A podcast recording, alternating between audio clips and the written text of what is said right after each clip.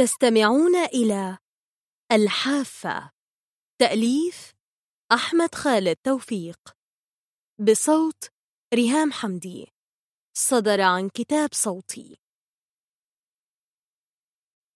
عن ماذا نتحدث؟ اليوم نتحدث عن الحافة. الحافة الفاصلة بين ما هو خيال وما هو حقيقة. بين ما هو أسطورة وما هو حقيقة علمية. الكثير من الأشخاص والأشياء تقف على الحافة.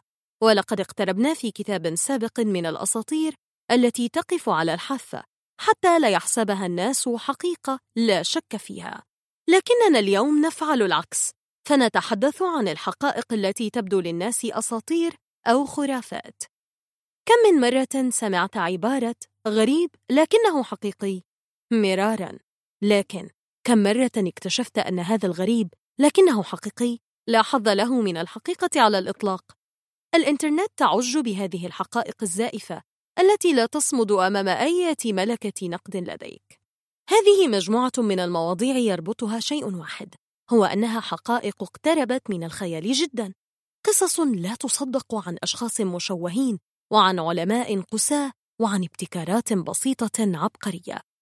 الديناصور الأخير والفلاح الذي ولد بركان في حقله وحلم الطيران لدى البشرية والحقائق العلمية خلف فن الوهم والاختراع الذي لا يعرف أحد أنه من ابتكار أديسون والوجبة اليابانية غالية الثمن التي يجازف آكلها بحياته والغوريلا المتكلمة جاك السفاح وعلاقته بالماسونية والألعاب التي صنعت مليونيرات من مبتكريها ولغز اغتيال بونابرت إلى آخره.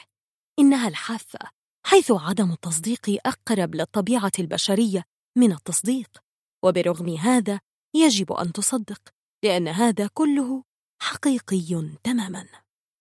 حرصنا في هذه المجموعة من المواضيع على أن تتنوع المصادر لأن الإنترنت مليئة بالمعلومات ومتاحة لكل من يجيد الإنجليزية. لهذا اعتمدنا أكثر على الكتب وبالذات بعض الكتب والمجلات القديمة أو المنسية التي يصعب أن تجدها في مكتبتك. إنها جولة ممتعة تمتد عبر القرون وعبر مئات الأميال ومختلف الحضارات والأهم أنك سوف تقرأ وأنت تصدق كل حرف تقرأه لأنه حقيقي تماما. سوف نقرأ معا ونقترب أكثر فأكثر من الحافة حافة العلم. تسلا العبقرية الغامضة. أكبر عقلية عرفها التاريخ بعد أينشتاين. لم تكن ليلة العاشر من يوليو من عام 1856 ليلة عادية أبدا فقد اشتد البرد رغم أنها ليلة صيفية وهطلت الأمطار بصورة لم تشهدها كرواتيا من قبل وانطلقت أكبر عاصفة رعدية على الإطلاق في دولة أوروبية. ولم تكن هذه العاصفة الرعدية هي الحدث المهم الوحيد الذي حدث في هذه الليلة. فقد ولد في هذا اليوم أكبر عقلية عرفتها البشرية منذ ليوناردو دافنشي. ولد شخص غير مجرى التاريخ. باختراعات مذهلة تجاوزت العقل والمنطق. اختراعات ظلمها التاريخ والعلم وجعلها في الركن المظلم. ولد نيكول تسلا. قد لا تكون قد سمعت بهذا الاسم من قبل وهذا ليس أمرا غريبا. فقلة من الناس سمعوا عن هذا العالم الكبير. رغم أن اختراعاته شكلت منعطفا كبيرا في تطور القرن العشرين. كما يعتقد الباحثون والمختصون أنها ستكون الحجر الأساس للتطور التكنولوجي المرتقب في القرن الحادي والعشرين. وإن لم تقتنع بالسطور السابقة فلنبدأ القصة من أولها. بداية حياة تسلا. ولد نيكولاس تسلا في العاشر من يوليو من عام 1856 في كرواتيا. ودرس الهندسة الكهربائية في جامعة براغ عام 1875 ورغم عبقريته الواضحة وذاكرته الاستثنائية فقد امتلك ذاكرة فوتوغرافية رهيبة تمكنه من حفظ المشاهدات والكتب بسرعة مما ساعده على تعلم ست لغات إلا أنه لم يحصل على الشهادة الجامعية وترك الجامعة في السنوات الأخيرة بسبب غيابه المستمر. انتقل تسلا في عام 1881 ميلادية إلى بودابست في هنغاريا حيث عمل في شركة أمريكية للهواتف والبرقيات وسرعان ما استخدم عبقريته المذهلة في تطوير أنظمة الهاتف المستخدمة في تلك المنطقة مما جعله يحصل على ترقيات عديدة جعلته مهندس نظام البلاد الهاتفي الأول وهذا جعل العديد من الشركات تلتفت إليه وتقدم له العروض. وسرعان ما انتقل تسلا إلى باريس حيث انضم إلى الطاقم الضخم لشركة أديسون الأوروبية المملوكة لمبتكر المصباح الكهربائي توماس أديسون. وقد بهر خلال فترة عمله القصيرة جميع العاملين في هذه الشركة مما جعل المدير الإقليمي تشارلز باتشيلور يرسل رسالة إلى العالم الكبير توماس أديسون يقول فيها لقد تعرفت في حياتي إلى رجلين عظيمين في مجال الكهرباء أنت والموظف الشاب نيكول تسلا. لفتت الرسالة نظر أديسون فطلب من المدير الإقليمي إرسال تسلا إلى الولايات المتحدة الأمريكية لكي يعمل جنبا إلى جنب معه شخصيا ولم تمضي سنة واحدة حتى كان تسلا بجانب أشهر عقلية في ذاك الزمن توماس أديسون. لم يكن توماس أديسون على قدر كبير من الأخلاق وقد تصدمك هذه الحقيقة. ففي تلك الأيام بعد اختراع المصباح الكهربائي كان أديسون بحاجة إلى تحسين نظامه الخاص بتوزيع الكهرباء على المنازل. لهذا السبب عرض على تسلا مبلغ خمسين ألف دولار وهو مبلغ ضخم في تلك الأيام إذا استطاع تحسين نظام التوزيع. فعمل تسلا بجد في إدخال تحسينات عديدة على النظام وفرت ما يقارب مئة ألف دولار على شركة أديسون. وعندما طلب من أديسون مكافأته ابتسم وقال له أنت لا تفهم المرح الأمريكي. ونكث بوعده ولم يعطه المبلغ لتسلا مما دفع الأخير لتقديم استقالته وتمويل أبحاثه بنفسه. وهنا ظهرت إبداعات تسلا العبقرية والتي أذهلت العلماء والمختصين والعامة على حد سواء.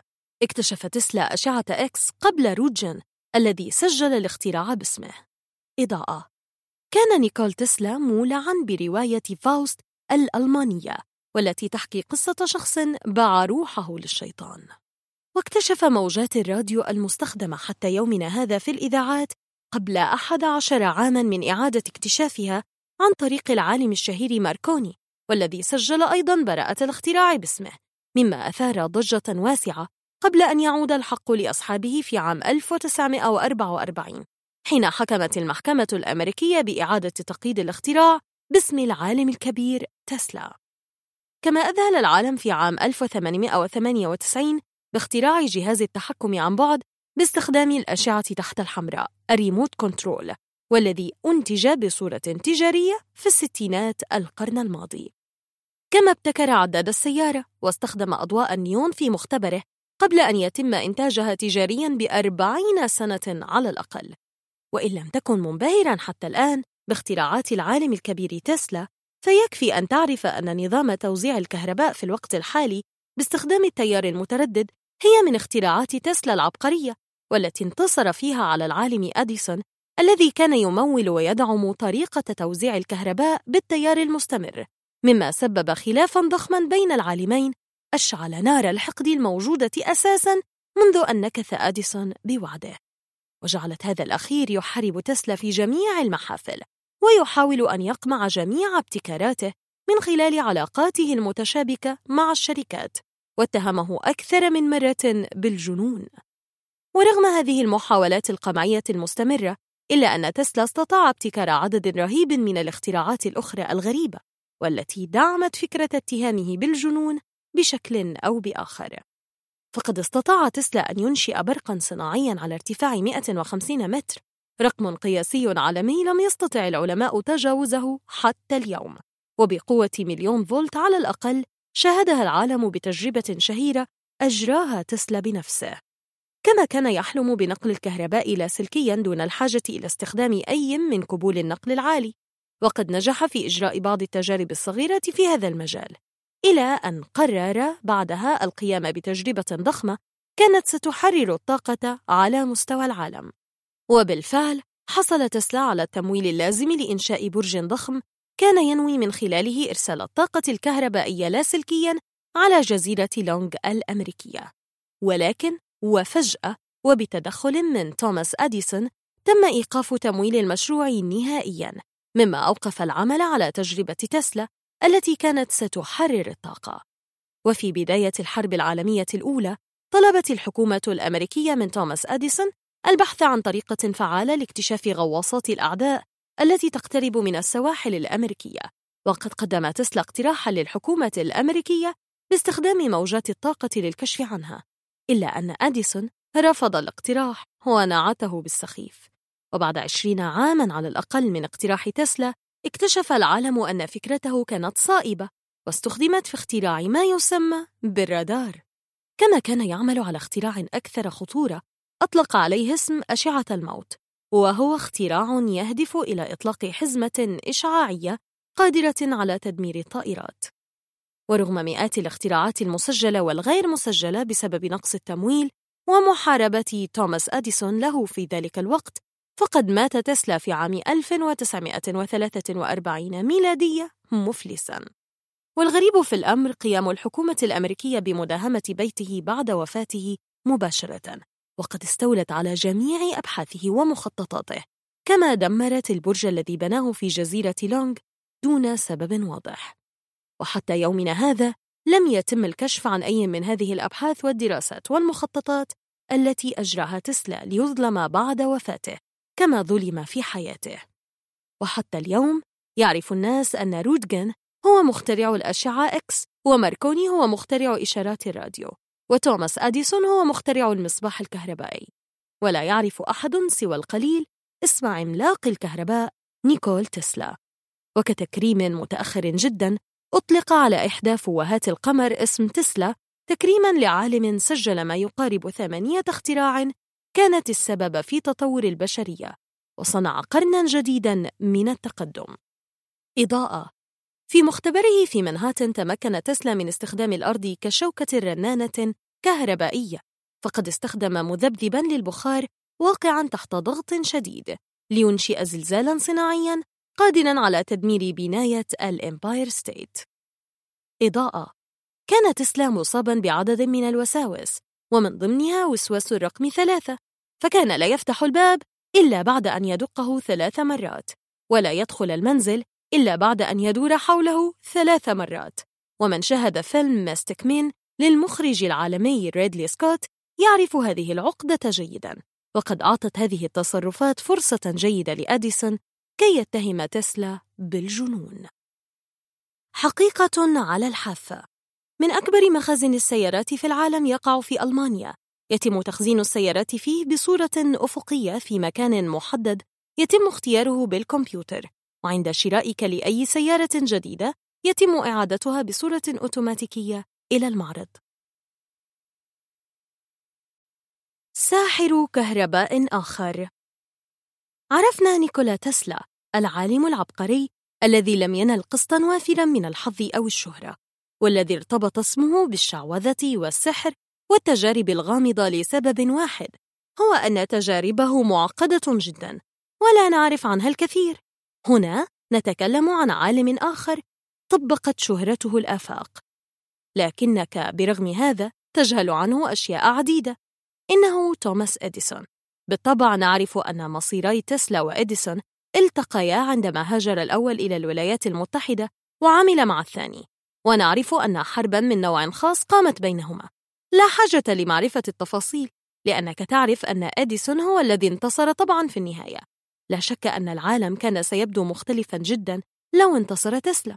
وقتها كنت ستحصل على الكهرباء بطرق غريبة تماما. مثلا عن طريق جهاز على سقف دارك يشبه طبق الاستقبال. ولد إديسون عام 1847 في ميلانو بولاية أوهايو. نعم هناك ميلانو أخرى في الولايات المتحدة. تربى وسط سبعة من الإخوة وانتقلت أسرته إلى ولاية ميتشيغان حيث انفصل عن أسرته في سن السادسة عشرة. كان نموذجا لقلة التعليم وسعة الاطلاع فقد نال تعليما متواضعا لكنه علم نفسه بنفسه. وفي سن صغيرة كان يكسب قوته من بيع الصحف ويتعلم التلغراف لدى أحد موظفي محطة القطار. حتى صار بوسعه أن يصير عامل تلغراف فيما بعد وسرعان ما قدم اختراعه الأول وهو جهاز إلكتروني للإدلاء بالأصوات في الانتخابات. طبعا هذا جهاز لا قيمة له تجاريا وقد غرق بسرعة. في العام 1869 ارتحل إلى نيويورك. تذكر أن سنه كانت 22 سنة أي عمرا طويلا ما زال ينتظره. حقق بعض النجاح مما مكنه من أن يفتتح معملا في بلدة صغيرة تدعى مينلو بارك وهو المكان الذي سيغير منه إديسون تاريخ العالم. من المثير اليوم أن نعرف أنه قدم براءة 1093 اختراعاً. ويمكنك أن تطلع على هذه القائمة المرعبة في الموقع التالي www.investors.about.com slash library slash investors slash patents.htm وقد مر إديسون بمراحل عدة في حياته منذ كان مخترعاً ثم صار عملاق تصنيع فرجل أعمال. وفي النهاية صار رمزاً ثقافياً أو أيقونة تتحدث عن العبقرية الأمريكية حتى مات عام 1931 لو راجعت قائمة اختراعات أديسون لوجدتها محيرة لكنها تدور في فلك ثلاثة اختراعات مهمة الفونوغراف، المصباح الكهربي، السينما. اكتشف إديسون الفونوغراف وهو يطور جهاز التلغراف. لقد خطر له أن يثبت إبرة إلى الحجاب الخاص بالهاتف ويرى إن كانت هذه الإبرة سوف تسجل اهتزازاتها على شكل رسالة. قام بجعل الإبرة تخدش اسطوانة من الألمنيوم. ثم أعاد تدوير الاسطوانة ففوجئ بأن الإبرة تردد عبارة ماري عندها حمل صغير التي نطق بها. ومن هنا ولد الفونوغراف. في الثاني عشر من أغسطس عام 1877 ظفر هذا الاختراع بالكثير من اهتمام أديسون إلى درجة أنه ظل يطور فيه حتى آخر دقيقة في عمره. ثمة اعتقاد شائع هو أن أديسون مخترع المصباح الكهربي وكنت أعتقد هذا بدوري حتى عرفت أن الرجل إنما طور فكرة عمرها خمسون عاماً. بهذا صار قادراً على توليد ضوء ثابت مستمر داخل كرة زجاجية مفرغة.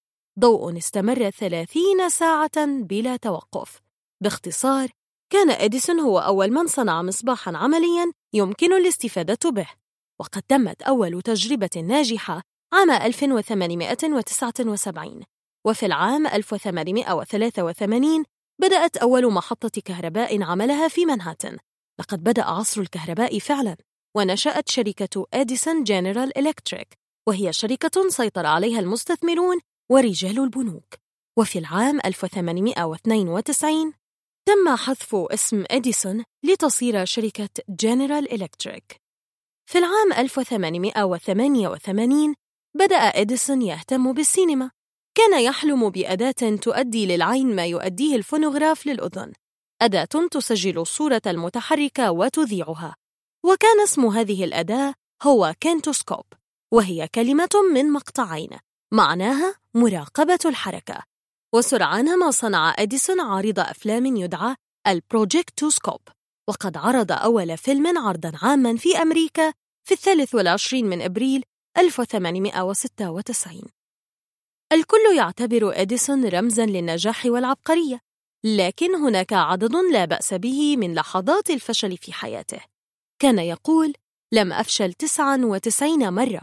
فقط اكتشفت 99 طريقة غير ناجحة. مثلا فكر في أن يبني المباني بالأسمنت. أنشأ شركة إسمنت بورتلاند عام 1899 وكانت تصنع من الإسمنت كل شيء حتى أجهزة البيانو والفونوغراف.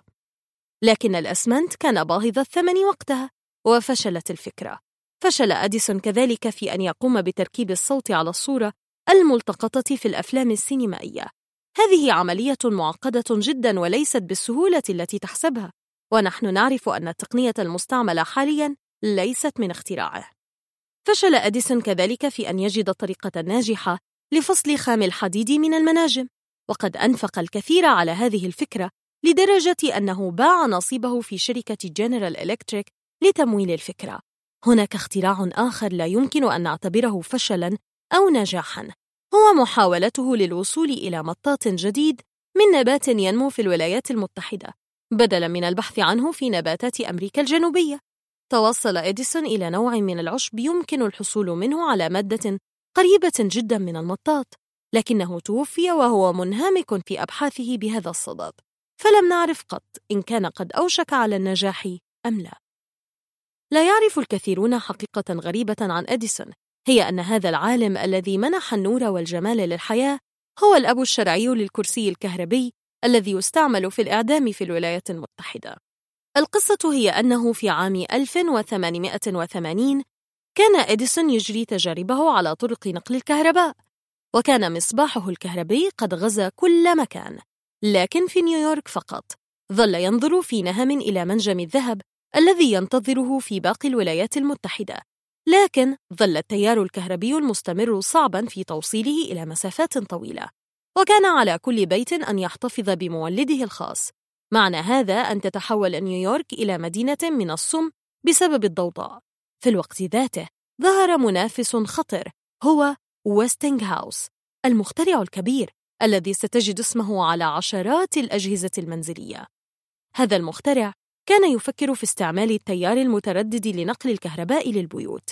هذا التيار يسمح بنقل الكهرباء عدة أميال ويسمح بأن تكون المولدات خارج المدن.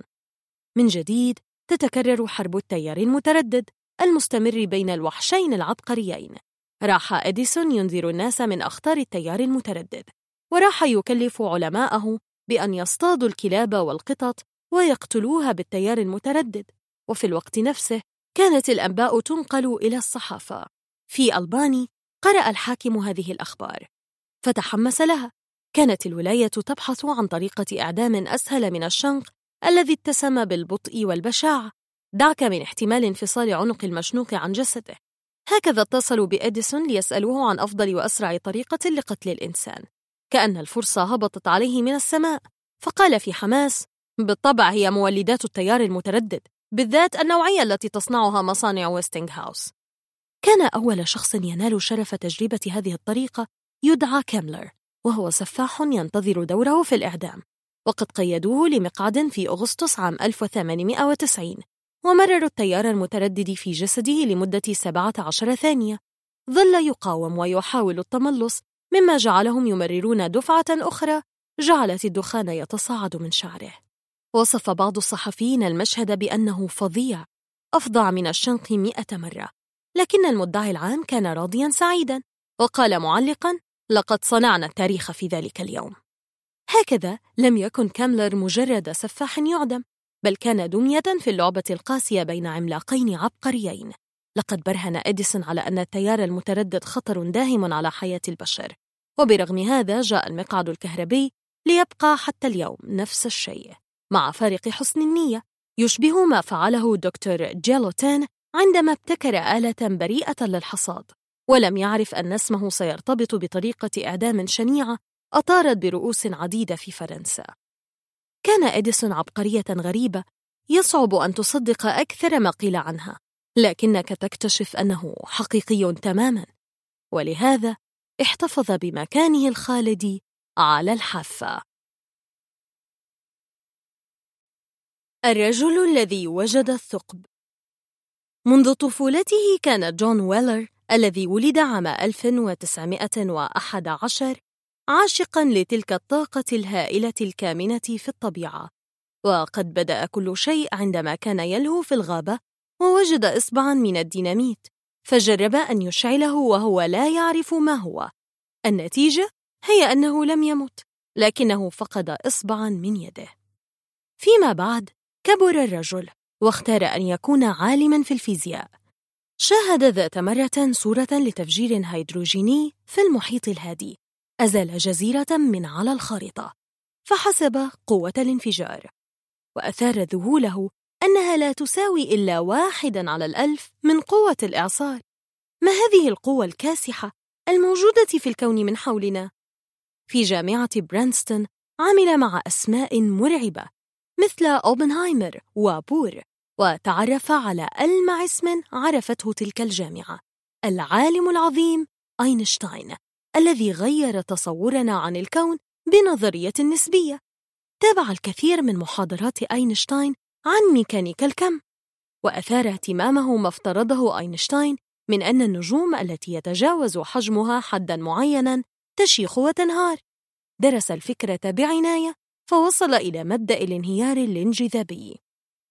لا مفر للنجوم من أن تتقلص بفعل ضغطها الذاتي الجبار وتنتهي إلى شيء جديد غير مألوف شيء صغير كثيف جدا غير منظور يمتص كل شيء حتى الضوء ذاته.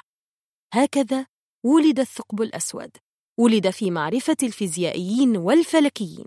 طبعا فهو موجود منذ خلق الله الكون قبل ويلر كانت هذه الظاهرة تسمى النجم المتجمد. ويلر هو من اصطك مصطلح الثقب الأسود ومقولة الثقب الأسود بلا شعر ومعناها أنه لا يمكن أن تكون هناك بروزات خارج الثقب الأسود. تخيل رائد فضاء يقترب بمركبته من هذا النجم الذي هو أكبر عشر مرات من الشمس. سيجد أن سفينته تتجه بقوة غير مسبوقة إلى هذا الثقب. هذا الثقب يبتلع النجوم المجاورة يبتلع كل شيء. هناك ما يدعى أفق الحدث هو الإطار الخارجي للثقب الأسود. أما مركز القرص فاسمه نقطة التفرد أي مراقب خارج أفق الحدث. لا يرى شيئا ولا يسمع شيئا مما يدور في الثقب الأسود. عندما يصير رائد الفضاء التعس على بعد خمسة ألاف كيلومتر يبتلعه الثقب. وتبدو حركته لنا بطيئة جدا. السبب هو أن الزمن نفسه يتباطأ قرب الثقوب السوداء. هناك مادة سوداء غير مرئية تربط أجزاء الكون ببعضها. هي لا تدور كأجسام حرة منفصلة ولكن تشعرك بأن هناك ملاطا بين أجزائها. يجب أن نذكر هنا أن جامعات إسرائيل منهمكة في دراسة هذا الملاط الخفي الذي يربط أجزاء الكون. بينما نحن العرب متفرغون بالكامل لستار أكاديمي هناك نظرية التمدد الانفجاري Inflationary Big Bang التي تقول إن الكون يتمدد بطريقة توحي بأن كتلته تفوق ما نراه مئة مرة معنى هذا أننا لا نرى 99% من مادة الكون يتساءل ويلر مما تتكون تلك المادة؟ هل من الثقوب السوداء أم من الأقزام البنية التي هي نجوم أضعف من شمسنا؟ كانت الأشعة السينية إكس هي الحل الذي يبرهن على نظرية ويلر الخاصة بالثقوب السود. نحن لا نرى النجم الأسود لكن نرى أثر جاذبيته وأشعة إكس قادرة على مسح الفضاء بدقة. فترى النجوم التي تسير في مسار مترنح يوحي بأن شيئا ما يجذبها. ثم يتم الامتصاص. تصور نجما يغوص في نجم آخر. هذا الاصطدام المخيف يولد حرارة قدرها 500 مليون درجة مئوية. ينطلق من الاصطدام فيض من أشعة أكس هذه الكمية الثمينة من الإشعاع لا تصل للأرض لأن غلافنا الجوي يمتصها. لهذا نطلق المراصد إلى الفضاء لتصور المشهد الكوني الرهيب. لهذا السبب أطلقت وكالة ناسا مرصداً عملاقاً إلى الفضاء ليلتقط صوراً للكون. هذا هو أوهورو. أو الحرية باللغة السواحلية. ينطلق من كينيا عام 1970 ليكون أول مرصد فضائي لأشعة إكس. وهكذا يلتقط المرصد أول إشارات سينية من كوكبة الدجاجة. تلك الإشارات التي سيطلق عليها فيما بعد اسم كوكبة الدجاجة X1 هذا هو أول ثقب أسود يتم رصده. التقط المرصد صوراً للغاز النجمي الذي يخرج من نجم براق متجها إلى بقعة خفية غامضة. كل شيء يقترب من الثقب الأسود يدخل في دائرته يصير في نفوذه. حتى الضوء لا يستطيع الفرار منه لذا لا نرى الثقب الأسود. تزدرد الثقوب السود نجوما بأكملها. إنها تشبه البالوعة التي تمتص مجرات كاملة. وخارج المجرة توجد نقاط غامضة يطلقون عليها اسم كوازار هي على الأرجح ثقوب سوداء تمارس في نشاط عملها في ابتلاع مجرات كاملة. ولهذا الالتهام صخب تلتقطه أجهزة الاستماع كأنه بالفعل صوت تماسيح تلتئم فرائسها. يقول ويلر تصور كتلة ازدادت جاذبيتها إلى حد مروع إلى حد أن الذرات تلتحم لتكون كتلة ذات كثافة لا نهاية لها. لقد كان النجم ضخما إلى حد أن جاذبيته الخاصة هي التي سحقته. صار صغيرا جدا وانتهى إلى أن صار لا شيء. لقد تنبأ أينشتاين بهذا لكننا للمرة الأولى نبرهن عليه. إن الكون الذي نعرفه يتم امتصاصه إلى حفرة عظمى. لقد تنبأ أينشتاين بأن جاذبية الكون ستتزايد يوما وينتهي الأمر بالكون إلى الانكماش. ليس الكون فحسب. بل الزمن والفضاء. علماء آخرون يرون أن الكون لن ينكمش لكنه سيغيب في أحد هذه الثقوب السود. هل هناك ثقب أبيض؟ نظرياً الثقب الأبيض هو النجم الذي لا يمكن لشيء أن يدخل لنطاقه. إنه يطرد كل شيء على عكس الثقب الأسود الذي يمتص كل شيء. لكن من الناحية العملية لا يوجد ثقب أبيض على الإطلاق. وماذا عن ثقب الدودة؟ هذا نوع عجيب من الثقوب السوداء. الثقب الأسود الذي يدور حول محوره يمتص الأشياء لكنها لا تصل لنقطة التفرد في مركزه. لا أفهم هذا الجزء بدقة وإلا لكنت عبقريا. لكن ثقب الدودة خليط من الثقب الأسود والأبيض. أهمية ثقب الدودة هي أنه الطريق المفضل لدى كتاب الخيال العلمي للسفر عبر المجرات وعبر الزمن. لكن العلماء يرون أن هذا مستحيل. لأن من يجرب اجتيازه سوف تعصف به القوى الكهرومغناطيسية ويتحول إلى بطاطس مقلية قبل أن يبدأ. هذا كلام يسبب الدوار ويصعب فهمه على من لم يدرس الفيزياء بتعمق. لكننا متأكدون من أننا عندما نتكلم عن ويلر والثقب الأسود فإنما نحن نقترب جدا من الحافة. سرقة اختراع اسمه الهاتف. تناولنا في هذا الكتاب قصة العالم الكبير تسلا واكتشفنا معا كيف أن التاريخ استطاع أن يضع هذا العالم على الحافة متجاوزا اختراعاته وابتكاراته العبقرية بتحريف من قبل من أرادوا طمس عبقريته الفذة. ونخوض الآن قصة عالم آخر كان بعيدا عن الأضواء. إنه المخترع الإيطالي أنطونيو ميوتشي وهو أكثر من ظلمهم التاريخ على الإطلاق. وحتى نفهم السبب إليكم القصة من البداية. ولد ميوتشي في عام 1808 بالقرب من مدينة فلورنسا الإيطالية ودرس الكيمياء والهندسة الميكانيكية قبل أن يحصل على عرض للعمل في أحد المسارح في كوبا فغادر إليها من فوره. وهناك ظهرت موهبته بالاختراع والتطوير فقام بتصميم نظام لتنقية المياه وأعاد إعمار جران تياترو الذي كان قد تحطم تقريبا كليا بالإعصار. كما طور طريقة لعلاج المرضى عن طريق الصدمات الكهربائية ولما انتهى عقده غادر كوبا إلى الولايات المتحدة الأمريكية عام 1850 ميلادية حيث استكمل هناك عددا من الأبحاث التي بدأها في كوبا حول تحويل الذبذبات الصوتية إلى نبضات كهربائية. في عام 1854 اشتد الروماتيزم على زوجة ميوتشي مما جعلها طريحة الفراش لا تقوى على الحركة. فقام بتصميم جهاز صغير يصل حجرة نومها بمختبره ويمكنها من خلاله التحدث معه عند الحاجة. فكان هذا الجهاز بداية اختراع الهاتف الذي سبق فيه اختراع جراهام بيل بعشرين عاماً. وحاول ميوتشي بعد ذلك تطوير اختراعه وتمكن من تصميم أكثر من عشرين نموذجاً مختلفاً للهاتف. وفي عام 1874 قدم ميوتشي طلباً لتسجيل براءة الاختراع في نيويورك ولكنه لم يستطع تسجيله بسبب فقره وعدم قدرته دفع الدولارات العشر رسوم التسجيل. يساوي هذا المبلغ 250 دولارا في الوقت الحالي تقريبا. فسعى ميوتشي لعرض الاختراع الذي أطلق عليه اسم التلغراف الناطق لأكثر من شركة خاصة على أمل أن ترعى إحداها هذا الاختراع المثير. وللأسف تهربت الشركات من تبني اختراعه. وآخر من قدم لها الاختراع كانت شركة ويسترن يونيون وبعد أن فقد الأمل قرر ميوتشي العودة من نيويورك ويبدو أن سوء الحظ كان يلازمه فقد انفجرت الباخرة وأصيب بجروح خطيرة. ولعلاج ميوتشي قررت زوجته بيع بعض اختراعاته واستطاعت بيع عدد منها. كان من ضمنها أحد نماذج الهاتف إلى تاجر أدوات مستعملة بمبلغ ستة دولارات فقط. وبعد أن شفي ميوتشي من جراحة أجريت له أراد إعادة شراء اختراعاته وتوجه إلى التاجر وطلبها منه. فأخبره التاجر أنه قد باعها إلى شاب مجهول الهوية تبقى هويته لغزا إلى يومنا هذا. يعتقد العديد من الناس أن أحد رجال جراهام بيل هو من اشترى النموذج ولكن الاتهامات تظل دون دليل واضح.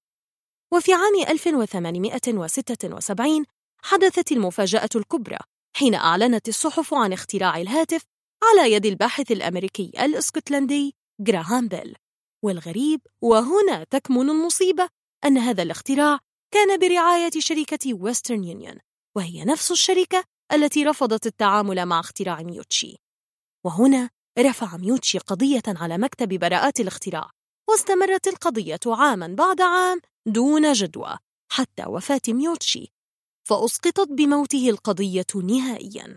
وبهذا مات العالم الإيطالي فقيرا. رغم أن اختراعه كان من الممكن أن يضمن له ولأسرته حياة ميسورة مدى حياته إلا أن قصته المثيرة لم تنتهي بموته. ففي عام 2002 وبعد وفاة ميوتشي بما يقارب 122 عاماً اعترف الكونغرس الأمريكي بأنه هو من اخترع الهاتف وتم تعديل براءة الاختراع ليذهب من جراهام بيل إلى أنطونيو ميوتشي. ورغم ذلك وإلى الآن لا زال الناس يحفظون اسم جراهام بيل على أنه هو مخترع الهاتف. ولا زالت الكتب المدرسية تذكر جراهام بيل متجاهلين صاحب الاختراع الحقيقي. وبهذا الاعتراف من الكونغرس أسدل الستار على حياة مخترع أجبره التاريخ أن يتجاوز الحافة حافة العلم. حقيقة على الحافة. توم بورن كان قادرا على الكتابة والرسم باستخدام يديه وقدميه في حالة تعد من أغرب الحالات على الإطلاق. عقل بلا جسد. تمتاز بعض العلوم بأن الناس لا يملكون إلا فكرة ضبابية مليئة بالرهبة عنها. معظم الناس يعتقدون أنهم يفهمون في الطب أكثر من أي أستاذ في مايو كلينيك لكن أكثر الناس غرورا لا يملك إلا التواضع عندما يتعلق الأمر بعلم الفيزياء. سوف تسمع قصصا مسلية جدا في هذا الصدد. فمثلا عندما شطر روذرفورد الذرة ذهب إليه صحفي أمريكي يغطي الخبر واقترح عليه أن يصوره في ثلاث صور. الصورة الأولى له بجوار الذرة الصورة الثانية له وهو يكسر الذرة الصورة الثالثة له وهو يقف باسما جوار أجزاء الذرة المشطورة. هكذا اعتقد الصحفي العبقري أن الذرة شيء شبيه بثمرة جوز يمكن الوقوف جوارها وتصويرها. نفس الشيء ينطبق على ستيفن هوكينغ الذي مزج بين جاذبية أينشتاين وميكانيكا الكم. نعرف جميعا أنه اكتشف شيئا مهما جدا لكننا لا نفهم ما هو بالتحديد. بالنسبة للغربيين هو رمز بصري شهير مثله مثل غاندي وجيفارا وشابلن. حقا لا يفهمون بدقة ما يتكلم عنه لكنهم ينبهرون وكفى. ستيفن هوكينج العالم البريطاني الذي اعتبره الكثيرون أينشتاين آخر إنه أستاذ رياضيات في كامبريدج يشغل ذات الكرسي الذي شغله نيوتن يوما ما. هناك في بناية الفيزياء القديمة المتسخة في كامبريدج يراه الطلاب بوجهه الضحوك وعينيه الزرقاوين الماكرتين حتى ليبدو كطالب مثلهم. لكنه يتحرك على مقعده المتحرك الذي لا يفارقه. فقط يضغط بأنامله على أزرار تتيح له أن يوجه المقعد. ثم على أزرار أخرى تتيح له الكلام وإلقاء المحاضرات. فيخرج الصوت من الجهاز كأنه روبوت يتكلم. هذا هو الرجل الذي تغير نظرياته الكون. وكأن الأقدار اختارت أن يرمز هذا الرجل الذي لا جسد له إلى إنسان المستقبل. مجرد عقل على مقعد متحرك. كرس هوكينج حياته لدراسة مفاهيم الزمن والفضاء كما شرحتها النسبية ويقول عن نفسه انبهرت طيلة حياتي بالأسئلة المرعبة التي تواجهنا وحاولت أن أجد تفسيرا علميا لها. كيف نشأ الكون؟ السؤال واضح ويبدو سهلا بدرجة خادعة لكن الإجابات بعيدة عن متناولنا حتى الآن. إن فكرتنا عن الكون اليوم صارت غريبة حقا الانفجار الكبير الثقوب السوداء إلى آخره.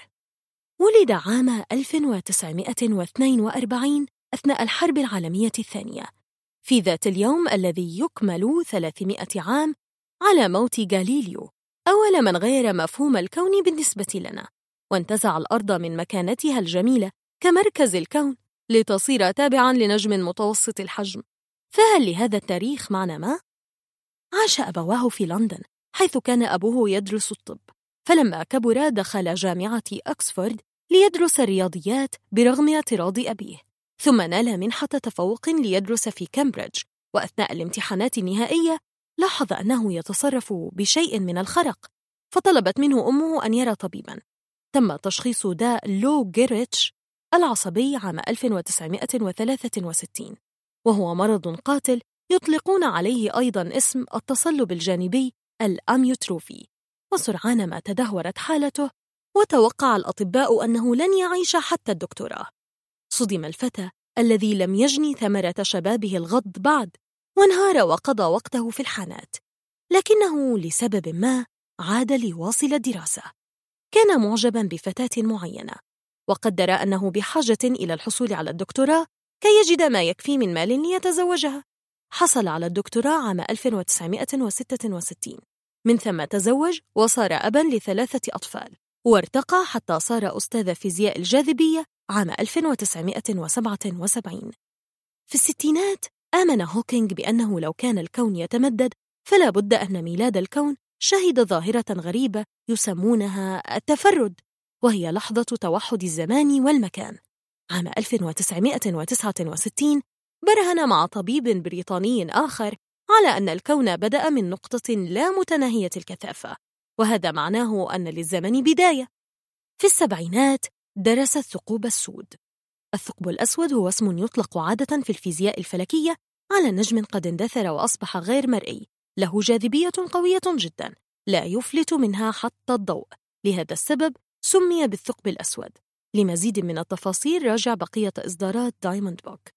درس في السبعينات الثقوب السود مستخدما ميكانيكا الكم وبرهن على أنها قد تشع الطاقة.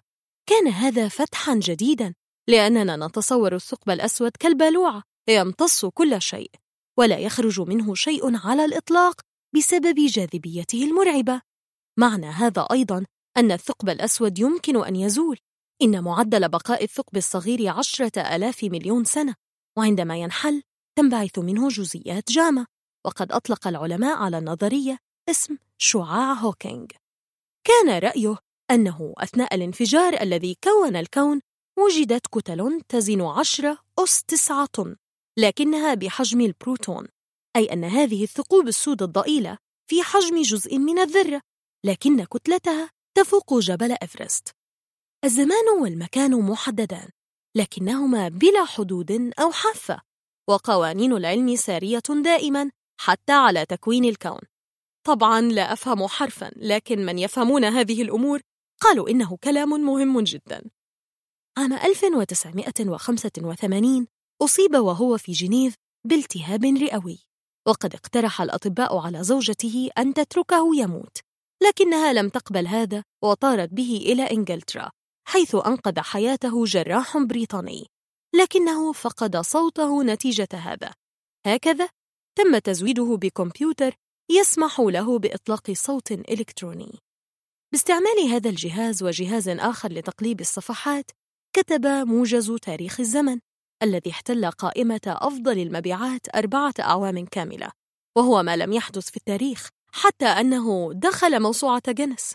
عامة فلسفة هوكينج التي قدمها لعلمي الفيزياء والفلك هي مزجه بين نظرية أينشتاين حول الجاذبية التي تسير حركة الكون ونظريات ميكانيكا الكم التي تقول إن المادة على الصعيد الذري تعمل بشكل عشوائي. والنظرية الأخيرة لم يقبلها أينشتاين قط لكن هوكينج برهن على أنها ممكنة. هوكينج اليوم في الخامسة والستين وقد نال تكريما يكفي عشرة علماء.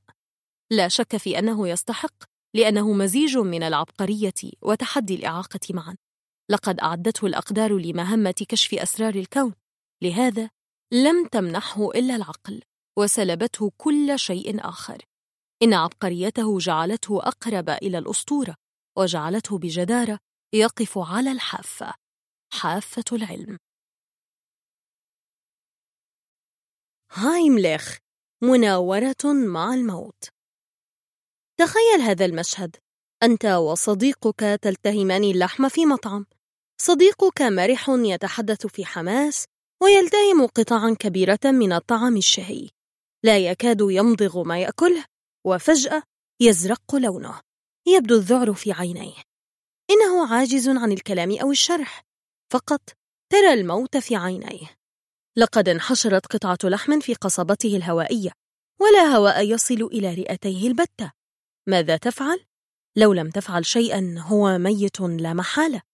إن أمامك أربع دقائق قبل أن يحدث تلف الدماغ. الطريقة القديمة تقضي بأن تتناول سكين الطعام وتولجها في قصبته الهوائية لتصنع ثقبا ثم تدخل أي أنبوب بلاستيكي في هذا الثقب إلى أن تصل سيارة الإسعاف. للأسف هذه طريقة تحتاج إلى أعصاب قد لا يملكها بعض الأطباء.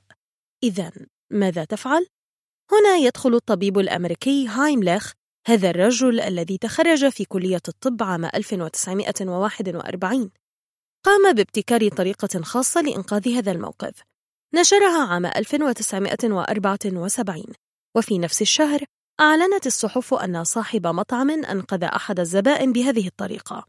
في مطعم نيويوركي آخر يجلس المذيع الأمريكي فرانك فيلد مع المعلق الرياضي وارنر وولف. فجأة يحدث الموقف المعروف ويكتشف فيلد أنه غير قادر على التنفس. شرب كوب ماء ليدفع قطعة اللحم لكن الماء خرج من شدقيه ثانية. وثب وولف ليقف خلف صاحبه وطوق خصره وقبض أصابعه بين السرة والقفص الصدري ثم ضغط بقوة ولأعلى. على الفور طارت قطعة لحم كأنها قذيفة مدفع من فم فيلد وتلا ذلك تنفس عميق. الحقيقة أن وارنر تعلم الطريقة من برنامج صاحبه التلفزيوني الذي عرضها مرارا. وفي العام 1974 صدر قانون في أمريكا يرغم كل مطعم على تعليق ورقة تبين عمل مناورة هايملاخ أما الحادث الأغرب فهو الطفل ذو الستة أعوام من ماساتشوستس الذي اختنقت أخته بقطعة شيكولاتة قاسية. وتذكر أنه رأى الطريقة في التلفزيون فوثب خلف أخته ذات الستة أعوام وتجاهل احتجاج أمه وضغط على البطن بقوة فطارت قطعة الشيكولاتة خارجة. توصي الجمعيات الطبية الأمريكية عند حدوث هذا الموقف بتوجيه عدة لكمات إلى ظهر الشخص المختنق أولاً فإذا فشلت فعليك بطريقة الدفع من البطن التي يسمونها مناورة هايملخ هناك جدل كبير حول استعمال مناورة هايملخ مع الغرقة لأن هذا يجعلهم يقيئون وهذا قد يؤدي لاختناقهم أسرع.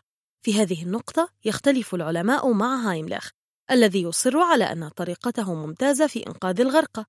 المشكلة في الغرق هي الحصول على أكسجين وليست إفراغ الماء الذي يملأ الجوف.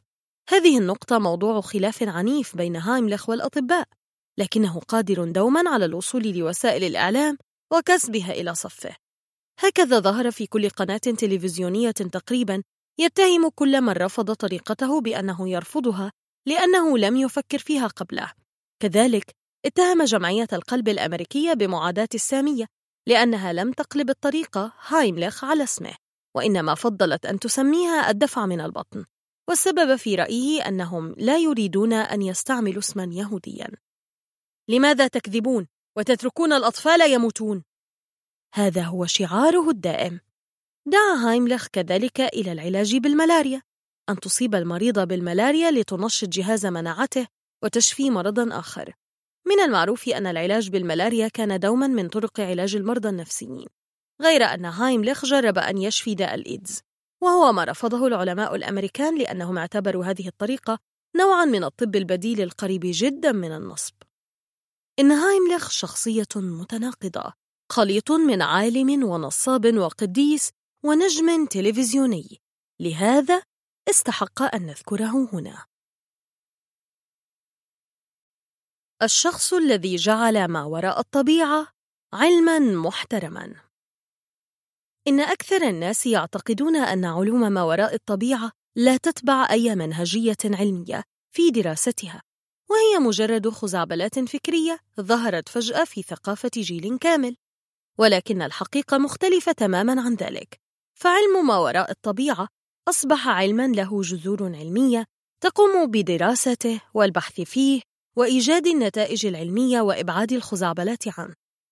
ويعود الفضل لعبور علم ما وراء الطبيعة من حافة الخيال والخزعبلات إلى حافة العلم شخص واحد اسمه آرثر كوستلر وهو كاتب وسياسي ومعلق علمي وطالب للعلوم الفائقة للعادة ويوافق هذا العام الذكرى المئوية لميلاده وكذلك يمثل الذكرى العشرون لوحدة الباراسايكولوجي لكويسلر والتي منحت له في جامعة إدنبرا وهي من الأماكن المحترمة القليلة التي اهتمت بدراسة ظواهر الباروسايكولوجي بعيداً عن الخرافات. ولد كويسلر في بودابست بهنغاريا عام 1905 ودرس العلوم وعلم النفس في جامعة فيينا ولكنه تركها قبل أن يحصل على الدرجة العلمية. عمل صحفياً حراً في ألمانيا وفرنسا وقام بتغطية الحرب الأهلية الأسبانية كمراسل لجريدة لندن نيوز كرونيكل ولكنه قبض عليه من جانب القوات الوطنية الفاشستية التابعة للجنرال فرانكو عام 1937 وسجن في أشبيلية انتظاراً لتنفيذ حكم الإعدام. وبعناية الإلهية أطلق سراح كويسلر بفضل مكتب المخابرات البريطانية قبل أن يعود في عام 1940 من جديد إلى السجن تحت حكومة فيشي واستطاع الهرب إلى إنجلترا والتحق بطلائع الجيش التي تعمل مع إذاعة البي بي سي كمواطن بريطاني عام 1945 من بين الكتب العديدة لكويستلر روايته المناهضة للشيوعية باسم الظلام عند الظهر 1941 وما تزال من أشهر أعماله ولكن كتابه الذي يدرس الظواهر الخارقة للطبيعة بصورة محترمة جذور التصادف 1972 أثار ضجة ضخمة في الأوساط العلمية. فلم يكن علم ما وراء الطبيعة له من يحترمه في ذاك الزمن. وفي كتابه حاول كويستلر إيجاد الأساس للأحداث غير الطبيعية التي تتصادف وقوعها مع بعضها البعض وبالتحديد مسألة التزامن. ودرس فيزياء الكم وفي نهاية الكتاب يستعين كويستلر بالباراسايكولوجي والتي جعلها ذات شأن أكاديمي وجذاب للطلاب. وغير حدود التفكير في هذا المجال إلى الأبد. كان اهتمام كويستلر بالظواهر غير العادية ينبع من تجربة غريبة مر بها في سن الرابعة عشر جعلته يولي الانتباه لهذا الجانب الغريب. من أهم التجارب كانت في عام 1954 حين كان في زنزانة أسبانية حيث مر بتجربة شعر كما لو أنه يطفو. كان هناك إحساس بالذوبان في ذلك الفضاء اللانهائي. والعودة إلى الحقيقة المتجهمة حيث كان سجينا كانت كالاستيقاظ من التخدير. وراحت هذه الظاهرة الغريبة تتكرر معه وفي أحد المرات قال له صديق عزيز شيء ما سيحدث. وبعد لحظات وقعت صورة كبيرة من على الحائط وبدأ كويستلر يتساءل ويلاحظ أن الخطاطيف التي تعلق الصورة ما زالت على الحائط وأن السلك الذي يحمل الصورة غير مقطوع. من هنا اهتم بدراسة هذا الجانب الغامض وقرأ فيما بعد عن حادثة مشابهة للتي حصلت له. حدثت بين العالمين الكبيرين يونغ وفرويد والتي تنبأ فيها يونغ بأن خبطة ما سوف تحدث قبل حدوثها. وفي سن السادسة والعشرين وضع إعلانا في صحيفة يطلب فيه تقارير موثقة عن تجارب حقيقية للتخاطر أو لسماع الأصوات أو للانتقال إلى آخره. من ظواهر ما وراء الطبيعة ولكن محاولته منيت بالفشل ويبدو أنه قد خاب أمله بسبب عدم وجود معلومات علمية حقيقية في هذا المجال.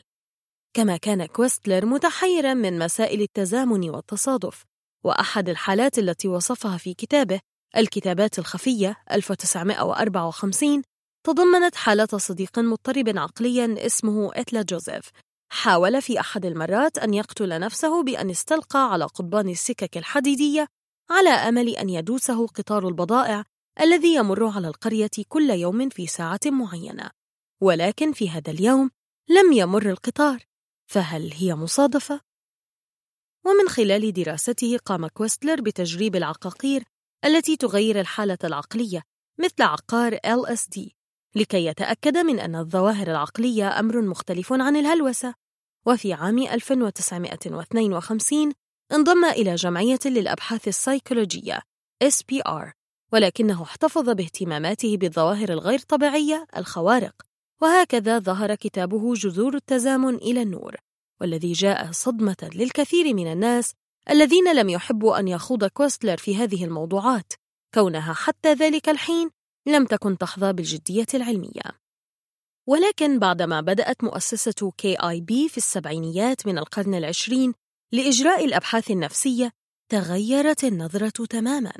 فقد قام كويستلر بتأسيس أول مؤسسة متخصصة في دراسة هذا النوع من الظواهر ورغم كونها لم تكن تحظى بغطاء علمي رفيع إلا أنها بدأت عصر الدراسات العلمية في هذا المجال وقد أطلق عليها اسم مؤسسة KIB وهذه الحروف أخذت من أوائل حروف مؤسسها كويستلر والمؤلف والصحفي براين إنجلز والممول توني بلونفيلد وقد استمرت لمدة ثمانية أعوام من بدايتها حتى وفاة كويستلر عام 1983 حيث أصبحت ببساطة مؤسسة كويستلر وكانت روستوج والتي اهتمت بأنشطة هذه المؤسسة ذكرتنا برسالة كويستلر في تشجيع الأبحاث التي تقع ما وراء حدود التعصب العلمي. وكان هذا الاهتمام على وجه الخصوص هو الاهتمام الرئيسي لهذه المؤسسة. وقد كشف البحث التاريخي في العديد من الظواهر المختلفة العلمية مثل السباحة الفضائية والتجارب الدينية ورهبان التبت وغيرها من الموضوعات محل الجدل التي تتعلق بالوسطاء الروحيين في العصر الفيكتوري وغيرها الكثير واستطاع أن يكشف زيف العديد من هذه الظواهر المختلفة. وكانت دراسة تأثير اليوغا وغيرها في تخفيف الوزن أحد أهم التجارب التي أجراها كويستلر عن طريق استخدام تقنيات التغذية البيولوجية لحث الأفراد إلى أن يقل وزن أجسامهم إلى أصغر الكميات التي يمكن قياسها بآلة الرفع وحتى تكون في الأرضية ماكينة وزن حساسة للغاية يوضع عليها الشخص موضوع الاختبار حيث يتم التقاط أي تقلبات في الوزن تحت الأرضية تطبع على جدول ولم ترضي هذه الطريقة كويستلر بشكل كامل لكنه شعر أن الشخص موضوع الاختبار قد يستجيب أكثر للتغذية التي تقدم في صورة حية وأصبح من مهام روث أن تعمل مع هؤلاء الأشخاص للتغلب على هذا النقص ومساعدتهم على الاسترخاء والانشغال في التغذية الراجعة. كثير من الأشخاص موضوع الاختبار الذين تقدموا كانوا من النحفاء، وتتذكر روث أنهم قد أخطأوا التجربة كشكل من أشكال تمرينات إنقاص الوزن، ولكن بعضهم كانوا من الذين يجربون التأمل المتسامي TM وهؤلاء الممارسين الذين زعموا أنهم يستطيعوا أداء فكرة الرفع وأحد هؤلاء البارعين في ذلك هو الفائز بجائزة نوبل الفيزيائي والتي فضلت روث عدم ذكره بالاسم. وقد كشف الأشخاص موضوع الاختبار عن الهفوة المميتة بآلة الرفع. فقد كانوا يجلسون القرفصاء على الأرضية ثم يتحركون إلى الأعلى في الهواء والاضطراب الذي يحدث لترتيب الإسبرنكات قد يصبح غير مستقر مما يجعل القياسات الدقيقة مستحيلة. ولذلك فإن برامج أبحاث الارتفاع انتهت بدون تقديم نتائج واضحة. بالإضافة إلى ذلك فقد كان لكويستلر اعتقادات غريبة فقد كان يقوم بحملة لتشريع القتل الرحيم بشكل تطوعي. وبالتالي ليس من المدهش أن نعرف أنه أنهى حياته بعد معاناته لعدة سنوات لحالة مرضية مستعصية. وقد كتب مذكرة قبل تسع سنوات من انتحاره بعنوان لمن يهمه الأمر. تبين أنه قد خطط بحرص لهذا الأمر. في مارس 1983 عثر على كويستلر البالغ من العمر 77 عاماً ميتاً في منزله في لندن بسبب جرعة زائدة من الدواء. وكانت زوجة كويستلر سانثيا 55 عاماً هي الأخرى ميتة. كان الأمر انتحاراً مزدوجاً. وقد كانت المفاجأة أن كويستلر قد ترك هو وزوجته كل ثرواتهما وأملاكهما ومنحهما في كرسي أستاذية علوم الخوارق في الجامعة البريطانية لدعم الأبحاث والزمان في علوم الخوارق. وتنفيذا لوصية كويستلر فقد قام الباحث السيكولوجي جون بيلوف بإكمال عمله وبحث عن جامعة ترضى بهذا القسم الجديد. وبالفعل تم إنشاء أول وحدة لدراسة الباروسايكولوجي أشرف عليها بنفسه. كما أشرف على عدد من طلاب الدكتوراه في موضوعات الخوارق منذ عام 1963 واعتبره تطعيما للجامعة ضد أسوأ المخاوف حول الموضوع. وتم اختيار الباحث الأمريكي في مجال الخوارق بوب موريس من بين مجموعة مكونة من تسعة أشخاص ليكون أول أستاذ لوحدة كويستلر لدراسات الخوارق KPU وأدرجت في كلية الفلسفة وعلم النفس وعلوم اللغة وعلى مدى عقد من الزمان بعد موت كويستلر أخيراً من إدخال حلمه إلى الجامعات وتحويل مجال البحث إلى الناحية العلمية. يقال أن أفضل الجواسيس هم الذين يرتدون الحلل الرمادية.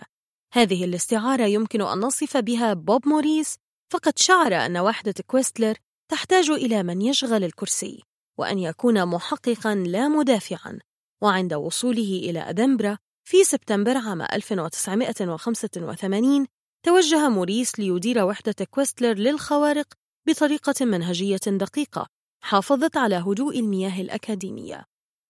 تبع بروتوكولات التجريب ووضع الأساس الفيزيائي لوحدة كويستلر وذلك لتقليل الهفوات والأخطاء الإجرائية حتى أساتذة فن الوهم الذين يظهرون على المسرح كان يتم التشاور معهم للمساعدة في حماية الوحدة من الوقوع في خداع النصابين مدعي القدرات الخارقة.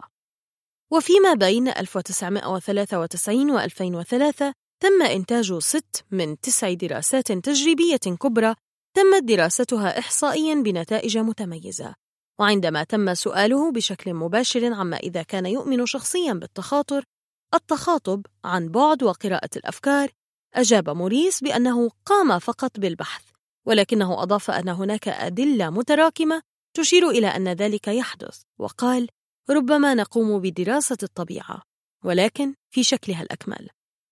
وفي نهاية صيف 2004 توفي بوب موريس فجأة وفي المؤتمر التأبيني لبوب موريس الذي عقد في لندن في أبريل عام 2005 في جمعية أبحاث الخوارق قال البروفيسور برنارد كار الرئيس السابق للجمعية SPR أن موريس قد أشرف على عدد 32 طالب رسالة دكتوراه في مجال الباراسايكولوجي علوم الخوارق. استطاع 12 منهم الحصول على مراكز أكاديمية دائمة في أقسام الجامعة. وأبلغنا كار أن هناك عشرة أقسام في الجامعة بالمملكة المتحدة يتم فيها إقرار علوم الباراسايكولوجي إن هذا تطور هام لأن معناها أن أبحاث الباراسايكولوجي لم تعد معتمدة على نزوات الرعاة أو المحسنين الخصوصيين. وتلك كانت إشارته وهذا يتباين مع موقف الولايات المتحدة الأمريكية حيث يتم منح القليل جدا من درجات الدكتوراه حول الموضوع. وبالتالي من الصعب على أكثر النشطاء في مجال الباراسايكولوجي أن يجد وظيفة لأن هذه الوظائف قد تم إيقافها عندما يموت المحسن أو الراعي أو يفقد الاهتمام بالموضوع. ولذلك كانت رغبة آرثر كويستلر في كتابه جذور التزامن أن يصبح الباراسايكولوجي نشاطا أكاديميا محترما. يجتذب الطلاب وقد تحقق له ذلك بالفعل واستطاع بجدارة من أن ينقل علوم ما وراء الطبيعة من حافة الخيال العلمي إلى عالم الحقيقة الحقيقة الأكاديمية. إضاءة. هل يجب أن نحترم الباراسايكولوجي؟ تنقسم آراء حول وجود علم الباراسايكولوجي في الجامعات إلى ثلاثة أقسام رئيسية. هؤلاء الذين يشعرون أنه يجب استمراريتها وهؤلاء الذين يروا أن الأبحاث في مجال الخوارق تتعدى مسألة الباراسايكولوجي المعملية والفئة الثالثة وهم الذين وصلوا إلى نتيجة أن الظواهر الخارقة يحتمل ألا تكون موجودة. ودعونا نستمع إليهم بإصغاء حتى نتبين الظلال المختلفة للفروق بين هذه المجموعات. المعسكر الأول. الباراسايكولوجي علم محترم ويجب استمراريته في الجامعات. لقد اخترنا أربعة ممثلين عن المعسكر الأول. أولهم الدكتور ريتشارد بروتون والذي كان منذ سنوات عديدة الثاني من طلاب جون بلوف في أدنبرا والذي حصل على الدكتوراه وهو الآن في قسم علم النفس. في كلية جامعة نورثهامبتون والذي يجرى فيها أبحاث نشطة في مجال الباراسايكولوجي منذ سنوات وهو مؤلف كتاب الباراسايكولوجي العلم المثير للجدل. كما أنه أحد اختصاصيي الباراسايكولوجي الأمريكيين الذين يعملون في المملكة المتحدة. يزعم بروتون أن الباراسايكولوجي حقيقة له سجل عظيم من التجارب ويشعر أن ذلك يجب أن يوضح على أساس فكرة أن النشاط الذهني لدى البشر هو في الأساس نشاط عشوائي وأصبح ظاهراً على مدى السنين من أبحاث الباراسايكولوجي أن هناك شيئاً ما حول وعي البشرية خصوصاً ما يلاحظ في ال micro PK والذي قد يتحيز إلى نتائج الاحتمالات في العملية العشوائية. وإذا تم تفعيل ذلك على أفراد الاختبار في تجارب الخوارق يكون هناك مولدات عشوائية بيولوجية أكثر منها أشخاصا موهوبين في مجال الخوارق. وإذا كان الأمر كذلك فإن بروتون يقرر أن المجرب الذي يتحلى بالدافع وبالحماس قد يحصل على نفس النتائج التي يتم فيها عمل مولد الأحداث العشوائية RAG ويقول الباراسايكولوجي لم تتناول هذا الموضوع بشكل صحيح وهو مسألة تأثير القائم بالتجربة. إن ظواهر الخوارق قد تحدث حيث يكون اختصاصيي الباراسايكولوجي يبحثون عنها حقا. والبروفيسور برنارد كار الموجود في كلية كوين ماري بجامعة لندن يقر بأن هناك عداء أكاديمي ما يزال باتجاه الباراسايكولوجي ويشعر أن أبحاث الخوارق يجب أن يكون لها صلة بالتخصصات الأخرى إلى جانب علم النفس كما فعل بوب موريس وخصوصا الفيزياء والتي كانت ميدانه شخصيا. ويشير كار إلى أن العلاقة بين الفيزياء مهمة على وجه الخصوص لأنه إذا كانت الظواهر الخارقة حقيقية فإن ذلك يعني أن هناك تفاعل مباشر بين الوعي وبين العالم الفيزيائي. ورغم أن بعض الأفراد ذوي الإمكانات الخارقة مهتمين بالأبحاث الخاصة بالخوارق إلا أنه لا توجد أقسام للفيزياء في المملكة المتحدة حيث يسمح بالأبحاث في هذا الميدان. والبروفيسور جون بوينتون وهو الرئيس الحالي ل SPR يشعر بأن الأمر يتطلب تياراً ثورياً في مجال الفيزياء. ليضع المسائل الخارقة ويجمع المعلومات والحقائق اللانهائية من الباراسايكولوجي أما البروفيسور روبرت جان وهو فيزيائي تطبيقي ومهندس علوم الفضاء من علماء الصواريخ في الواقع مهتم بفترة طويلة بدراسة التفاعل المباشر بين الوعي وبين العالم الفيزيائي وأبحاثه الهندسية في جامعة برينستون ومعمل بير تمكنت بواسطة اختصاصية علم النفس والباراسايكولوجي بريندا دون بجامعة برينستون في نيوجيرسي والمعروفة بأبحاثها منذ عقود في مجال ال micro PK من خلال الاختبارات على التفاعل الظاهر بين أفراد التجربة من البشر وبين آلات REG وقد تم إعداد معمل بير بأشكال آلية من تجارب مزودة ب REG مثل نافورة المياه وآلات الطبول والكثير من غيرها مما يجعل الجلسات ممتعة بقدر الإمكان للموضوعات. وهذا شيء كان كوستلر كان سيوافق عليه كما أنهم أنتجوا أدوات نقالة ل REG يمكن استخدامها في العالم الحقيقي. أبعد من المعمل والنتائج الإحصائية لمعمل بير. من كل هذا العمل يبدو أن لها تأثيرا هاما. صحيح أنها منخفضة المستوى وأن ثباتها الدقيق لم يستقر ليرضي كل شخص لكنها موجودة. بعد عشرين إلى ثلاثين سنة سوف نصل إلى التالي. أنه لن يكون هناك شك في أن الظواهر الخارقة هي ظواهر حقيقية وأن مجموعة الأدلة التجريبية لن يتم تجاوزها هذا ما يقوله جان ويواصل بأن أصبح من الواضح أنه مهما تكن هذه الظواهر فإنها لن تلعب دورها بواسطة القواعد العلمية التقليدية. جان يردد صدى أفكار بروتون عندما قال أن تأثير الخوارق لا يهتم بالمكان والزمان أو بالتجارب المحددة. وهذا يضع الباراسايكولوجي بعيداً عن الحقائق الجامدة للعلم التقليدي. وهذا ما يوافق عليه جان ويرى أن الباراسايكولوجي تتعامل مع النصف الآخر من التجربة البشرية وبالتالي يسعى إلى علم جديد بهذا الموضوع. وقد عبر عن وجهة نظره حتى ولو كانت الخوارق الحقيقة فإن تأثيرها صغير وغير موثوق فيه بدرجة ما ولا نهتم به لكن جان يذكرنا بأن العلم الكمي والنسبية العامة قد أظهر أن التأثيرات المراوغة والمتساوية يمكنها أن تكون لها أهميتها التاريخية سواء في العلم أو في التطبيقات العامة والمنافع.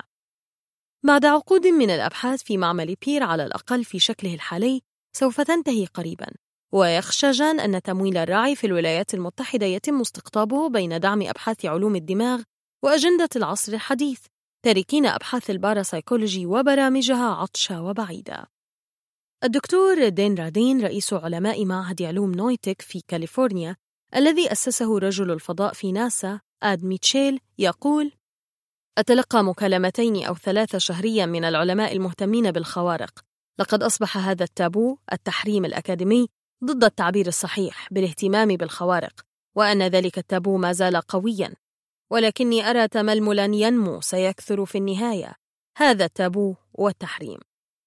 هذا لا يعني أنه سيتم فجأة أن تقتنع جميع الأوساط الأكاديمية بالخوارق وتعتقد فيها بل يوضح رادين أن الحس السليم وحب الاطلاع الذي سيقوم على العقل المنفتح سوف يستهويه قاعدة بيانات تجريبية ملموسة تم تجميعها على مدى القرن الماضي وذكرها في كتابه الكون الواعي. المعسكر الثاني. هناك فرق بين ما تقوم به الجامعة وبين اهتمام العامة. المجموعة الثانية تتكون من هؤلاء الذين يضعون تميزا واضحا بين الباراسايكولوجي الذي يتم في الجامعة وبين السياق الأوسع لأبحاث الوساطة الروحية.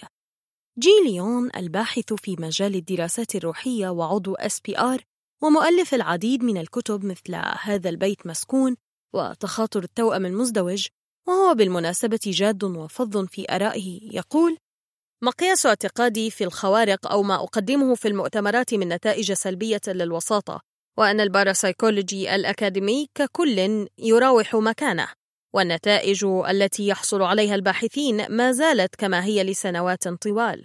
والمتشككون سوف يقولون أن هناك هفوات في المنهجية ولا شيء يقولونه غير ذلك ليبرروا التشكيك.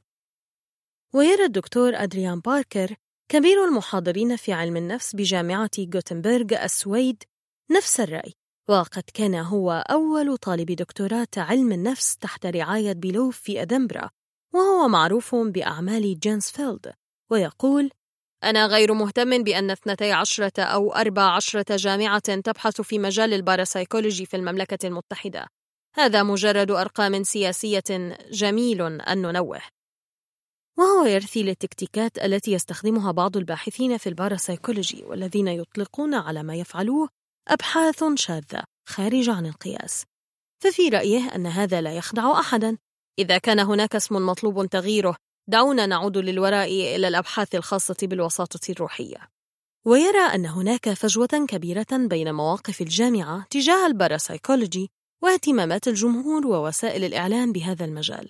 ويقر شيلدريك أن البحث في الباراسايكولوجي الأكاديمي هو في حالة صحية جيدة في بريطانيا أكثر من أمريكا الشمالية. لكنه يحذر من وجود تحامل قوي ضد الباراسايكولوجي من جانب المتشككين وهو ليسوا من المتشككين الحقيقيين ولكنهم من دعاة الأيديولوجيا المادية أو أصحاب النظرة الدنيوية.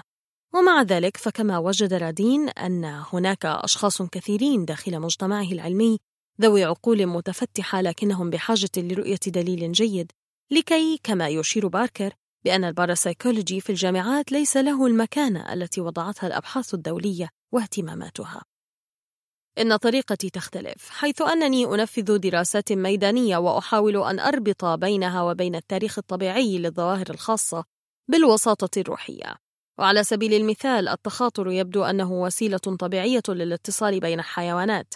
وقد أجريت دراسات كثيرة حول التخاطر لدى الحيوان لخصتها في كتابي الطلاب التي تعرف موعد وصول سيدها إلى المنزل وغيرها من القوى التي لا تفسير لها لدى الحيوان والتخاطر البشري يتبع نفس المبادئ التي تنطبق على التخاطر لدى الحيوان وبالتحديد التي تحدث بين الأشخاص الذين تربطهم أواصر الصلات يزعم شليدريك أن أكثر أشكال التخاطر البشري شيوعاً في عالمنا الحديث هو عندما نتصل من خلال المكالمات الهاتفية وقد قام ببحث مكثف له نتائج إيجابية من ناحية الأهمية الإحصائية.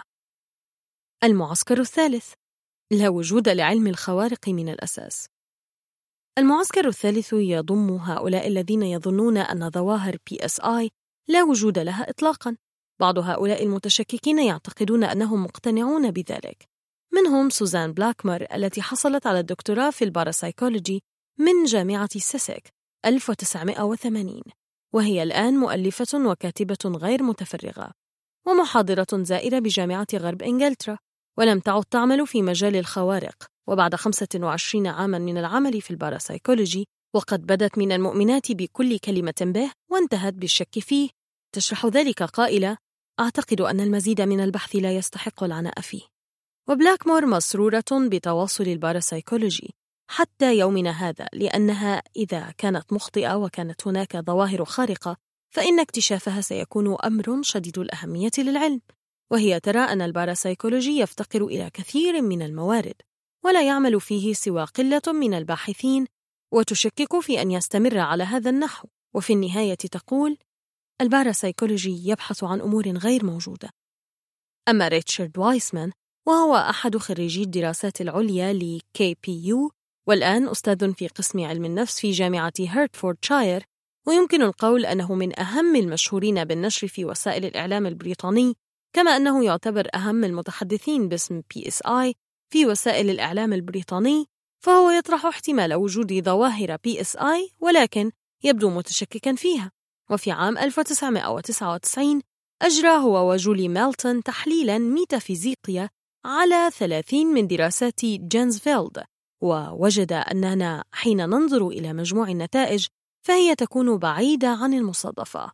ولكن ميلتون قررت أنه إذا تم إجراء دراسات Ganzfeld منذ بدأ التحليل الميتافيزيقي فإن التأثير الكلي ل PSI قد يكتسب أهمية إحصائية ويقول في ملاحظاته إذا كنت من المعتقدين في PSI فإن مشكلتك ستكون ما إذا كانت الأشياء التي تدرسها موجودة أو غير موجودة فإذا كانت موجودة فأنت في طريقك للحصول على جائزة نوبل القادمة ولكن إذا لم توجد ماذا ستفعل؟ من الصعب تبرير موقفك كباحث في مجال الوساطة الروحية إذا لم يكن هناك وساطة روحية. تأثير يوتشيسون في عام 1979 ميلادية وفي أحد المختبرات الخاصة جلس أحد العلماء يعمل بجد في ملفات تسلا ومجموعة من المولدات الكهربائية الساكنة. وفجأة وبينما هو يعمل ارتفعت قطعة معدنية ضخمة وثقيلة في الهواء دون سبب واضح وكانت هذه بداية الاكتشاف. السطور السابقة ليست وصفا لمشهد من فيلم خيال علمي بل هي جزء من حياة العالم المثير للجدل جون هاتشسون والذي استطاع من خلال مجموعة من التجارب المختلفة اكتشاف تأثيرات أثارت ولا زالت تثير جدلا كبيرا في الأوساط العلمية. فقد اهتم هاتشسون وهو غير أكاديمي بدراسة المجالات الكهرومغناطيسية. ذلك العالم الغامض الذي أفنى العديد من العلماء حياتهم بدراسته أمثال ماكسويل وأينشتاين وغيرهم. واهتم بصورة كبيرة بأبحاث العالم المثير للجدل تسلا. وقد بدأ اهتمام هاتشسون بالعلوم عندما كان في العقد الثاني من عمره حين راح يجمع أية معدات كهربائية أو خردة يجدها في طريقه ويذهب بها إلى غرفته التي حولها إلى مختبر صغير عمل فيه بجد لاكتشاف عالم الكهرباء. وقد تمكن هاتشسون من خلال أبحاثه الخاصة تلك من اكتشاف عدد كبير من التأثيرات الغريبة والتي أطلق عليها العلماء فيما بعد اسم تأثيرات هاتشسون وهي إمكانية رفع الأجسام الثقيلة عن طريق الموجات انصهار المواد المتباينة مثل المعادن والخشب التدفئة الشاذة للمعادن بدون احتراق المادة المجاورة الكسر التلقائي للمعادن. كما حاول هاتشسون أن يقوم بعدد كبير من الأبحاث حول تقنية zero point energy والمقصود بهذا المصطلح إنتاج الطاقة من خلال أقل قدر من الحركة الميكانيكية أو التفاعلات الكيميائية. وقد استطاع بالفعل العثور على مصدر جديد للطاقة عن طريق استخدام الصخور فصنع مصباحا يعمل بهذه الصخور دون الحاجة إلى أي من المصادر الكهربائية المعروفة. ورغم وجود بعض الاهتمام بأبحاث هاتشسون من قبل وكالة الفضاء الأمريكية الناسا إلا أن أغلب العلماء لم يحملوا هذه النتائج على محمل الجد. كونها أتت من شخص غير أكاديمي. ويعتبر تفسير هاتشسون لمثلث برمودا أقرب التفسيرات إلى الواقع. فقد فسر الموضوع بنظريته الشهيرة المتعلقة بإخفاء الأجسام عن الأعين من خلال استخدام مجالات كهرومغناطيسية عالية. وقد ناقشت قناة ناشونال جيوغرافيك العالمية تفسيرات هاتشسون في برنامج It's Real كما استضافته كل من قناة ديسكافري وتلفزيون اليابان الذي قام بتقديم سلسلة من المحاضرات العلمية المختلفة لهاتشسون ورغم ذلك لا زال الاهتمام العلمي خجولا بإنجازات هاتشسون دون سبب واضح وربما تفسر العبارة التي قالها بنفسه في إحدى المحاضرات سبب ضمنا لهذا العالم في هذا الكتاب. فقد قال هاتشسون سأنتظر واقفا على حافة الأبد. Waiting on the edge of forever.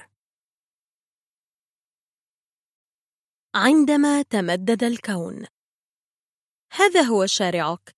أنت تعرف أين يبدأ وأين ينتهي. لا مشاكل في حياتك. ثم فجأة يأتي أحدهم ليزيح الستار ويكشف لك الحقيقة المروعة. شارعك يمتد آلاف الكيلومترات حتى نهاية الأفق. شارعك كبير جدا. فقط أنت عشت في وهم وفي قوقعة ضيقة. ذلك يشعرك بمزيد من الضآلة والحيرة. أنت صغير جدا جدا. والإمكانيات كثيرة جدا جدا. هذا هو الدور الذي قدمه رجلنا للعلم فاستحق أن يكون من علماء الحافة. حتى بداية القرن العشرين كان معظم العلماء يعتبرون أن الكون هو درب التبانة. هل تعرف درب التبانة؟ إنه حزام النجوم المتلاصقة الكثيف الذي نحن جزء منه والذي يمكن أن تراه في منتصف الليل في قريتك أو في الصحراء. اعتبر العلماء أن هذا هو الكون هو لا شيء سواه. كان هناك عالم اسمه شابلي قال إن درب التبانة عرضه مئة ألف سنة ضوئية. ووصفت عالمة اسمها هنريتا ليفيت سحابتي ماجلان المصاحبتين لدرب التبانة واللتين يمكن أن تراهما في نصف الكرة الأرضية الجنوبي. لكن ظل سؤال واحد معلقا بصدد الغيوم السديمية التي تبدو كبقع ضوء مبهمة. ما هي؟ وكانت إجابة هذا السؤال قادمة في صورة عالم أمريكي هادئ الطباع. ولد إدوين هابل في ميسوري عام 1889 وتوفي عام 1953 إنه عالم درس الرياضيات وعلم الفلك في شيكاغو ثم حصل على درجة الدكتوراه عام 1917 كان هابل هو الرجل الذي استعمل أقوى وأكبر مرصد في الكون وهو تلسكوب هوكر فوق جبل ويلسون ليفحص سديم أندروميدا. هنا رأى لشدة دهشته أن السديم يحوي نجوما لا تختلف عن نجوم درب التبانة وقدر أن بعد هذه النجوم مليون سنة ضوئية. إذا الكون لم ينتهي بعد. هذا يعني أن الكون يمتد إلى مسافات مروعة. اكتشف هابل في البداية مجموعة من النجوم المتغيرة التي يطلق عليها اسم Cepheid Variables وهي مجموعة من النجوم يصلح تألقها كمقياس لبعد النجوم في مجرتها. أي أنها تصلح كشمعة قياسية. كانوا يعتقدون أن هذه الغيوم السديمية موجودة في درب التبانة. لكن هابل أثبت أنها بعيدة جدا بل أثبت أنها مجرات مستقلة وليست جزءا من درب التبانة. كذلك أوجد طريقة لتقسيم المجرات بدقة تبعا لمسافتها ومحتواها وشكلها وتألقها. وضع هابل مع عالم آخر يدعى هوماسون قانون مسافة الانحراف الأحمر للمجرات. وهو ما يطلقون عليه للاختصار اسم قانون هابل. قانون هابل قانون فيزيائي يعود لعام 1929 ويقضي بأن الانحراف الأحمر في الضوء القادم من المجرات البعيدة يتناسب مع بعدها. وهذا القانون يستخدم اليوم كحجة تؤيد نظرية الانفجار الأعظم بيج بانج الذي شكل الكون. يقضي القانون بأنه كلما زادت المسافة بين مجرتين كلما ازدادت سرعة تباعدهما النسبي. إن الكون يتمدد بلا توقف. ومعنى هذا أنه قادم من نقطة مركزية هي التي بدأ عندها الانفجار الأعظم. هذا شيء اقترحه سابقا عالم اسمه فريدمان. وقبل هذا قال أينشتاين إن الكون حسب نظرية النسبية ينكمش أو يتمدد لكنه لم يجرؤ على تصديق هذا صراحة. لهذا نقض ما قاله وأعلن أن الكون ثابت جامد. أما سبب غرابة معادلاته فقد فسره بما أسماه عامل الخدعة أو عامل الحلوى fudge factor وقد أصابه الذهول عندما قرأ اكتشافات هابل فقد عرف أنه كان على صواب. كذلك اكتشف هابل أحد الكويكبات وهو الكويكب رقم 1373 عام 1935 حاول أن يجعل علم الفلك فرعاً من علم الفيزياء وبهذا يتاح لعلماء الفلك أن يطمعوا في جائزة نوبل التي ليس الفلك من بين أقسامها وهو ما تحقق بالفعل لكن بعد وفاته. لهذا لم يفز هابل بجائزة نوبل وإن استحقها بشدة. لا يمكن فهم كل ما قدمه هابل من دون إلمام عميق بالفيزياء والفلك لكننا على الأقل نعرف أنه من العلماء الذين غيروا مفهومنا عن الكون للأبد وبهذا استحق مكانه عند الحافة. ملاك الموت. بفضل الدعاية اليهودية حظي النازيون بسمعة شنيعة جعلتهم أقرب إلى الوحوش الآدمية التي يصعب تصور وجودها. لكن أكثر نازي ظفر بهذه الدعاية بعد هتلر وجوبلز هو الدكتور يوسف مينغل الذي تحول إلى رمز مرعب شبيه بدكتور فرانكشتاين أو أي دكتور آخر من علماء القصص المخابيل. لا يعني هذا أن الرجل بريء لكننا لم نقرأ القصة إلا من طرف واحد على كل حال. يجب أن نذكر أن هناك شكوكا كثيرة حول كون غرف الغاز استخدمت في إعدام أي يهودي أثناء الحرب العالمية الثانية. لكن كل من حاول أن يقترب من الحقيقة حوكم أو ضرب أو قتل. أنيق وسيم تلك الوسامة النازية التي أحبها هتلر كأنها تجسد حلمه بالإنسان الآري المتفوق. ولد في بافاريا عام 1911 ودرس الفلسفة في ميونخ والطب في فرانكفورت حيث أبدى ذكاء وبراعة. عام 1937 التحق الطبيب الطموح بالحزب النازي ثم التحق بقوات الصاعقة. إس إس الرهيبة عام 1938 وجرح في الجبهة الروسية بعد بدء الحرب من ثم سرح من الخدمة. لكنه تطوع كي يعمل في معسكر أوشفيتز كان يتوق إلى أن يضع العلم في خدمة النازية. يقف عصاه في يده وابتسامة طفولية وديعة على شفتيه وهو يشير للأسرى القادمين إلى أوشفيتز كي ينفصلوا يمينا ويسارا. لا يعرفون أن معنى اليمين هو العمل في المعسكر هو اليسار معناه عدم الصلاحية للعمل والموت الفوري. يقول اليهود إنه كان يستعمل القتل بالغاز بلا توقف وعندما كان عنبر يصاب بالقمل كان يأمر بتبخيره بالغاز السام. في هذا الوقت كان عمره 32 عاماً وكان يضع الكاسكيت المميز لقوات الصاعقة بعلامة الجمجمة التي تقول إنه مصرح له بالقتل. كان متصلب الوجه بلا انفعال لكن عينيه كانتا تلمعان حماسة كلما رأى توأمين. كان يأخذ التوائم ويقدم لهم الشوكولاتة ويلاطفهم حتى أطلقوا عليه اسم العم مينجل لكنه في اللحظة المناسبة كان يأخذهم إلى منضدة التشريح ويحقنهم. هكذا يقول اليهود بالكلوروفورم في قلبهم. ليقتلهم. ثم يبدأ التشريح. كان مولعا بدراسة التوائم بشدة وكان يحقن أصباغا في عيونهم. جرب حقن السموم والبكتيريا ونقل الأعضاء. عامة يقدر اليهود عدد الأطفال الذين ماتوا في بواحد فاصل اثنين مليون طفل. وكان لديه اهتمام خاص بالأقزام والمشوهين لكنه كان يعمل من منطلق علمي ثابت. هو ضعة وحقارة الأجناس غير الآرية. لا نعرف كل ما قام به لأن أبحاثه نقلت إلى دكتور فون فيرشوير حيث قام بتدميرها.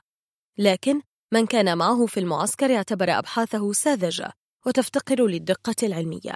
هناك طبيب يهودي مجري يعتبر خبيرا باثيولوجيا عمل معه كمساعد وعرف معظم ما قام به من تجارب. فر مينجل من ألمانيا عند الهزيمة وقد تنكر كجندي مدفعية. سقط أسيرا ثم فر لأن الحلفاء لم يعرفوا من هو. قرر أن يتجه إلى الأرجنتين ككل النازيين في الواقع.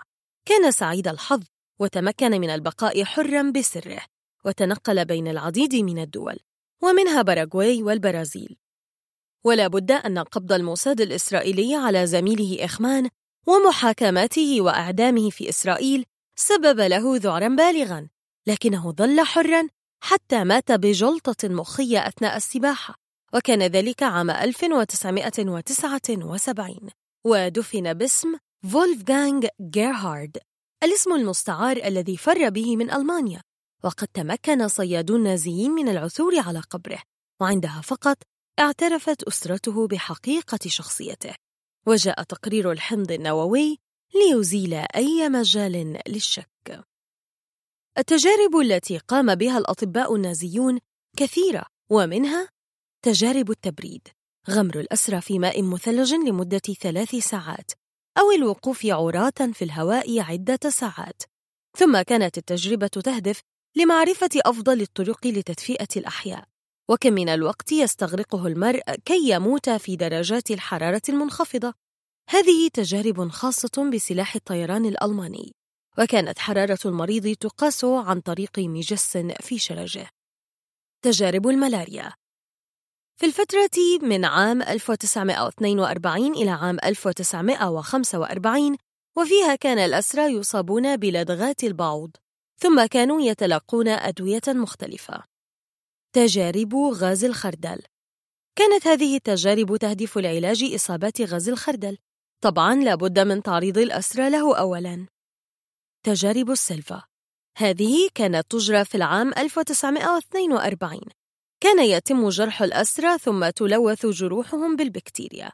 ثم يحاولون علاج الجرح بعقار السلفا تجارب ماء البحر. في العام 1944 تم عمل محاولات لجعل ماء البحر صالحا للشرب.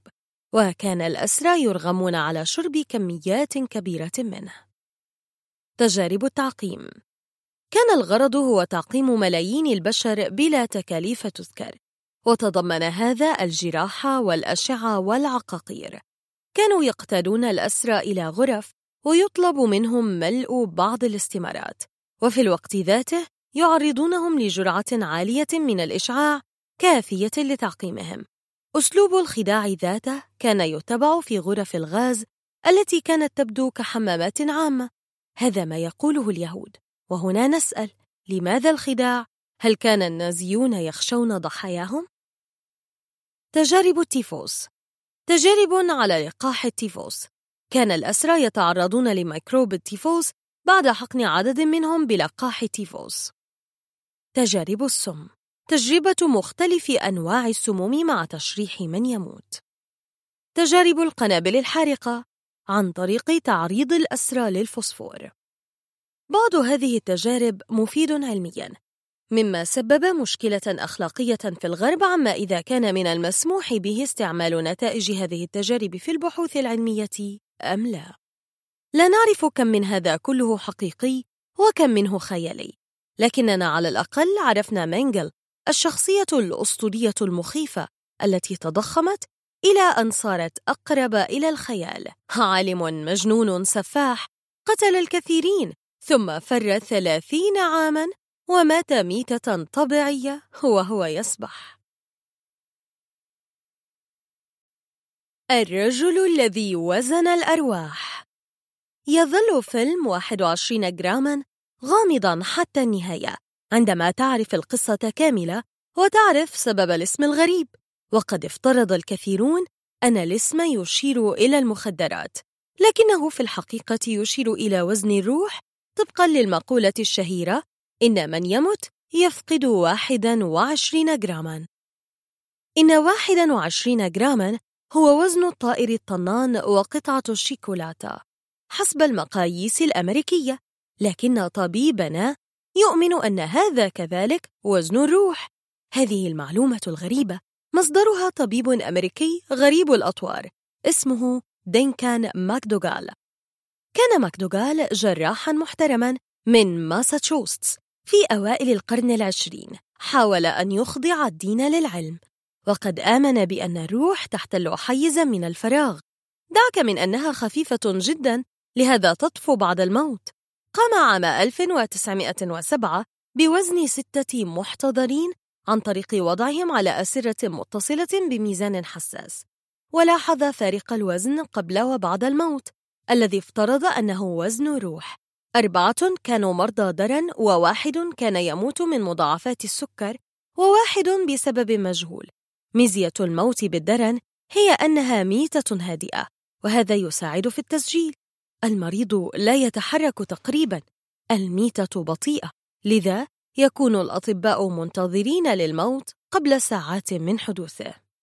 أجرى تجارب مماثلة على الكلاب لكنه لم يلحظ أي اختلاف في الوزن عليها. هكذا افترض أن الروح لها وزن وأن الكلاب لا روح لها. ترى من هؤلاء المرضى؟ وكيف سمح أقاربهم بإجراء هذه التجربة أثناء احتضارهم؟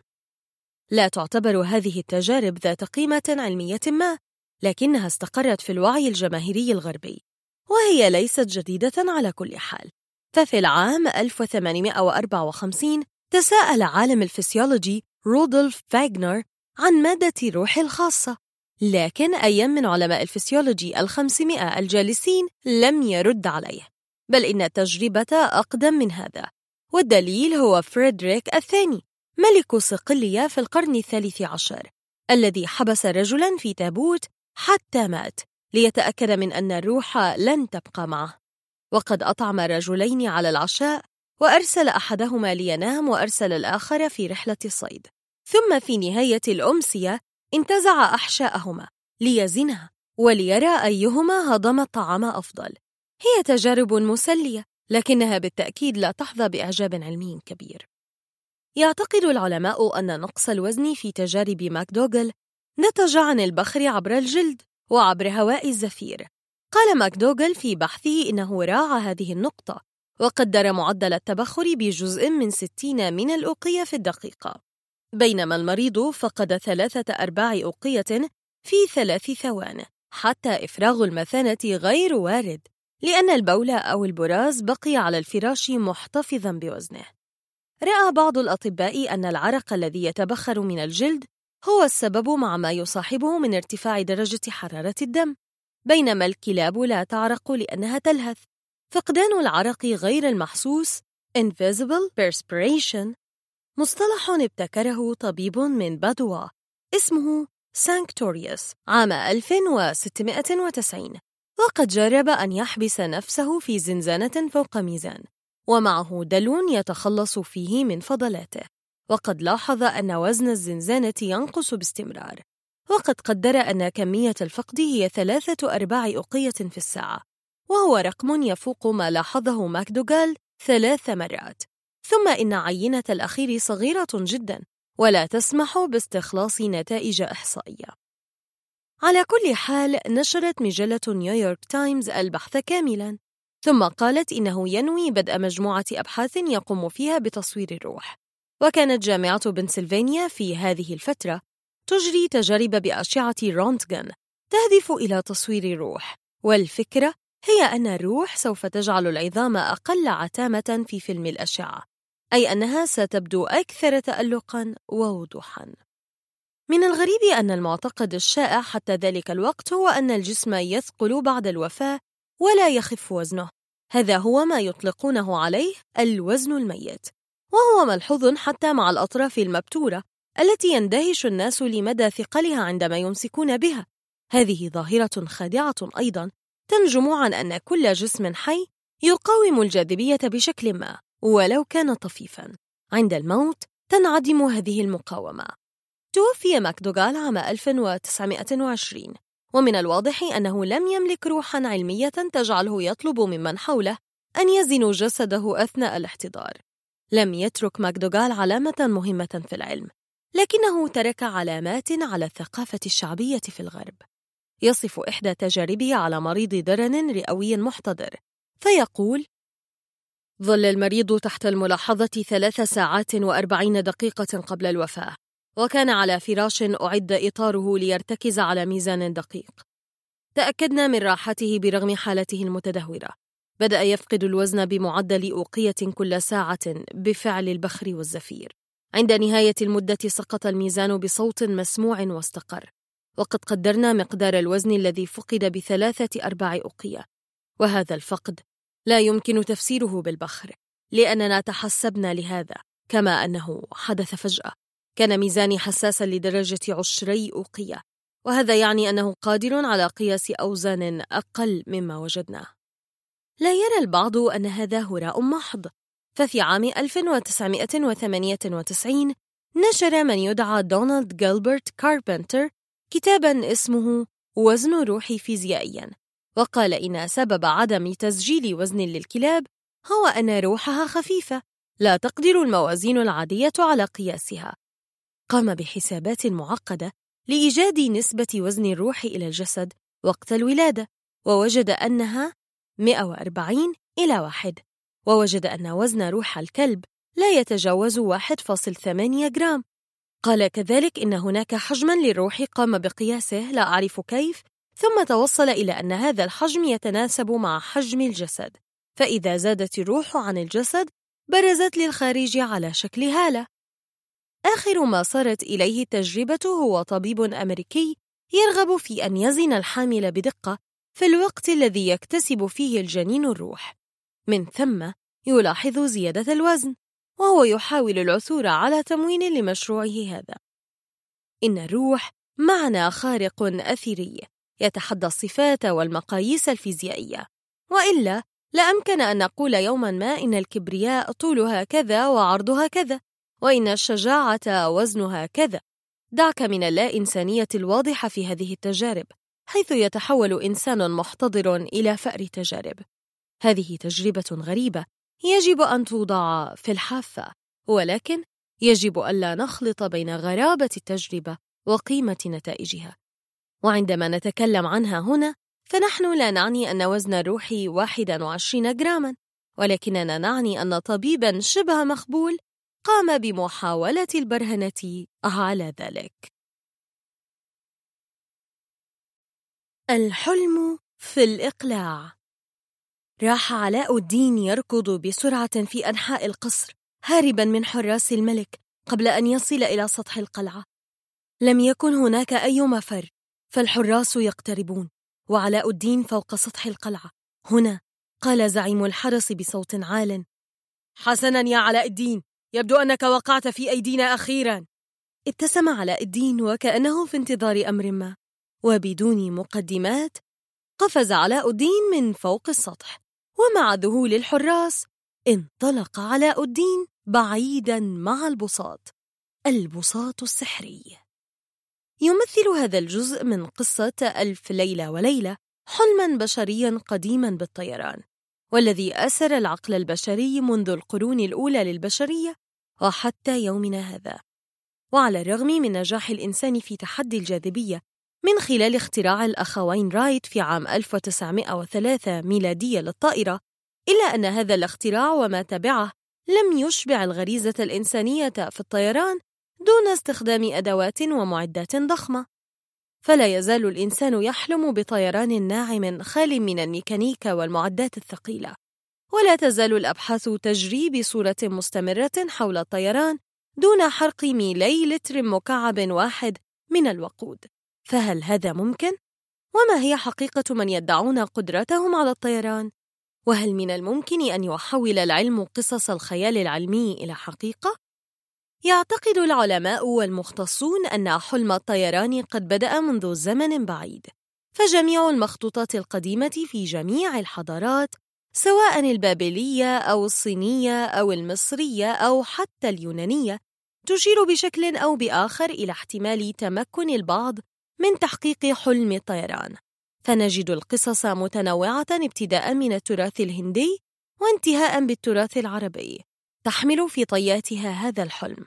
وتعتبر خدعة الحبل الهندي الشهيرة من أشهر الموروثات الهندية في هذا المجال. وتعود فكرة خدعة الحبل الهندي إلى إشاعة بأن بعض الفقراء في شوارع الهند يقومون بالعزف على الناي نغمات مختلفة. وتقوم هذه النغمات بجعل حبل ضخم ينتصب بالتدرج في تحد سافر للجاذبية الأرضية. ثم يقوم طفل صغير بتسلق الحبل قبل أن يختفي عند القمة. وقد أثارت هذه الخدعة الشهيرة حفيظة العديد من المهتمين في مجال ما وراء الطبيعة حول العالم وراحوا يبحثون عن السر وراءها. كما وضعت المنظمة البريطانية لفن الوهم جائزة ضخمة لأي ساحر يستطيع أن يؤدي هذه الخدعة. لا سيما أن أحدا لم يشاهدها من قبل. فسافر عدد كبير من الباحثين والمهتمين وأهل الاختصاص بفن الوهم إلى الهند للبحث عن سر خدعة الحبل الهندي هو كانت المفاجأة. فلم يجدوا شخصا في الهند يعرف أن يؤدي خدعة الحبل الهندي والأدهى من ذلك أن أحدا لم يسمع بها من قبل هناك. مما أثبت بالدليل القاطع أن خدعة الحبل الهندي الأسطورية مجرد إشاعة تناقلتها وسائل الإعلام والسبب وراء هذا هو الحلم البشري بتحدي الجاذبية الأرضية. في الستينات من القرن العشرين ادعى ناسك هندي يدعى مهاريشي ماهيش يوغي إمكانية الطيران عن طريق استخدام الطاقات الداخلية الكامنة هو اليوغا. واستطاع خلال سنوات قليلة تكوين قاعدة كبيرة لطرقه المختلفة لليوغا والتي راح يقدمها للعالم من خلال سلسلة من الكتب والمحاضرات المختلفة. وخلال زيارته الشهيرة للولايات المتحدة الأمريكية افتتح هناك جامعة خاصة لتعليم ممارساته في اليوغا. وانضم إليها ملايين الأمريكيين ممن تأثروا بالدعاية التي سبقت مهاريشي. ولم يمض عام حتى انضمت أشهر فرقة في ذلك العصر البيتلز لدوراته مما أعطاه هالة إعلامية ضخمة. والغريب في الأمر أن ادعاء مهاريشي بأنه يستطيع الطيران وقهر الجاذبية قد أدى إلى توصيل فكرة غريبة للناس في العالم. وهي أن ممارسي اليوغا يستطيعون الطيران. وحتى في العالم العربي انتشرت هذه الإشاعة. فكم من شخص منكم سمع بإمكانية طيران لاعبي اليوغا؟ ولكن السؤال الذي يطرح نفسه هل شاهد أحدكم لاعب يوغا يرتفع عن الأرض؟ قام فريق محطة البي بي سي البريطانية ببحث خاص حينما زار جامعة مهاريشي لرؤية وتصوير طيران يوغا مهاريشي الأسطورية التي تمكنك من قهر الجاذبية. فكانت المفاجأة. فالمتدربون يجلسون على أرضية من الإسفنج ويقفزون نعم أنت لم تخطئ قراءة السطور السابقة. فكل ما هنالك هو القفز. يقول رود فليك وهو أحد المتدربين في جامعة مهاريشي بأنه يشعر من الداخل بأنه يطير وهذا كاف في الوقت الحالي. ويدعي أتباع مهاريشي أنه يمكنك الطيران بالفعل. بدون قفز إذا وصلت إلى المرحلة الثالثة من التدريب وهي التي لم يصل لها سوى مهاريشي نفسه. والغريب أن ادعاء مهاريشي محل خلاف حتى في الهند فلا توجد أي صورة له وهو يقهر الجاذبية وهذا أمر في حد ذاته يثير الشكوك. يقول الباحث الهندي في ظواهر ما وراء الطبيعة باسافا بريماناند أنه لو أمكن مهاريشي الطيران فعلا فلماذا يمتلك ست طائرات هليكوبتر للتنقل في الهند؟ حقا سؤال يحتاج إلى إجابة. ولكن إشاعة الطيران بالنسبة لليوغا لم تكن فقط من نصيب الناسك مهاريشي فهناك عدد من رجال الدين في دول شرق وغرب آسيا يدعون هذه القدرة. وفي بحث خاص قام به فريق مختص شاهد الفريق ناسكا يرتفع عن الأرض وهو يتكئ على عصات طويلة. وبالطبع كانت الفكرة بصورة عامة مثيرة. لذلك قام الفريق بالاتصال بالباحث الهندي المتشكك بازافا بريماناند الذي ذكر لهم أن هذه الخدعة قديمة جدا وقد كانت تستخدم في الهند منذ القرون الوسطى. وسرها هو أن يكون هناك مقعدا خاصا يتصل بالعصا لا يظهر للعيان بسبب ملابس الناسك الطويلة. وقبل أن نغادر منطقة الخيال للتحدث عن العلم يجب أن نعرف أن ادعاء قدرة الطيران لم يقتصر على المشعوذين وفقراء الهند فقط بل تجاوزهم إلى العلماء أيضا. فمع نهاية القرن التاسع عشر وبداية القرن العشرين انتشرت صورة لعالم أوروبي ادعى أنه يمتلك القدرة على الطيران. وبعد فحص الصورة تم اكتشاف تلاعبه في نيجاتيف الصورة وتعديلها لإخفاء منضدة صغيرة كان يقف عليها العالم وقت أخذ الصورة. فيبدو أن حلم الطيران قد جذب العلماء وليس المشعوذون فقط. وبعيداً عن الخداع البصري والادعاءات الفارغة فإن العلم عمل على تحقيق حلم الطيران. استطاع البروفيسور توم ميلن من جامعة مانشستر تحدي الجاذبية الأرضية وجعل سلكاً ينتصب باستخدام جهاز يطلق ذبذبات سريعة على السلك تجعله يرتفع وينخفض بسرعة كبيرة حتى يتوازن. ورغم أن الفكرة غير مثيرة من الناحية العلمية إلا أنها فتحت المجال لمزيد من التجارب. كما اهتم البروفيسور إريك روبرت الليثويت أيضا بتقنية الطيران واستطاع من خلال تطويره للموتور الخطي أن يمهد لاختراع أول قطار يستخدم الطاقة الكهرومغناطيسية لكي يرتفع عن الأرض وبالتالي يلغي قوة الاحتكاك مما يمنحه سرعة هائلة. ورغم أنه قدم المشروع في بريطانيا إلا أنهم لم يهتموا به لتكلفته العالية. ليلتقط الفكرة كل من اليابان وألمانيا وينفذانه في صنع أسرع قطارات العالم التي تصل سرعتها القصوى إلى ما يقارب 500 كيلومتر في الساعة. وفي مجال الطيران الخاص شهدت الستينات من القرن العشرين إنجازاً ضخماً حين تمكن Bell Aerosystems من صنع أول صاروخ للاستخدام الفردي يمكن ارتداؤه كحقيبة وباستخدام بيروكسيد الهيدروجين كوقود له.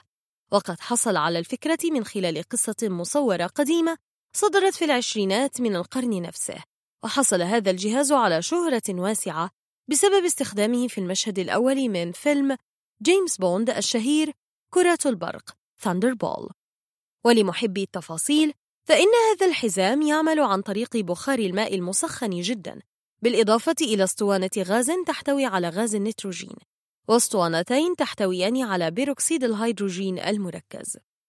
ورغم كون الفكرة براقة ومدهشة إلا أنها لم تحصل على انتشار سوى بالحفلات الخاصة التي تقيمها ديزني لاند وأولمبياد أتلانتا بالإضافة إلى ظهورها في بعض الأفلام والمسلسلات. ويعود السبب الرئيسي في ذلك إلى أن الجهاز محدود المسافة ومكلف جدا فأقصى مسافة تم تسجيلها باستخدام هذا الحزام النفاث كانت 250 متر. وفي نفس المجال حاول مخترع الموتور الخطي إريك روبرت ليثويت أن يخترع جهازاً آخر أطلق عليه الجيروسكوب واعتبره الكثير من الناس اختراعاً أفسد احترام العلماء له. ففي جهاز الجيروسكوب حاول إريك أن يثبت أنه من الممكن إهمال الجاذبية الأرضية من خلال جعله يدور حول محوره ولكن اختراعه هذا لم يحظى بأي احترام بل تجاهلته رابطة العلماء بل وسخرت منه. ولكن يبدو أن حلم الطيران بدأ يتحقق أخيرا ففي عام 2006 تمكن فريق مشترك من العلماء الأوروبيين واليابانيين من تطوير جهاز خاص ينتج طاقة تبلغ 20 ميجاوات وهي كافية لتشغيل مدينة صغيرة للتأثير على منطقة تبلغ إنشين مربعين وجعل كهرومغناطيسية عالية تمر بها وكانت النتيجة مذهلة. فقد تمكن الجهاز من إلغاء تأثير الجاذبية الأرضية وجعل الأجسام الصغيرة تطفو. وراح العلماء يجربون مختلف الأجسام والحشرات التي راحت تطفو بنعومة بالغة. مؤذنة بمستقبل مشرق للطيران. مستقبل تجاوز حافة الخيال ليدخل حدود عالم اسمه العلم. إضاءة. كيف استطاع ديفيد كوبرفيلد الطيران؟ في خدعته المتقنة الشهيرة عام 1996 سؤال حيرنا منذ عدة سنوات. واليوم وفي الدقائق القادمة سنكشف لكم أحد أكبر الأسرار غموضاً وراء الساحر العالمي ديفيد كوبرفيلد والتي ساهمت في شهرته. في عام 1992 أذهل الساحر الأمريكي ديفيد كوبرفيلد الحضور بطيرانه في الهواء وبدون أي وسائل ملموسة. ببساطة طار وارتفع بالجو كالطير في واحدة من أفضل خدع الطيران التي جرت على الإطلاق على المسرح. ولم يكتفي بالطيران فحسب بل حمل معه متطوعة من الجمهور وطار بها في المسرح. طبعا معظمنا شاهد هذا العرض الرائع والذي أدهش عالم فن الوهم لسنوات عديدة. نكشف لكم اليوم كيف استطاع كوبرفيلد استخدام العلم في إدهاش المشاهدين وتجاوز الحافة من الخيال إلى العلم. بالطبع ليس ديفيد كوبرفيلد الوحيد الذي طار بالمسرح ولكن طيرانه كان الأتقن في الصنع والأفضل في العروض فكيف كان؟ السر في العلوم رغم كون فكرة الطيران التي استخدمها كوبرفيلد ليست جديدة على الإطلاق فهي مسجلة كبراءة اختراع منذ القرن الماضي إلا أن المعدات المختلفة سهلت من عملية عرض الخدعة فقد استطاع ديفيد كوبرفيلد الطيران بمساعدة نوع خاص من الأسلاك من إنتاج وكالة الفضاء الأمريكية ناسا حيث يتم تصنيعه في مصانع خاصة بتقنيات رواد ومعدات الفضاء. ولا يوجد من يصنع هذا النوع من الخيوط سوى شركتين في العالم واحدة في الولايات المتحدة الأمريكية والأخرى في روسيا. سمك الخيط سلك أقل من واحد مليمتر ويحمل 100 كيلوغرام.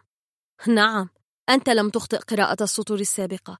فهذا الخيط يستخدم في تركيب حبال ضخمة شديدة القوة لشد معدات وكالة الفضاء الأمريكية والروسية. في الجزء الثاني من هذا اللغز نلاحظ أن ديفيد كوبرفيلد طار في المسرح وخلفية المسرح براقة زرقاء ومتلألئة باللون الفضي وإضاءات زرقاء. كل هذا لإخفاء الخيط الضعيف عن العين المجردة فيصعب علينا رؤية هذا الخيط الخاص. استعمل ديفيد كوبرفيلد خيطين من هذا الخيط مثبتين في جانبيه. بواسطة حزام خاص مخبأ تحت سترته السوداء الواسعة. كما أن الطرف الآخر من الخيط كان مثبتا بجهاز وبكرات معقدة التصميم فوق المسرح مثبتة بالسقف وهذا الجزء هو الأغلى من الخدعة. هذا الجهاز قادر على رفع ديفيد كوبرفيلد بسرعات مختلفة وبسلاسة تامة. هذا الجهاز والبكرات تقوم بسحب ديفيد كوبرفيلد إلى الأعلى والأسفل. وهناك عجلات تتحرك يمينا ويسارا.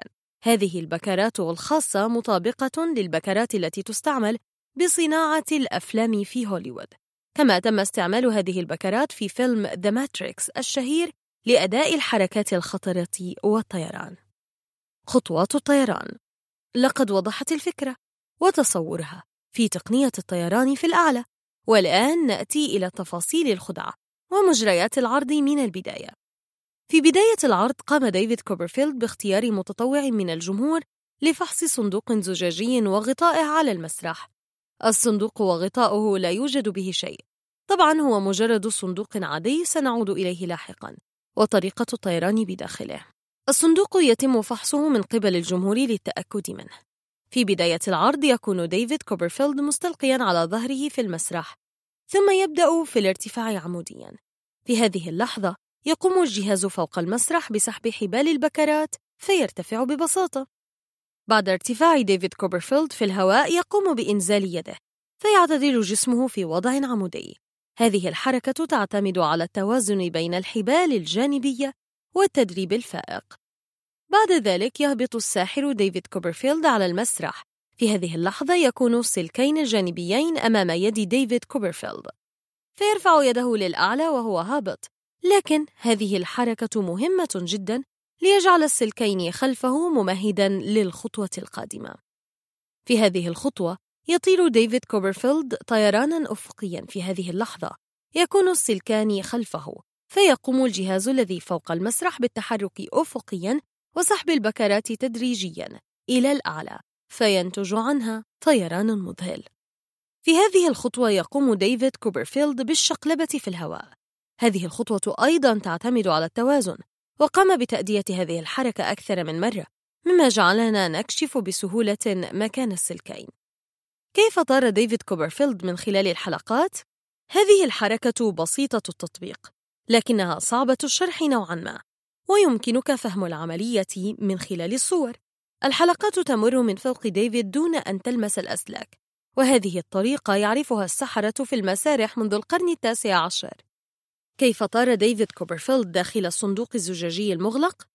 فكرة الطيران داخل الصندوق ذكية وعبقرية لأنها تزيل الشك لدينا حول وجود أي نوع من الخيوط أو الأسلاك في البداية يكون ديفيد كوبرفيلد في الهواء ثم يهبط في الصندوق الزجاجي بعد ذلك يتم غلق الصندوق من الأعلى في هذه الخطوة يجب علينا ملاحظة كيفية إغلاق الصندوق نلاحظ من الصورة أن الغطاء يتم سحبه من قبل المساعدين بطريقة أفقية مما يجعل الغطاء يمر بين السلكين ثم يتم إغلاق الصندوق. تذكر أيضا أن سمك السلك الواحد أقل من واحد مليمتر لذلك يتم إغلاق الصندوق بسهولة. نلاحظ من الصورة كيفية دخول السلكين من الجانبين. لهذا السبب لا يستطيع ديفيد كوبرفيلد مواجهة الجمهور فيكون دائما في وضع جانبي. بعد نزول ديفيد كوبرفيلد إلى الصندوق يقوم الجهاز بسحبه فيرتفع بالهواء داخل الصندوق. بعد ذلك تقوم الفتاة مساعدة كوبرفيلد بالمشي فوق الصندوق وبين السلكين. بعد ذلك يأخذ ديفيد كوبرفيلد الفتاة المتطوعة ويطير معها. هذه الخطوة بسيطة حيث أن هناك سلكين على جانب كوبرفيلد وكما قلنا أن كل سلك يتحمل 100 كيلوغرام فمجموعهما معا 200 كيلو. ووزن ديفيد كوبرفيلد مع الفتاة لن يتعدى 160 كيلو تقريبا فبذلك سيتحملهما السلكين. وبذلك تم كشف أكبر الخداع في العالم وانحل اللغز الغامض لكم. عن الرؤوس المقطوعة نتكلم. قطع الرؤوس ظل دوما من الرياضات المحببة للنفس لدى معظم الحضارات. وكان الإعدام بهذه الوسيلة شرفا مقصورا على النبلاء في الغرب بينما يبقى الشنق والحرق للعامة والطبقات المتدنية. وكان على النبيل أن يعطي جنيها من الذهب للجلاد كي يجعل قطع رأسه سريعا غير أليم. ماري ملكة إسكتلندا كانت بخيلة لهذا احتاج الجلاد إلى ثلاث ضربات لقطع رأسها. نلاحظ أنه بالنسبة للشرق كان قطع الرأس لا يخلو من الإهانة. لأن الآسيويين كانوا يعتبرون دفن الشخص محتفظا برأسه أمرا ذا أهمية دينية. أيام الثورة الفرنسية ومع ظهور المقصلة كان المعتقد الشائع أن الرأس يظل يرى لمدة عشر ثوان بعد قطعه. لهذا كان الجلاد يرفع الرأس ليريه للجمهور. الألمان استعملوا مقصلة خاصة بهم اسمها فالبايل. وظلوا يستعملونها حتى عام 1949 مع إلغاء عقوبة الإعدام. الواقع أن النازيين قطعوا رؤوسا كثيرة جدا. السؤال الأول هنا هل من الممكن أن يعيش المرء بلا رأس؟ سؤال سخيف طبعا. لكن العلم قد سجل حالة غريبة لا تتعلق ببشري هذه المرة لكن بديك. ديك شهير جدا في الولايات المتحدة اسمه مايك. ولد مايك في إبريل 1945 وقد استطاع الحياة 18 شهرا بلا رأس. وحتى لا يعتقد أحد أنها إشاعة فقد أخذه صاحبه إلى جامعة يوتا ليفحصه العلماء ويدونوا الحالة جيدا. بدأت قصة مايك عندما تلقى الفلاح لويد أولسون زيارة من حماته. طلبت منه زوجته إحضار ديك من الجرن حاول قطع رأس الديك فلم يوفق تماما. هكذا بات الديك ليلتها واضعا رأسه تحت جناحه وفي الصباح صار قادرا على المشي. راح الفلاح الذي اعتصرت الشفقة قلبه يسقي الديك خليطا من اللبن والماء عبر الحنجرة بقطارة عيون. والأغرب أنه ازداد وزنا وعاش عدة أشهر بهذا الشكل الغريب. اشتهر مايك ونشرت له صور في مجلات عديدة وإن هوجم صاحبه بعنف لأنه لم يحسن القتل. في النهاية مات مايك بسبب المخاط المتجمع في حنجرته والذي لم يستطع الفلاح أن ينتزعه. لما تم التشريح تبين أن ضربة البلطة لم تصب الشريان السباتي كما أنها تركت جذع المخ سليما. هذا يعني أن ما تبقى من المخ ظل قادرا على أداء وظائف التنفس والجهاز الدوري. السؤال الثاني هو هل يمكن للرأس المقطوع أن يظل حياً؟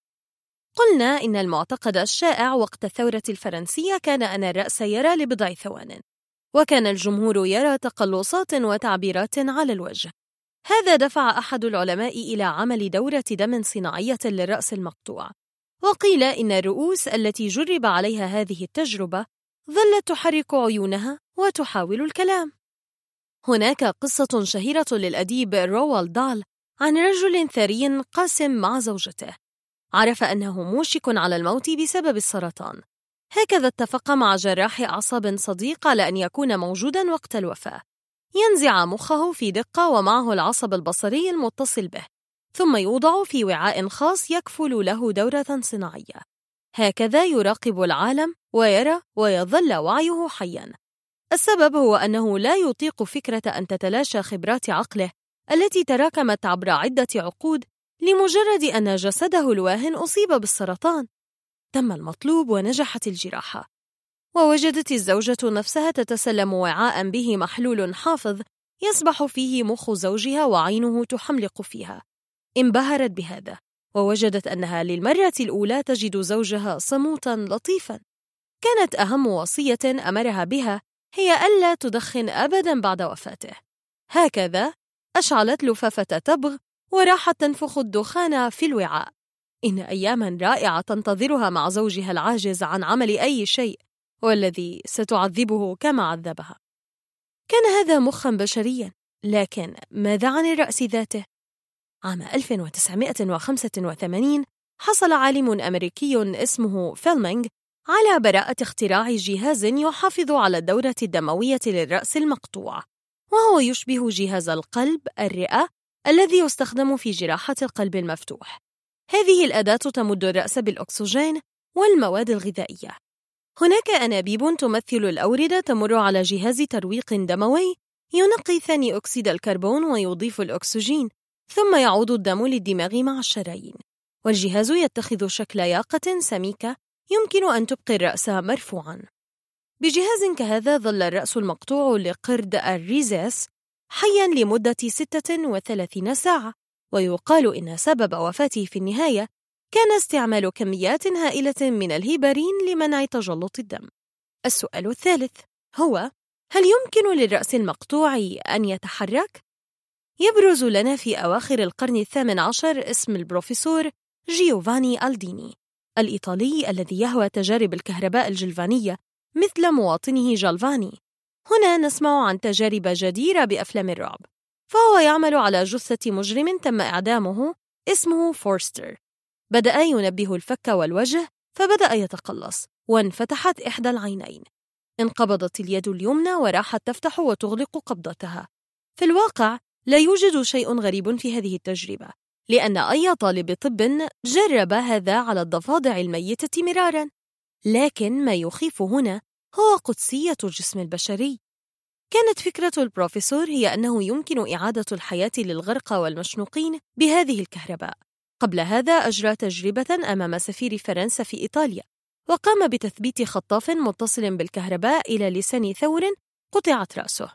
عندما سر التيار انقبض اللسان بقوة لدرجة أنه تمزق وتحركت العينان وصدر صوت مريع من حلق الثور نتيجة للهواء الحبيس.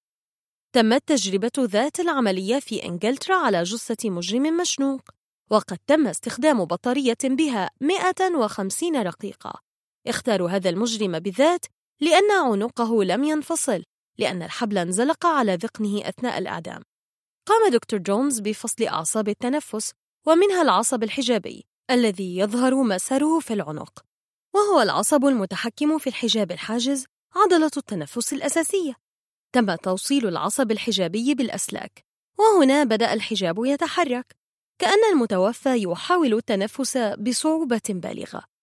وتم تحريك عضلات الوجه لتعطي تعبيرات مرعبة توحي بالألم. ثم انبسطت إحدى القدمين لدرجة أطاحت بأحد المساعدين الذين حاولوا منعها من الحركة. الحق كما يقول وصف جريدة صادرة وقتها أن المشهد كان مريعا. وقد غادر الكثير من الشهود القاعة. وقال الدكتور جونز إنه يعتقد أنه لو تم عمل شق في مؤخرة العنق يظهر الحبل الشوكي فإنه من الممكن إعادة الميت إلى الحياة.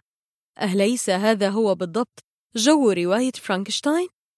برغم هذا علقت الصحيفة قائلة إن ما حدث مجرد استجابة ميكانيكية لأن الروح نفسها قد فارقت الجسد. كل طالب طب يعرف هذا اليوم على كل حال. السؤال الرابع هو هل يمكن أن نزرع الرأس المقطوع على جسد آخر كما يحدث في روايات الخيال العلمي؟ عملية زرع الرأس عملية تختلف طبعا عن زرع المخ. ننسى أنه لا توجد طريقة لخياطة الحبل الشوكي. وهكذا فإن من يتم زرع مخ له لابد أن يصاب بشلل رباعي. معنى هذا أن من يتم زرع مخ له يجب أن يكون مشلولا رباعيا منذ البداية. وهو يفضل الشلل على الموت. أول تجربة زرع رؤوس تمت عام 1812 مع أرانب وضفادع ولم تنجح حقا إلا في السبعينات. هنا قام فريق من أوهايو بزرع مخ قرد على جسد قرد آخر. كان هذا هو البروفيسور روبرت وايت. المشكلة أن الرأس المزروع لا يمكن أن يملك أي سيطرة على الجسد الجديد لأنه لا يوجد أي اتصال عصبي. ظل رأس الحيوان قادرا على الشم والسمع وحاول أن يعض. وقد أحرز اليابانيون نتائج ممتازة مع الفئران. وإن احتفظوا بالرأس الأصلي ليصير الفأر ذا رأسين. عام 1998 فكر فريد جاج من كاليفورنيا في الخلايا الجذعية وقرر أنه يمكن استنباتها في جزء من المخ يدعى ال hippocampus حيث تقدر الخلايا الجذعية على إصلاح قطع الحبل الشوكي. هكذا يتم أخذ الرأس السليم من جسد دمره السرطان ليزرع على جسد جديد سليم لكن ما هو مصدر الجسد الجديد؟ وأين يذهب الوعي؟ أسئلة لا تنتهي جعلت هذا الموضوع مغريا جدا لكتاب الخيال العلمي. السؤال الخامس: هل هناك من يحتفظ بالرؤوس المقطوعة؟ على قدر علمي لم يفعل هذا سوى رجال الثورة الفرنسية الذين كانوا يعرضون الرؤوس في أرجاء فرنسا، ثم وجدوا أن الرؤوس تتلف بسرعة، لذا أرغموا امرأة تنتظر حكم الإعدام لعلاقتها بطبقة النبلاء، أرغموها على أن تصنع تماثيل من الشمع لهذه الرؤوس تبدو مثلها بالضبط، وهذا هو الثمن الذي عليها دفعه لتنجو من المقصلة. وكانوا يجوبون الريف الفرنسي بهذه الرؤوس الشمعية على أنها حقيقية. المرأة هي مدام توسو صاحبة المعرض الشهير في لندن ولا داعي لذكر أن هذا العمل الرهيب أرغمها على أن تقضي أياماً مع الرؤوس المقطوعة لمن كانوا أصدقائها وصديقاتها. لكن هناك نوع آخر من الرؤوس المصغرة التي لا يتجاوز حجمها قبضة اليد. تصور أن لديك مجموعة من رؤوس أعدائك في غرفة المكتب، وهذه الرؤوس صالحة للتعليق في الحزام والخروج بها على سبيل الزهو. هذه عملية معقدة تبدأ فور قتل الضحية. لا بد من قطع رأسه بشكل يحافظ على ثنية جلد من الأمام والخلف، ثم يربط المحارب الرأس ويعلقه على كتفيه ويهرع إلى معسكره. يتم عمل شق في مؤخرة العنق ويتم سلخ الجلد بما عليه من شعر ويترك الجمجمة بما عليها من عضلات هادية لثعبان الأناكوندا. تتم خياطة العينين والشفتين. الآن صار اسم الرأس سانتسا ويتم حمله إلى أوعية الطهي المقدسة. عندما تنتهي العملية يكون الرأس في ثلث حجمه الأصلي.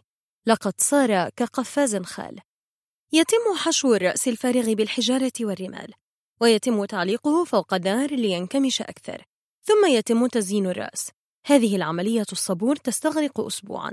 ثم يتم عمل فتحة في الرأس وعمل أنشوطة تسمح بتعليقه حول العنق.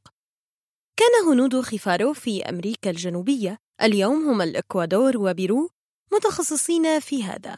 كانوا يعتقدون أن الرأس المصغر يحوي أرواحا مهمة لحماية المحارب منها الواكاني التي لا تتأثر بموتنا لكنها تتحول لبخار والأروتام التي تحفظنا أحياء والمويساك التي تنتقم لصاحبها.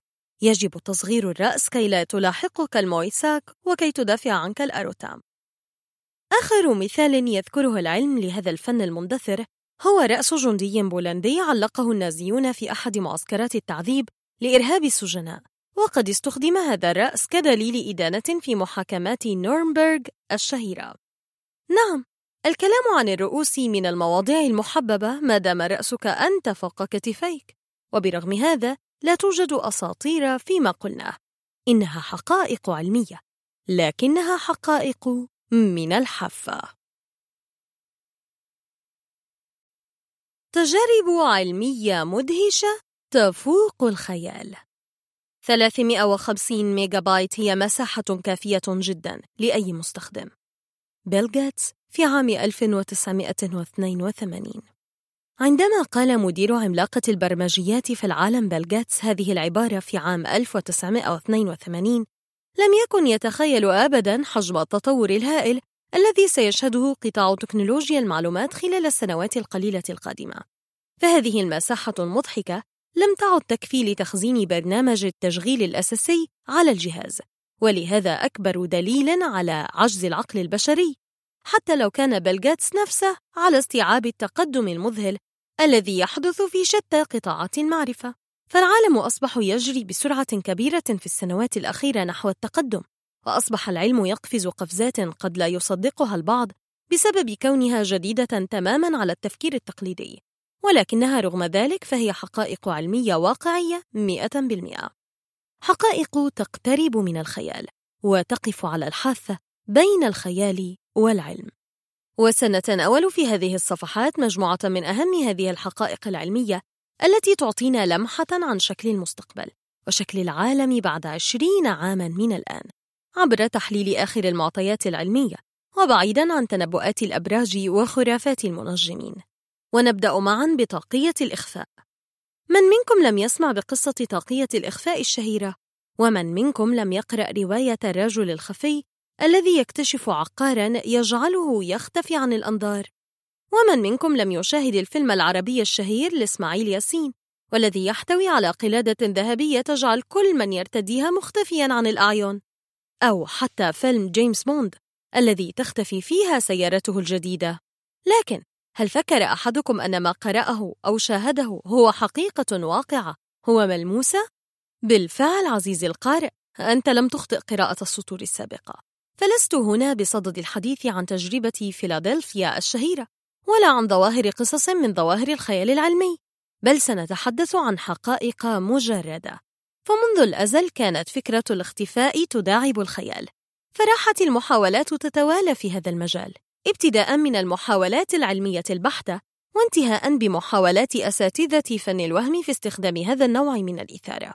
إلى أن نجح العالم الياباني سوسو موناتشي من جامعة طوكيو في الوصول إلى تحقيق هذا الحلم حيث صنع سترة تجعل من يرتديها شفافاً. مستخدما بهذا تقنية جديدة ظهرت في منتصف التسعينات من القرن العشرين. أطلق عليها اسم التمويه الضوئي أو أوبتيكال كاموفلاج ويعتمد الرداء الذي اخترعه ناتشي على أجزاء ميكروسكوبية تقوم بتقنية التمويه الضوئي حيث تعكس الصورة الموجودة خلف الجسم إلى الأمام. بالطبع يعتبر هذا الكشف العلمي مجرد البداية الحقيقية لصنع ملابس كاملة قادرة على الإخفاء.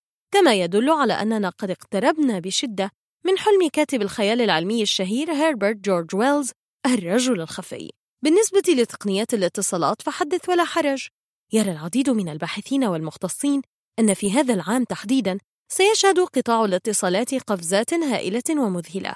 فبعد أن يتزعزع عرش عملاقة الاتصالات نوكيا بسبب ظهور منافسين أقوى في الأسواق مثل شركة أبل وجهازها الخارق آيفون سيتحول جميع الناس إلى استخدام أجهزة كمبيوتر كفية بدلاً من الهواتف المحمولة الذكية وستكون هذه الأجهزة الصغيرة بمثابة مكاتب مصغرة حيث ستحتوي على خدمات الجيل الخامس. لاحظ أننا لازلنا في شبكة الجيل الثالث الذي سيشمل على الخدمات الإنترنت المتنوعة بالإضافة إلى إمكانية إجراء المكالمات الدولية المرئية. هذا ناهيك عن خدمة استخدام الفاكس واستقبال البث التلفزيوني المباشر. ويرى الخبراء والمختصين أنه سيمكنك في هذا العام من استقبال خدمات Pay Per View أو الدفع مقابل المشاهدة عبر الهاتف المتحرك حيث أنك لو رغبت مشاهدة مباراة معينة أو أي حدث آخر مهم وأنت غير متواجد في المنزل فيمكنك الدفع ببساطة عبر الهاتف ليتم نقل هذا الحدث مباشرة إلى هاتفك المتنقل. كما سيشهد قطاع الإنترنت حتى هذا العام قفزة رهيبة. حيث ستظهر تكنولوجيا الإنترنت اثنان والتي ستستخدم بنية تحتية جديدة ونظيفة. تجعل من اتصال الإنترنت متعة حيث ستتمكن في هذا العام من تنزيل 859 جيجا بايت خلال 15 دقيقة فحسب.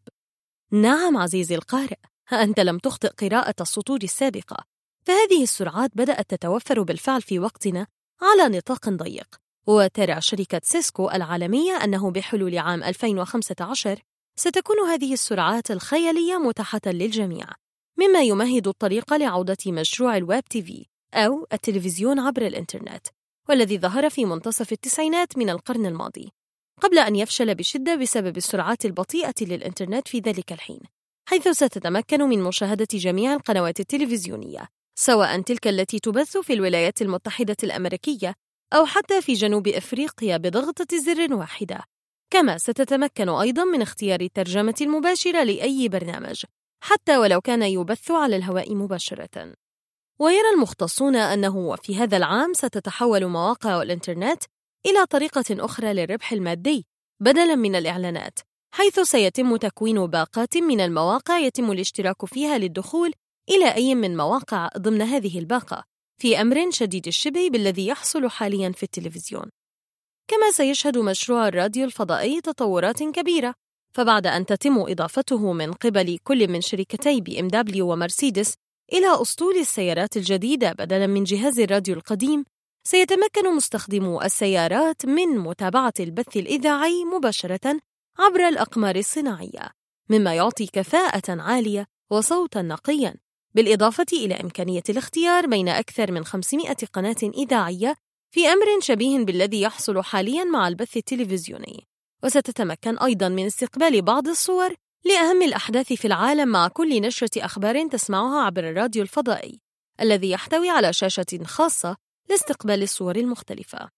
أما بالنسبة للبث التلفزيوني فسيشهد تطورات أخرى مدهشة. فبعد نجاح تجربة البث الرقمي وتحول جميع أجهزة التلفزيون إلى شاشات بلازمية رقيقة ستكون الخطوة التالية هي التحول إلى البث الثلاثي الأبعاد. حيث لا زالت كل من شركة سوني وسامسونج تعملان بجد لإنتاج أول تلفزيون يقدم مشاهدة ثلاثية الأبعاد دون ارتداء النظارة المتخلفة. وقد قدمت شركة فيليبس نموذجاً فعلياً لهذا النوع من التلفزيونات في معرض التقنيات في عام 2007 ولا يختلف قطاع الاتصالات كثيراً عن القطاع الطبي الذي سيشهد تقدماً ملحوظاً حيث يعتقد الخبراء والمختصون أن علاج السرطان سيظهر في عام 2017 حيث سيتم القضاء على هذا المرض الخطير نهائياً.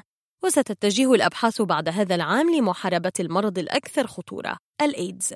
ورغم كون هذا المرض يسجل حالات ارتفاع شديدة في الانتشار منذ نهاية القرن العشرين إلا أن العلم سيظل مكتوف الأيدي في مواجهته حتى عام 2020 حيث يعتقد المختصون أنه سيكون عام وفاة هذا الفيروس القاتل وعثور لقاح خاص لمحاربته والقضاء عليه.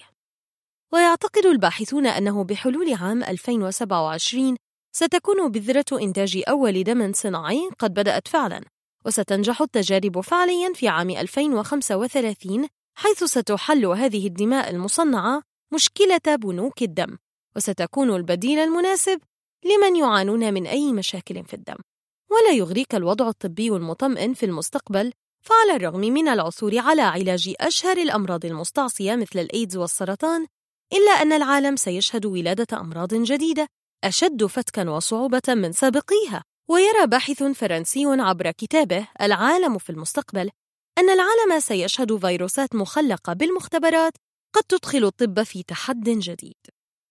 وبعيداً عن علم الأمراض يرى الأطباء أنه بحلول عام 2027 ستكون عمليات زراعة القلب الصناعي رائجة جدا لكل شخص يحمل قلبا ضعيفا كما سيتم اكتشاف الخريطة الجينية كاملة. وسيتمكن العلماء من القضاء على جين الشيخوخة بسهولة خلال خمس سنوات فقط حيث سيقضي هذا الكشف على عمليات شد البشرة. فالجميع سيكونون في هيئة شابة بعد تعديل هذا الجين. كما ستساعد هذه الخريطة على اختيار شكل أطفال المستقبل. فكل زوجين يمكنهم اختيار لون كل من بشرة وشعر وعينين المولود عبر التحكم في الخريطة الجينية هذه. ولا تزال الأبحاث تجري على قدم وساق لصنع أول نانو روبوت يعمل في الخدمات الطبية وتعتبر فكرة النانو روبوت هذه عجيبة بعض الشيء حيث يهدف العلماء في الوقت الحالي إلى صنع روبوت صغير جدا بقياسات تسمح له الدخول في جسم الإنسان والقيام ببعض المهام مثل القضاء على الخلايا السرطانية. ورغم أن الفكرة تبدو خيالية إلا أن الأبحاث قد نجحت في قطع شوط كبير في هذا المضمار. ويتحدث العلماء والباحثون عن نجاح قريب لهذه التجارب سيكون خلال ستة أعوام من الآن. ليس هذا كل شيء طبعا ولكننا حاولنا أن نغطي عبر هذه الصفحات القليلة أشهر التجارب العلمية والتي كانت تعد يوما من الأيام مجرد خيال رغم كونها حقيقة واقعة في أيامنا هذه. ويكفي أن تشاهد بعضا من حلقات البرنامج البريطاني الشهير ما بعد الغد. لكي تتفاجأ بكم الأبحاث المذهلة والغريبة والتي قد يرفض العقل البشري التقليدي تصديقها. ففي الماضي كانوا يعتقدون أن الطيران ضرب من المستحيل إلا أنه حلم قد تحقق رغم رفض العديد من العقليات القديمة لهذه الفكرة. ويبقى السؤال في النهاية ماذا يخبئ لنا المستقبل من تجارب جديدة تنتقل ببطء من حافة الخيال إلى حافة العلم؟ حقيقة على الحافة. في اليابان تم صنع أول روبوت متخصص في الرقص مع البشر وقد تم تجربته بنجاح كبير. عجائب عالم اسمه التوائم. سار ديفيد في شوارع لاس فيغاس. كان ذهن ديفيد مشغولا جدا بأمر وظيفته التي فقدها للتو. فهل يا ترى سيجتاز الأزمة ليحصل على وظيفة أخرى بنفس المرتب؟ بنفس المنصب؟ بنفس التخصص؟ أم سيكون الوضع صعبا؟ وكما يقول المثل عندما تأتي المصائب فإنها تأتي مجتمعة فبينما كانت الأفكار تنساب في ذهن ديفيد لم ينتبه لوجود سلم بجانب أحد المحلات حيث يقوم صباغ شاب بعمله بجد في تلوين واجهة المحل من فوق السلم و بوم صدم ديفيد الصباغ وسقط دلو الصبغ على قدمه بشدة مما سبب له ألما شديدا لم يستطع بسببه كتم صراخه. الغريب في الأمر أن لديفيد شقيقا توأما يعيش في نيويورك. صرخ في نفس اللحظة من ألم غريب سيطر على قدمه. تعتبر الحادثة السابقة من أشهر الحوادث في عالم ما وراء الطبيعة والارتباط الروحي. فبعيدا عن مشكلة ديفيد مع الوظيفة يواجه العلماء مشكلة أضخم وأعقد وهي مشكلة المشاعر المشتركة بين التوائم فالجميع يعرف أن التوائم يتشابهون في الشكل وربما في بعض الطباع والتصرفات العامة ولكن هل يتشابهون في المشاعر والأحاسيس والأفكار؟ هل يتشابهون في المصير والقيم؟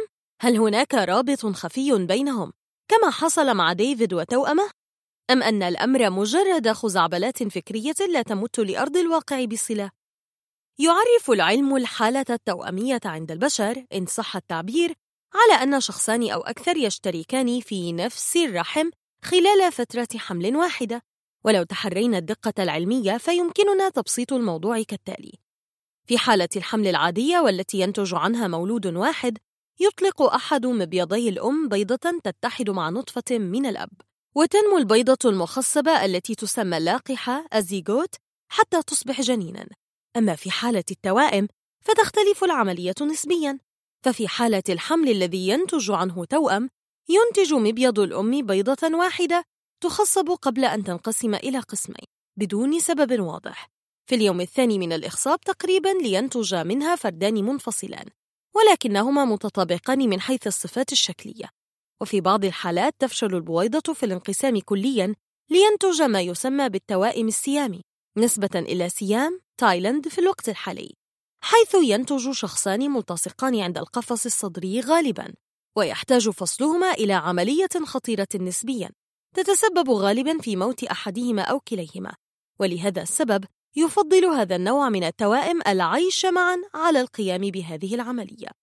ولعل أشهر من عاش بهذه الطريقة هما التايلانديان شانغ وإنغ اللذان عاشا في الفترة من 1811 إلى 1874 ميلادية وهما ملتصقان من القفص الصدري. وعلى الرغم من الاختلاف الكبير في الشكل بين التوأم شانغوانغ فإنهما أصبحا محط أنظار العالم لفترة طويلة واستطاعا ربح مبالغ جيدة من خلال عملهما في السيرك. الطريف في الأمر أن التوأم قد تزوجا من أختين بريطانيتين سارة إن وأدال ديتس كما استطاعا إنجاب عدد من الأطفال السليمين. وقد مات كلا التوأمين في عام 1874 موتة طبيعية من الشيخوخة ولكن وفاتهما فتحت الباب لدراسة جسديهما وبالتالي البدء بعمليات فصل هذا النوع من التوائم.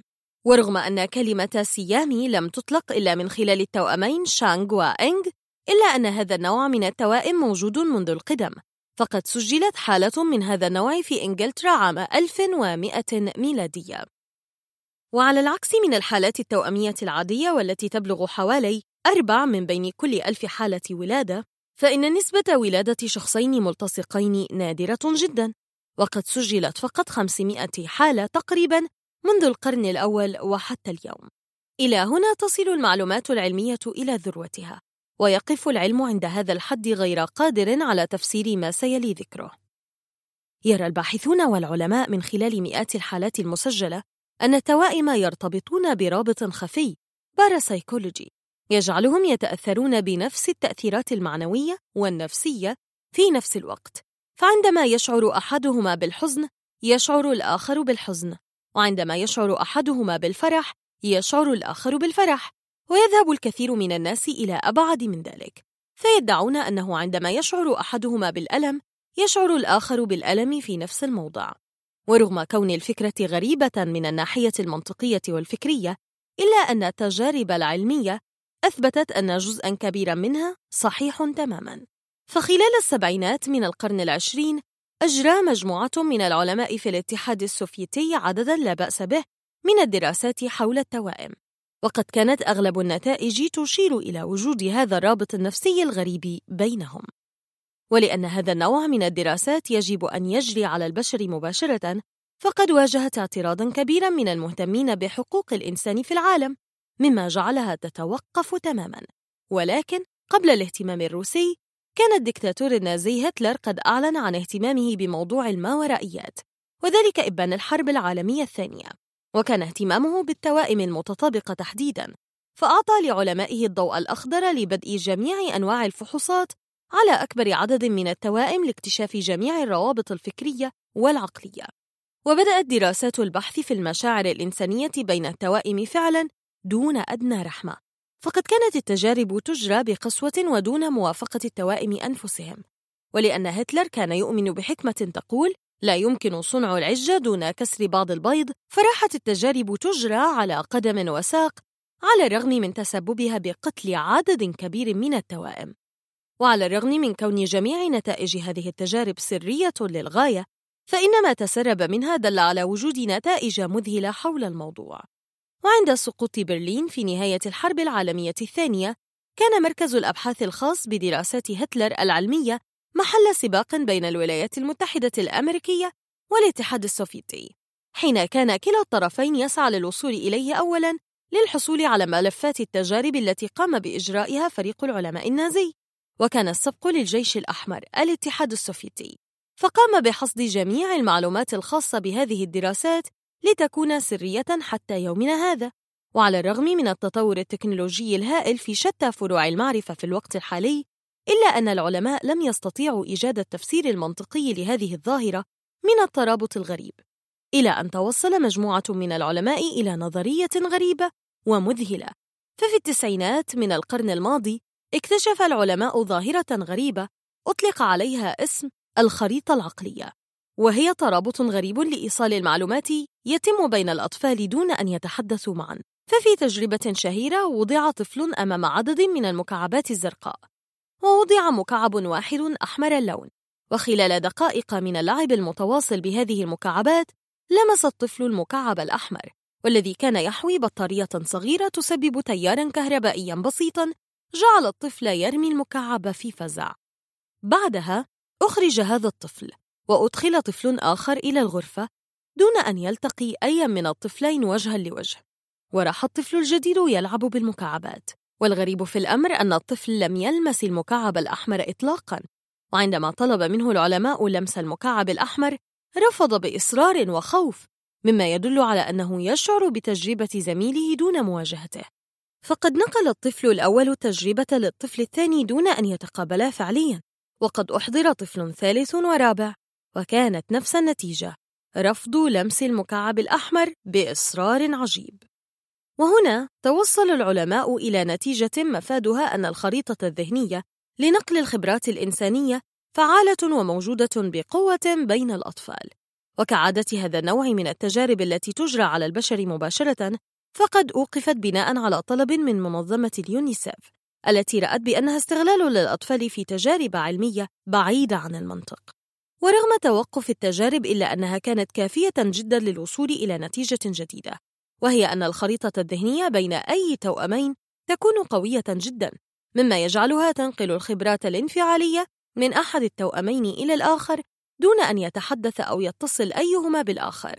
وعلى الرغم من وجود جموع كبيرة من العلماء تعارض هذه الأفكار فإنها قد أخذت منح الحقائق العلمية بعد شهادة العديد من التوائم بوجود هذا الرابط الغريب من المشاعر بينهم. ولا تتوقف غرائب التوائم عند هذا الحد. ففي عام 1887 ميلادية وفي مدينة بانغوس الإسبانية بالتحديد عثر الفلاحون في قرية صغيرة على توأم لون بشرتهما أخضر صبي وفتاة في عمر يقارب سبع سنوات تقريباً. وعلى الرغم من أن الحادثة فسرت بتفسيرات علمية مختلفة بعضها لا يخلو من السخف فإنها تعد من أغرب حوادث التوائم على الإطلاق فحتى يومنا هذا لا يعرف من أين جاء هذان الطفلان. وكل ما نعرفه أنهما عاشا في هذه القرية سبع سنوات قبل أن يتوفيا. بأسباب غامضة لم يعرف العلم لها حلاً. وبين ديفيد ومشكلته مع الوظيفة والطفلين الأخضرين يقف العلم حائراً في قصة أطلق عليها القدر اسم التوأم. التجميد. في عام 1974 ميلادية ظهرت إلى النور شركة أطلقت على نفسها اسم Trans Time كان هدفها تقديم خدمة غريبة من نوعها وهي تجميد الموتى. ورغم غرابة الفكرة إلا أن عدد المهتمين بها في تزايد مستمر. وتقوم الشركة بالتجميد بطريقة معقدة جدا باستخدام مادة النيتروجين السائل بالإضافة إلى ثلاجات ضخمة. وقد تم تجميد أول شخص ميت في عام 1974 ميلادية. وحتى الآن تحتفظ الشركة بجثته المجمدة. وتكلف هذه العملية ما بين 150 ألف إلى 300 ألف دولار أمريكي مقابل التجميد والعناية بالجثة. ولكن السؤال الذي يطرح نفسه لماذا يدفع بعض الحمقى هذا المبلغ الضخم مقابل تجميده بعد موته؟ يعود السبب الرئيسي في ذلك إلى وجود اعتقاد غبي لدى عدد كبير من الناس بأن الموت مرض يمكن الشفاء منه وتوهمهم شركة ترانستايم وغيرها من الشركات التي ظهرت فيما بعد إلى أنه سيتم علاج هذا المرض في يوم من الأيام وسيتم بعدها إيقاظهم وبعيدا عن غباء الفكرة وغباء الأشخاص المشتركين في هذه الخدمة فإن فكرة تجميد البشر ليست فكرة جديدة تماما فالعلماء يعملون عليها منذ زمن طويل ولكن مع فارق بسيط وهو أنهم يسعون إلى تجميدهم أحياء. نعم أنت لم تخطئ قراءة السطور السابقة فبعض العلماء والمختصين يسعون إلى تحقيق هذا الحلم وهو تجميد البشر لأغراض طبية متنوعة من أهمها علاج الأمراض المستعصية. فعلى سبيل المثال لو أصاب شخصا ما أي مرض لا يتوفر له علاج يتم تجميده لفترات طويلة إلى أن يعثر العلم على علاج للمرض ومن ثم يتم إيقاظه من جديد. ورغم غرابة الفكرة وصعوبتها فالإنسان من الكائنات ذوات الدم الحار أي التي تحتفظ بدرجة حرارتها ثابتة. هذا بالإضافة إلى أن الأنسجة تفسد بعد التجميد بصورة نهائية. إلا أن العلم يتقدم في هذا المشروع ببطء متجاوزا حاجز الخيال وأول من طرح هذه الفكرة كان العالم الأمريكي بنجامين فرانكلين الذي اقترح في عام 1773 في رسالة مشهورة نفس الفكرة قائلاً: ربما يكون من الممكن حفظ الحياة الإنسانية في حالة معلقة لقرون. ونبتت الفكرة لأول مرة بشكلها المعاصر في عام 1861 حين قام القاص الفرنسي إدمون دابو بكتابة قصة اسمها الرجل ذو الأذن المكسورة. في هذه القصة تم تجميد مريض لا يرجى شفاؤه وذلك من أجل إعادته يوما إلى الحياة. ولم تحضر رواية بنجاح كبير حينها ولكن الفكرة ظلت حيز التفكير لدى العلماء. في الستينات من القرن العشرين بدأت تجارب فعلية في هذا المضمار وقد جربوا النيتروجين السائل في عملية التجميد. ثم جاء هارولد ميرمان من وحدة الأبحاث الطبية للبحرية الأمريكية النمرو وقال أن الهيليوم السائل أفضل كما جرب اليابانيون الأكسجين السائل ونجحت تجاربهم مع اليرقات.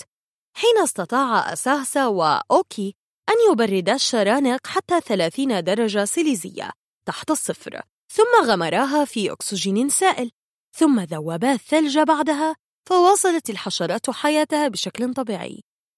ورغم أن التجارب نجحت نسبياً مع الزواحف واليرقات إلا أنها كانت مخيبة للأمال بالنسبة للثدييات. فلكي تقوم بعملية تجميد لفترات طويلة يتوجب إخضاع الجسد لدرجة حرارة تبلغ 190 درجة سيليزية تحت الصفر وهي درجة كفيلة بتدمير الأنسجة والخلايا مما يصعب إعادتها مرة أخرى إلى حالتها الطبيعية. ورغم وجود محاولات لتخفيف الضرر عن طريق استخدام مواد كيميائية أخرى إلا أنها باءت بالفشل الذريع وجعلت الفكرة تعود من جديد إلى عالم الخيال العلمي. ولكن العلماء رفضوا الفشل وأعادوا إحياء الفكرة من منظور آخر قابل للتطبيق الواقعي وهي تجميد أجزاء معينة من الجسم لإعادة استخدامها من جديد سواء لأشخاص آخرين أو لإيقاف أمراض سرطانية. وقد نجح الشق الأول من الفكرة. فراحوا يجمدون بعض الأعضاء البشرية في بنوك خاصة تسمح للمحتاجين من الأحياء بالحصول عليها. هذا طبعا ناهيك عن تجربة شهيرة قام بها ميرامان باستخدام الهيليوم السائل الذي وصل إلى 197 درجة سيليزية تحت الصفر. وقد استعادت الفئران حياتها وفوجئ العالم بأنها تتذكر كل ما تعلمته قبل التجميد. مما دفع عجلة العلم في هذا المضمار من جديد لينتقل من خانة الخيال إلى الواقع ويعبر الحافة حافة الخيال تحمل أي معنى وجاء الفراعنة ليبحثوا لها عن معنى.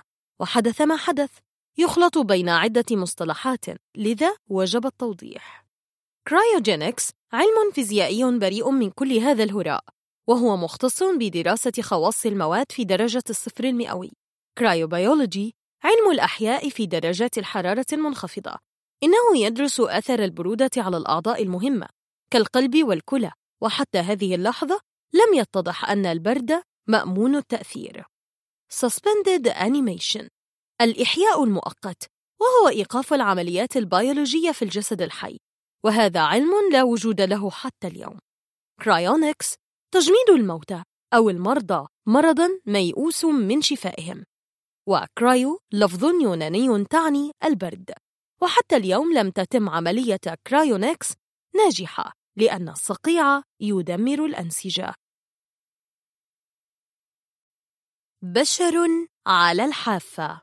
الرجل الفيل.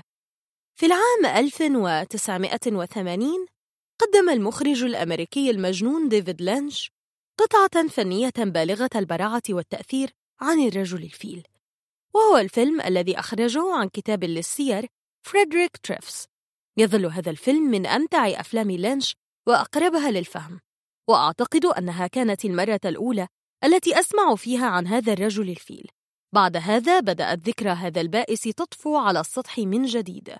وصار شهيرا كما كان في القرن التاسع عشر بالضبط.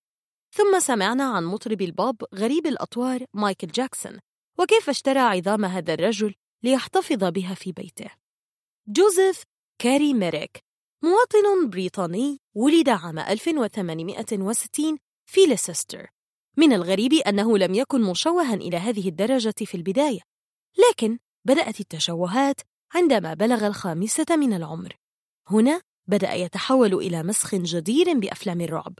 وبالطبع صار من المستحيل أن يمشي في الشارع أو يذهب للمدرسة. كان التشوه قويا وغريبا. يقول سير تريفس أشد ما ألمني في هذا التشوه هو أنه جعله عاجزا عن الابتسام برغم أنه كان قادرا على البكاء. حاول ميريك أن يفسر هذه التشوهات بأن أمه كادت تسقط تحت أقدام فيل في موكب سيرك وهي حامل به أي أنه نوع من الوحم. وقد وصف هو تشوهاته بأن هناك زائدة لحمية ضخمة في مؤخرة رأسه في حجم قدح شاي. بينما تحيط به مرتفعات ومنخفضات مع وجه لا يمكن أن تتحمل النظر له. اليد اليمنى في حجم قدم الفيل الحقيقي واليسرى في حجم ذراع فتاة صغيرة. كل جسمه مغطى بطبقة ثخينة سميكة لها ذات لون جلد الفيل. بالإضافة لهذا كان مفصل فخذه الأيمن يتصلب باستمرار حتى صار المشي شبه مستحيل. رأسه كان يزداد ثقلا يوما بعد يوم. وكان ينام في وضع جالس لأنه لو نام راقدا لالتوى عنقه واختنق كان فمه مع أنفه يعطيان وجهه طابع رأس الفيل بالخرطوم الخارج منه. وهذا كان سبب اللقب الذي لاحقه طيلة حياته. كانت حياة الفتى قطعة من العذاب وهو عاجز عن العمل وكسب الرزق خاصة مع تضخم يده اليمنى ووفاة أمه وهو في سن العاشرة. وزوجة أبيه التي لم تقصر في جعل حياته جحيما. وكان جيش من الناس يحتشد حوله في أي مكان يقصده في المدينة. حتى عندما يحاول السفر كان أصحاب السفن يرفضون اصطحابه باعتباره شؤما. يجب أن نلاحظ هنا أنه كان شديد الكبرياء ولم يحاول قط أن يستغل تشوه جسده بغرض التسول. برغم هذا الكبرياء العالي لم يرحمه أحد. وسرعان ما فاز به رجال المسارح في عصره. وتم عرضه كفقرة سيرك غريبة freak في Whitechapel Road. هذه هي الفترة التي رآه فيها طبيب بريطاني هو سير تريفس وكان هذا هو عصر النهم العلمي حيث فتح العلماء عيونهم على كل شيء ولم يتركوا شاردة ولا واردة هكذا دعاه السير تريفس إلى أن يسلم نفسه للعلم. تفرقت الطرق بالرجلين إلى أن سافر ميريك إلى بلجيكا ليعرض نفسه. ولم يظفر في تلك الجولة بمال يذكر. هكذا عاد إلى لندن ليتصل بالطبيب. هنا تبدأ العلاقة التي دار حولها فيلم الرجل الفيل الذي تكلمنا عنه في بداية المقال. والغريب الذي أدركه الطبيب هو أن الرجل الفيل رقيق النفس شاعري له موهبة أدبية واضحة وكان يصبو إلى الحب. لهذا راح يحلم بلقاء امرأة كفيفة لا يثير منظره رعبها. كان شديد الإيمان لكنه لم يستطع فهم لماذا هو بالذات يحمل هذا الوجه المريع. ربما لم يعرف الراحة إلا عندما صار مقيما بشكل دائم في سكن خاص به في مستشفى لندن. وقد مات أثناء نومه عندما سقط رأسه من على الفراش فكسر عنقه كأنما هو الشنق. وقد كان هذا عام 1890 كان عمره وقتها 27 سنة. ظل العلماء يتناقشون منذ عام 1890 حتى اليوم عن سبب تشوه ميريك المريع ويبدو أنهم وجدوا الإجابة في نهاية القرن العشرين. كان ميريك مريضا بداء لم يكن العلم يعرف عنه شيئا في ذلك الوقت. البعض حسبه مصابا بداء الفيل الناجم عن دودة دقيقة تسد مجاري السائل الليمفاوي وتؤدي إلى التضخم. هذا مرض معروف وموجود في دولنا العربية. تبدأ القصة ببعوضة ال Culex التي تلدغ مريضا بداء الفيل فتحمل في أجزاء فمها الديدان الدقيقة وتلدغ شخصا صحيحا فتصب الديدان في مجاري الليمف الخاصة به. هذه الديدان تفضل الخروج عند منتصف الليل وتسد تلك المجاري بحيث يزداد تضخم القدم والخصيتين لدى المريض إلى درجة مخيفة. لا لم يكن ميريك مصابا بهذا الداء. ومن المعقول أن نقول إن الرجل الفيل لم يكن رجلا فيلا. قيل عام 1971 أنه مصاب بداء يدعى Neurofibromatosis الذي يسبب تورمات في الأنسجة العصبية في الجسم كله. في العام 1979 عرف العالم مرضا وراثيا نادرا جدا يسبب هذه الدرجة العالية من التشوه ويدعى داء بروتس Proteus Syndrome. الذي لم يصب به حتى هذه اللحظة سوى مئة شخص في تاريخ العالم كله. في الحقيقة أعيد فحص بقايا ميريك وعظامه في مؤتمر طبي كبير وتم تحليل حمض DNA المتبقي في شعره. واتضح أن حالة العظام لا تتفق البتة مع داء ال Neurofibromatosis بل مع داء بروتس. هذا ينقلنا لنقطة مهمة هي أن عظام ميريك موجودة حتى اليوم في المستشفى الملكي البريطاني. وليست في حوزة أي شخص سواء كان مايكل جاكسون أو سواه. كل هذه إشاعات أطلقوها حول أنفسهم. والحقيقة أن جاكسون حاول شراء العظام أكثر من مرة وفشل في ذلك. هذا إنسان مصاب بداء نادر جعله يقف على الحافة بين المسخ والبشر. مرض الفيل من جديد. تحدثنا في الكتاب عن قصة رجل الفيل وكيف أصبح مثار جدل للعلماء قبل وبعد وفاته ولكن يبدو أن هذا النوع من التشوهات لم يختفي بوفاة هذا الرجل فقد عانى توني الباران من مشاكل مشابهة في الربع الأخير من القرن العشرين وحتى الآن لا يعرف العلماء سبب هذه التشوهات التي أصابته وهل هي نفس الأسباب التي جعلت ميريك يعاني منها؟ فقد أصيب توني بتشوه في رأسه إثر إصابته بمرض نادر يسمى نمواً زائداً لكتل اللحمية في كافة أنحاء الجسم. فنمت بصورة مفزعة في جميع أنحاء وجهه ولثته وأسنانه ولسانه الأمر الذي جعله يعاني من آلام كبيرة. وقد أثر عرض فيلم الرجل الفيل والذي يحكي قصة جوزيف كاري ميريك بمشاكل عديدة لتوني حيث لفت التشابه بينه وبين شخصية الفيلم انتباه أقرانه من الأطفال فجعله محط سخرية من قبلهم وراحوا يلقبونه برجل الفيل. وبعد معاناة طويلة نفسية وجسدية عثر والدي توني على دكتور مختص وافق على علاجه من الآلام التي يعاني منها. وبعد سلسلة طويلة من الفحوصات تقرر إجراء جراحة عاجلة تخلصه من الزوائد والآلام. ورغم خطورة هذا النوع من العمليات خصوصا في ظل وجود مشاكل في منطقة العين لدى توني إلا أن جراح التجميل الشهير كينيث سلار قد وافق على إجراء هذه الجراحة وبالتقسيط مراعاة لحالة والده المادية بالإضافة إلى كون الجراحة مكلفة بصورة ضخمة. وفي عام 1982 ميلادية كان يوم الجراحة المشهود حيث أمضى توني ما يقارب ست ساعات في غرفة العمليات انتهت بإزالة عدد كبير من التشوهات اللحمية من وجه توني. وبعد سلسلة من العمليات عاد وجه توني إلى شكل أقرب إلى شكله الطبيعي. فلا زال وجهه يعاني من بعض هذه الزوائد. واستطاع العيش من جديد مع سائر أقرانه دون أن تطاله السخرية الدائمة. ورغم كون توني قد استفاد من تقنيات الطب الحديث على عكس من ميريك الذي مات وهو يعاني من هذه التشوهات إلا أنه وبسبب تحمله لهذه المعاناة وهذا العدد من العمليات الجراحية قد ضمن له مكان في الحافة حافة العلم. العملاق الأيرلندي. يعرف طلبة الطب اسم جون هانتر. جيداً. إنه أستاذ تشريح وعلم أمراض اسكتلندي عظيم الشأن. لكن قليلين جدا يعرفون تلك العلاقة المعقدة التي جمعت بينه وبين عملاق إيرلندي والتي خلدها كتاب كثيرون في عدة كتب. نلاحظ أننا نتطرق في هذا الكتاب كثيرا إلى العلاقات الغريبة بين الأطباء ومرضاهم وقصة هانتر جديرة بحق أن تذكر في هذا الصدد. إنها تمثيلية ذات ثلاثة فصول. الفصل الأول هانتر. ولد عام 1828 قرب جلاسكو كان أخوه طبيب أمراض نساء شهير في لندن وقد لحق به هانتر ليساعده في عمله وإعداد محاضراته. بدأ يحضر محاضرات التشريح والجراحة في مستشفى القديس جورج وهناك صار طبيبا مقيما وقد استطاع أن يصف مسار العصب الشمي والفرع الأنفي من العصب الخامس ووصف مسار الخصية من مكانها الأصلي إلى الصفن.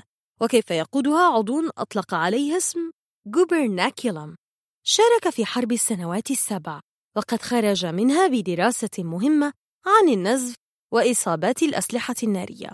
اشتهر هانتر بالتجربة التي أجراها على نفسه عندما جرح قناته البولية بمبضع لوثه بإفرازات بائعة هواء مصابة بالزهري. وقد افترض أن الزهري والسيلان لا يمكن أن يحدثا في نفس العضو في الوقت ذاته. لكن المرأة كانت مصابة بالمرضين معا. وهكذا كون الاعتقاد الخاطئ أن الزهري هو السيلان. وقد وصف قرحة الزهري التي عرفتها الكتب الطبية باسم قرحة هانتر. وقد تسببت هذه التجربة البشعة في أن يتأخر زواجه ثلاثة أعوام إلى أن يتم شفاؤه من مرض كان قاتلاً قبل اكتشاف البنسلين. في الحقيقة، يرى الكثيرون أن هذه التجربة لم تتم على الإطلاق، وأن القصة مزيفة. على كل حال كانت زيجته موفقة، لأن زوجته تحملت في شجاعة هذا البيت الذي يعج بالجثث والعظام والحيوانات الصغيرة، وكان أخوها هو الذي رسم لهانتر اللوحة الوحيدة الموجودة له. قام هانتر بجمع متحف عملاق به 14 ألف عينة. اشترته الحكومة البريطانية وأهدته لجمعية الجراحين البريطانية. وقد ظل أكثره موجودا حتى اليوم. وإن تعرض معظمه للقصف بطائرات الألمان في الحرب العالمية الثانية كان هانتر كذلك من أشهر وأهم سارقي القبور بين العلماء البريطانيين وهذا بغرض التشريح طبعا. إن حياة الرجل حافلة بالأحداث ومزدحمة جدا حتى أنه يستحق مكانة على الحافة. لكننا هنا نتحدث عن قصة محددة. كان هانتر يعاني من قلب ضعيف وذبحة صدرية مزمنة. وقد قال ذات مرة حياتي تحت رحمة أي أحمق يصمم على استفزازي. ولم يدري كم كان محقا في ذلك لأنه بالفعل مات بسكتة قلبية عام 1793 إثر مناقشة حادة مع أعضاء هيئة التدريس في كلية الطب. ومن الغريب أن يوم دفنه تزامن مع قطع رقبة ماري أنطوانيت ملكة فرنسا. مما جعله لا ينال أي قدر من الاهتمام الإعلامي. الفصل الثاني العملاق. في ذلك اليوم من عام 1782 يصل السيرك الغرائب إلى لندن. هناك ترى غريبي الخلقة الذين لم يجدوا مصدرا للرزق سوى بيع عاهاتهم. ولا شك في أنك كنت لتجد الرجل الفيل ميريك بسهولة هنا. لكن درة السيرك ومعجزته كانت هي العملاق الإيرلندي أوبراين. الذي يبلغ طوله ارتفاع القاعة وله يدان ضخمتان هائلة الحجم.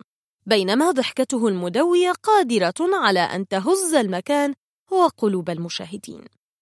عملاق سعيد متفائل. إلى أن يظهر في حياته ذلك الرجل قصير القامة ضيق العينين الذي يقف أمامه كل يوم ليرمقه في فضول محرج. الأغرب أنه دفع مالا للمدير كي يقابله على انفراد. هناك في الكواليس طلب منه أن ينزع ثيابه. كاد العملاق يهشم رأس هذا الدخيل غريب الأطوار لولا أن الرجل أخبره أنه أستاذ تشريح يدعى هانتر. تجرد من ثيابه وتحمل في ضيق أنامل هذا الطبيب وهي تفحص كل سنتيمتر في جسده. ثم إن الطبيب أخرج ورقة طلب منه التوقيع عليها. الورقة تقول أنا أوبراين الموقع على هذه الورقة أسمح بوضع جثتي بعد الوفاة تحت تصرف الدكتور جون هانتر ليشرحها ويعرف سبب ضخامة جسدي. كاد العملاق يفتك بالطبيب لولا أن أنقذه المدير. تحول الأمر إلى فيلم رعب حقيقي. في كل يوم يفاجأ العملاق بالجراح الفضولي يأتي إلى السيرك ليرقبه بتلك النظرة التي تحطم الأعصاب. كأنه غير بشري كأنه هو ملك الموت جاء ليظفر به. كانت رؤية هذا الوجه كافية كي يرتجف العملاق ويبكي. لم يجد صعوبة في تصور هذا الوجه النهم عاكفا على تشريح جثته على ضوء مصباح خافت. هاتان اليدان سوف تنتزعان قلبه وأحشاءه وتنشران جمجمته. كي ينسى هذا الوجه راح العملاق يتردد على الحانات ليشرب الخمر وساءت صحته وتليف كبده. لقد انهار جهازه العصبي تماما بسبب الطبيب الذي لا يرحم. ينظر من النافذة فيرى هانتر يجوب الشوارع في تأودة كأنه ينتظر موته في فارغ الصبر. لكن العملاق كان كأكثر العمالقة طيب القلب. لهذا لم يفكر قط في قتل الطبيب لكنه فكر في قتل نفسه بالإفراط في الشراب. أخيرا أيقن بدنو الموت. فنادى خادمه وأوصاه بأن يحرسوا جثمانه بعد الوفاة ويضعوه في تابوت حديدي ثم ينقلوه خلسة إلى سفينة. هناك في الخليج الإيرلندي يريد أن يقذفوا جسده ليغيب في القاع بعيدا عن عيون هانتر. الفصل الثالث. المؤامرة. في شوارع لندن يركض هانتر كالمجنون يدق أبواب أصدقائه ويقترض مالا. هذا المال أعده لشراء ذمة خادم العملاق وذمة اللحادين. لقد قدم رشوة تقدر بخمسمائة جنيه لهؤلاء القوم. لقد مات العملاق. ووضعت جثته في تابوت حديدي. تركض عربة تجرها الخيول باتجاه المقابر. لكن لا ليس المقابر. إنها تنحرف إلى شارع جانبي. هناك عربة تقف في الظلام وقد أسدلت عليها الستائر. ينزاح الستار فترى وجه هانتر وقد ارتسمت عليه علامة النصر. وسرعان ما ينتقل التابوت الحديدي إلى عربة هانتر. وسرعان ما تغيب العربة ذات الخيول في الظلام. لابد أن هذه كانت أروع ليلة في حياة الجراح البريطاني وهو يقف جوار الجثة هائلة الحجم ثم يضع المشاعل حولها ويبدأ التشريح. وفي تلك الليلة عرف أن ما قتل العملاق كان الدرن وليس إدمان الشراب. واليوم ما زالت تلك الجثة تعسة الحظ تقف في متحف كلية الجراحين الملكية في لندن بينما تمنى صاحبها يوما ما أن تدفن في قاع الخليج الإيرلندي.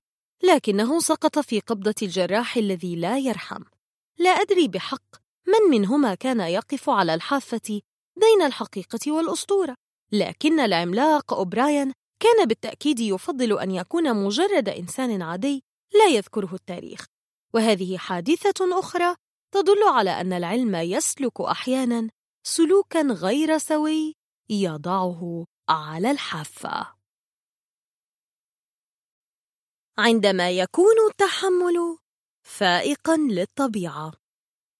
يعتبر فن تحمل الألم والجوع من المواهب الصعبة التي يتمتع بها نسبة قليلة من البشر وتشير الدراسات العلمية أن الجسد البشري قدرة تحمله عالية جدا ولكنه غير معتاد على ذلك. لهذا السبب بالتدريب يمكنه الوصول إلى مرحلة عالية من التحمل. ونتحدث اليوم عن شخص استطاع أن يحفر اسمه في تاريخ قدرات التحمل لفترة طويلة من خلال مجموعة من العروض المذهلة. جعلته يقف بجدارة على الحافة بين الحقيقة والخيال. وهو الأمريكي وأستاذ فن الوهم كريس أنجل. وعلى الرغم من أننا تحدثنا في كل من كتاب هادم الأساطير وموسوعة الظلام عن بعض أساتذة فن الوهم والذين أبدعوا في هذا النوع من الترفيه ومنهم ديفيد كوبرفيلد وديفيد بلين وغيرهما غير أن كريس استطاع أن يثبت قدميه كأيقونة في عالم فن الوهم من خلال قدرات تحمله العالية التي قام بها في أحد أشهر عروضه. ولد كريس أنجل في التاسع عشر من ديسمبر من عام 1967 ميلادية في مدينة نيويورك الأمريكية وبدأ حياته محبا للموسيقى وفن الوهم كما كان عازفا جيدا للعديد من الآلات. بدأ اهتمامه الفعلي في فن الوهم في السادسة من عمره عندما أرته عمته ستيلا خدعة بورق اللعب ليتعلق بعدها بهذا الفن. وقد قابل في بداية حياته الاحترافية الباحث الشهير جيمس راندي. لمزيد من التفاصيل حول جيمس راندي راجع كتاب هادم الأساطير. جيمس راندي الذي شجعه على الاستمرار خصوصاً بعدما شاهد موهبة كريس المتميزة وكاريزميته العالية. لفت إنجل أنظار العالم له في عام 1998 عندما شارك في مسابقة متخصصة في فن الوهم في حديقة ماديسون سكوير جاردن بعدها قام بتقديمه عرضه الأول الخاص في شارع برودواي بعنوان Mindfreak الذي تحول فيما بعد إلى برنامج تلفزيوني ناجح جدا. يقوم من خلاله كريس بتقديم عدد من الخدع المختلفة والمبهرة. وقد فاز أنجل بجائزة أكاديمية فن الوهم في عام 2005 ومنظمة IMS لسنة 2001 و2004 وبعيداً عن إبداعاته في فن الوهم فإن كريس أنجل استطاع من خلال عروضه الحية من تقديم قدرات تحمل عالية جعلته مادة خصبة للعديد من الكتب الباحثة في مجال القدرات الجسمانية. فقد استطاع إنجل من تعليق نفسه في خطافات صغيرة لمدة تسع ساعات متواصلة في عرض حي في نيويورك.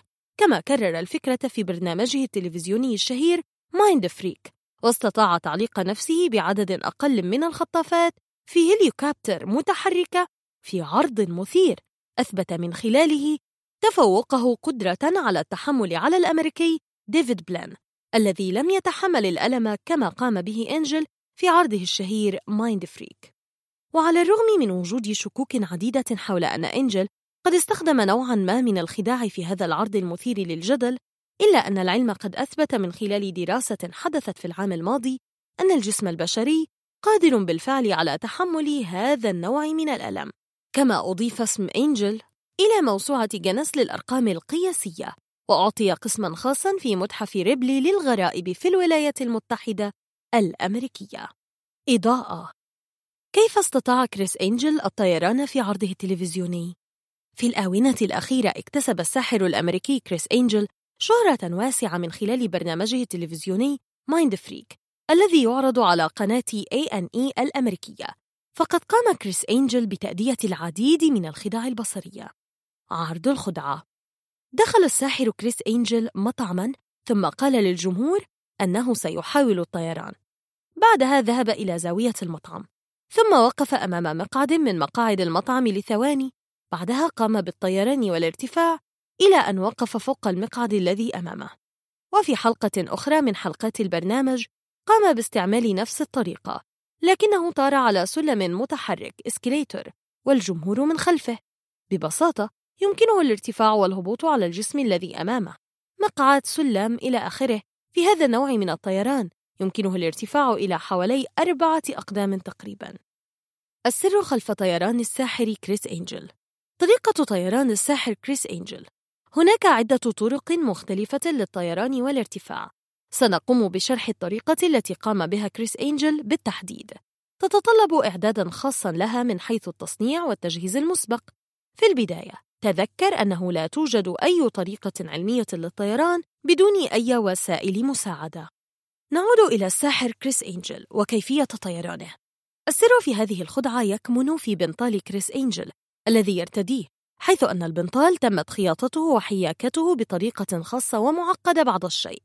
وتكمن فكرة تصميمه أنه يحتوي على فتحة خاصة في مقدمة البنطال تحت مكان الركبة والفتحة تكون في مستوى أفقي في منطقة الركبة فوقها وتحتها والشق يكون بطريقة أفقية. كما أن الحذاء ملصق مع البنطال لغرض ستعرفه في الخطوات القادمة. بعد أن عرفنا طريقة تصميم البنطال الآن نأتي إلى طريقة الطيران. الهدف من البنطال الخاص أنه يساعد الساحر كريس أنجل على سحب أحد رجليه إلى الأعلى وإخراجها من الحذاء ثم إخراجها من الفتحة التي في مقدمة البنطال في مكان الرجلين. ونتذكر أن الحذاء ملصق مع البنطال في أسفله. فعند إخراج رجله يكون الحذاء ثابتا فلا يقع كما أن الحذاء يحتوي على مغناطيس في جانبه الداخلي مع الحذاء الآخر. كذلك ليلتصقا ببعضهما عندما يخرج كريس أنجل أحد رجليه. في هذه اللحظة يكون الجمهور متواجدا خلف الساحر كريس أنجل وعلى مسافة بعيدة بعض الشيء. فلا يعلم أحد بما يحصل في الأمام حيث أن جسم كريس أنجل يحجز أنظارهم. بينما يقوم هو بإخراج أحد رجليه من فتحة البنطال ويضعها على جسم مرتفع أمامه مثل المقعد الذي طار وهبط فوقه كما ذكرنا سابقا في عرض الخدعة ثم ببساطة يرفع جسمه بواسطة رجله التي فوق المقعد وكأنه يصعد سلم. يعتمد الصعود على التوازن وأهم من ذلك مراعاة الزاوية وجعل الجمهور خلفه لكي لا يتمكنوا من مشاهدة رجله التي خارج البنطال. في هذه اللحظة يتكون وهم الطيران.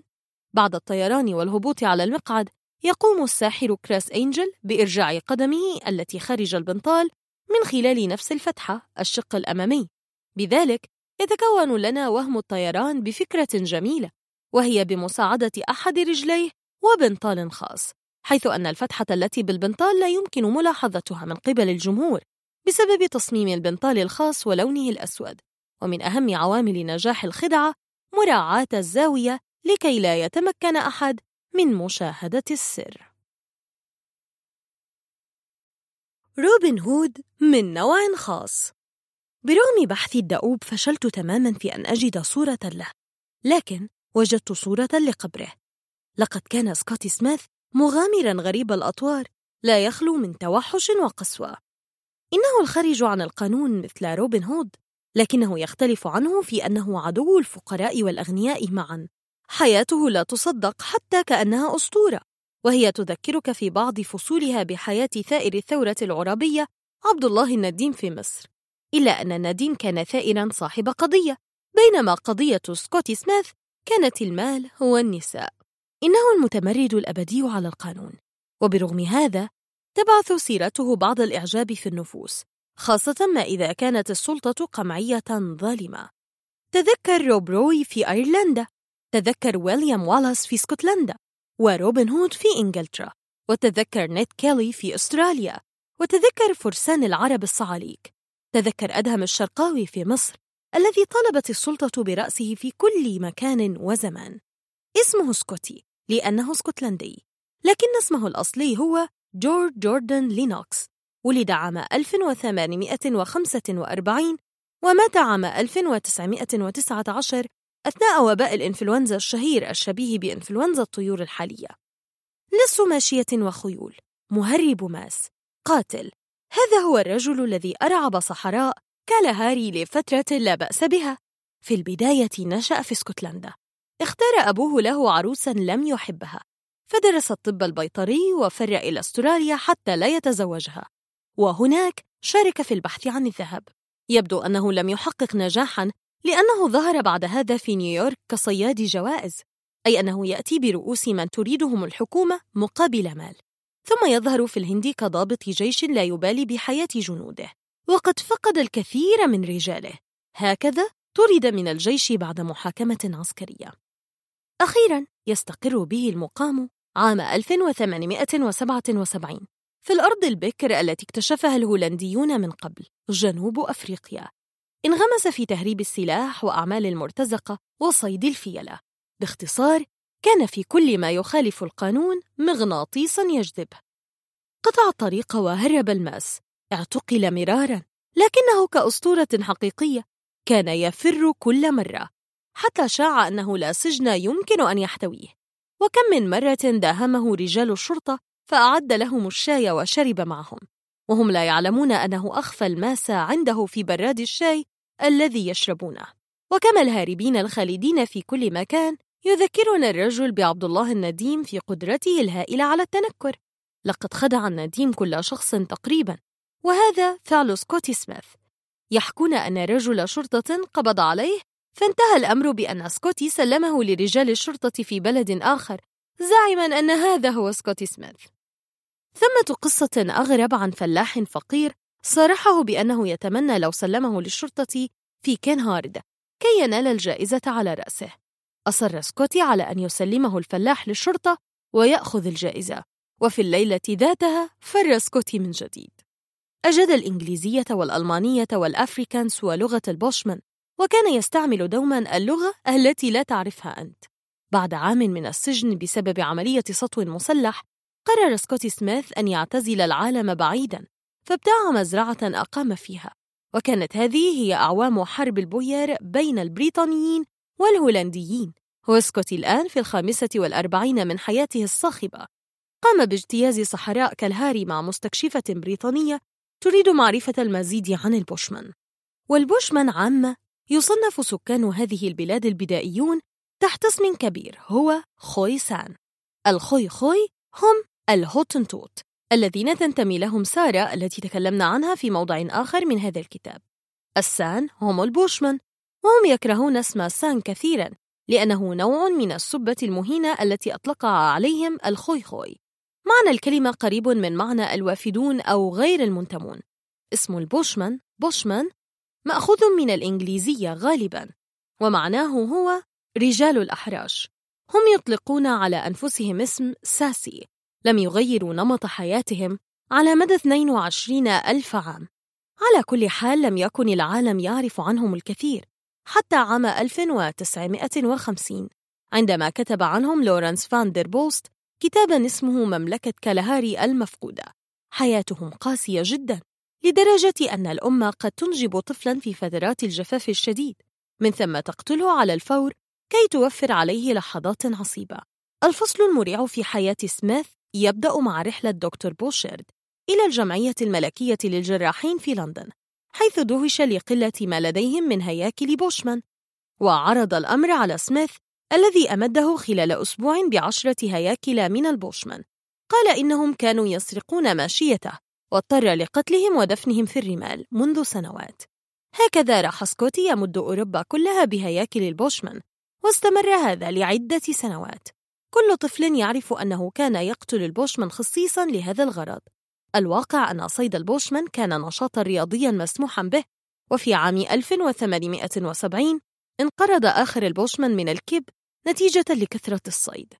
آخر رخصة تسمح بصيد البوشمان أصدرتها ناميبيا عام 1936 بعد هذا راحت حكومة بوتسوانا تحاول أن تحصرهم في محميات ضيقة يقيمون فيها.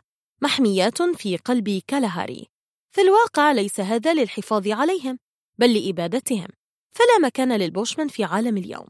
لهذا تصر حكومة بوتسوانا على تقييد حريتهم في المحميات. وفي الوقت ذاته تحرمهم من أي وسيلة محترمة للعيش. لا صيد ولا زراعة. معنى هذا أنها تعدمهم ببطء. على كل حال هي سياسة ناجحة لأن عددهم انخفض من عدة ملايين إلى مئة ألف. عام 1892 استقر الذئب الشارد سكوتي سميث وتزوج من فتاة في التاسعة عشرة من عمرها. هي فان نيكيرك. وأنجب منها خمسة أطفال. وفي عام 1919 توفي بالإنفلونزا كما قلنا. كان شخصية حافلة بالمتناقضات. جرأة، توحش، وطنية، تمرد، عنصرية، شجاعة. لهذا هو يقف فعلا بين الأسطورة والحقيقة. إنه ينتمي إلى الحافة. معدة ذات نافذة. هي ذي علاقة غريبة أخرى بين طبيب ومريض.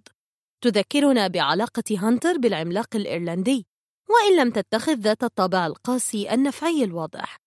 كان هناك جزء لا بأس به من الامتنان والقبول لدى المريض الذي شعر بأنه يفي بعض دينه نحو الطبيب. المريض هو أليكسيس سان مارتن صياد فراء كندي جاء إلى ولاية ماتشيغن حيث سوق الجلود ليبيع ما اصطاده من فراء في ذلك اليوم السادس من يونيو عام 1822 انتبه هذا هو اليوم الذي اختارته الأقدار كي يتغير علم وظائف الأعضاء للأبد. ثلاثة ألاف شخص يتزحمون الكثير من السباب والشتائم الكثير من الخمور. أسلحة جنود أمريكيون يحاولون تنظيم هذا كله بلا جدوى. هنا دوت طلقة عالية وانقشع الزحام والدخان ليكشف عن الصياد الكندي سان مارتن ستة وعشرون عاماً راقداً على الأرض والدم يتفجر من معدته. لقد أصيب بطلقة طائشة من صياد ثمل والطلقة أصابته من على مسافة ثلاثة أقدام وصاح قائد الحامية الأمريكية في رجاله هاتوا الضابط الطبيب. القاتل يصيح وهو يبكي. لم أقصد هذا قط.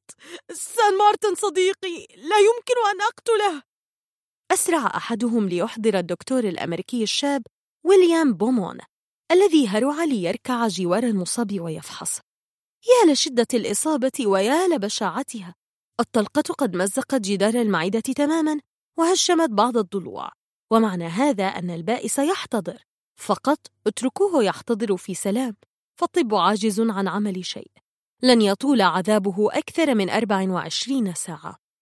عندما عاد الطبيب بعد ساعات وجد أن المصاب ما زال حيا. هكذا بدأ ينظف الجرح ونزع الأضلاع المهشمة وخط أطراف ثقب المعدة ثم خط الجلد فوقها. والغريب أن مارتن ظل حيا بعد يوم بعد يومين وكان كل طعام يأكله يخرج من ثقب بطنه ثانية. لكن بعد أيام بدأ يحتفظ بالطعام. أدرك بومون أن البائس يتحدى الموت وحده. فكيف لا يحاول تحديه معه؟ هكذا كرس جل اهتمامه لهذا الصياد بلا أجر طبعا. وبعد أيام صار بوسعه نقل الجريح إلى مكان آخر. وبعد عامين كاملين صار المصاب قادرا على الحركة والعناية بنفسه. ما يثير العجب هنا هو أن المعدة لم تلتئم قط. الجروح إما أن تؤدي بصاحبها للقبر أو تلتئم وتشفى. هذا الجرح رفض أن يتصرف كأي جرح آخر.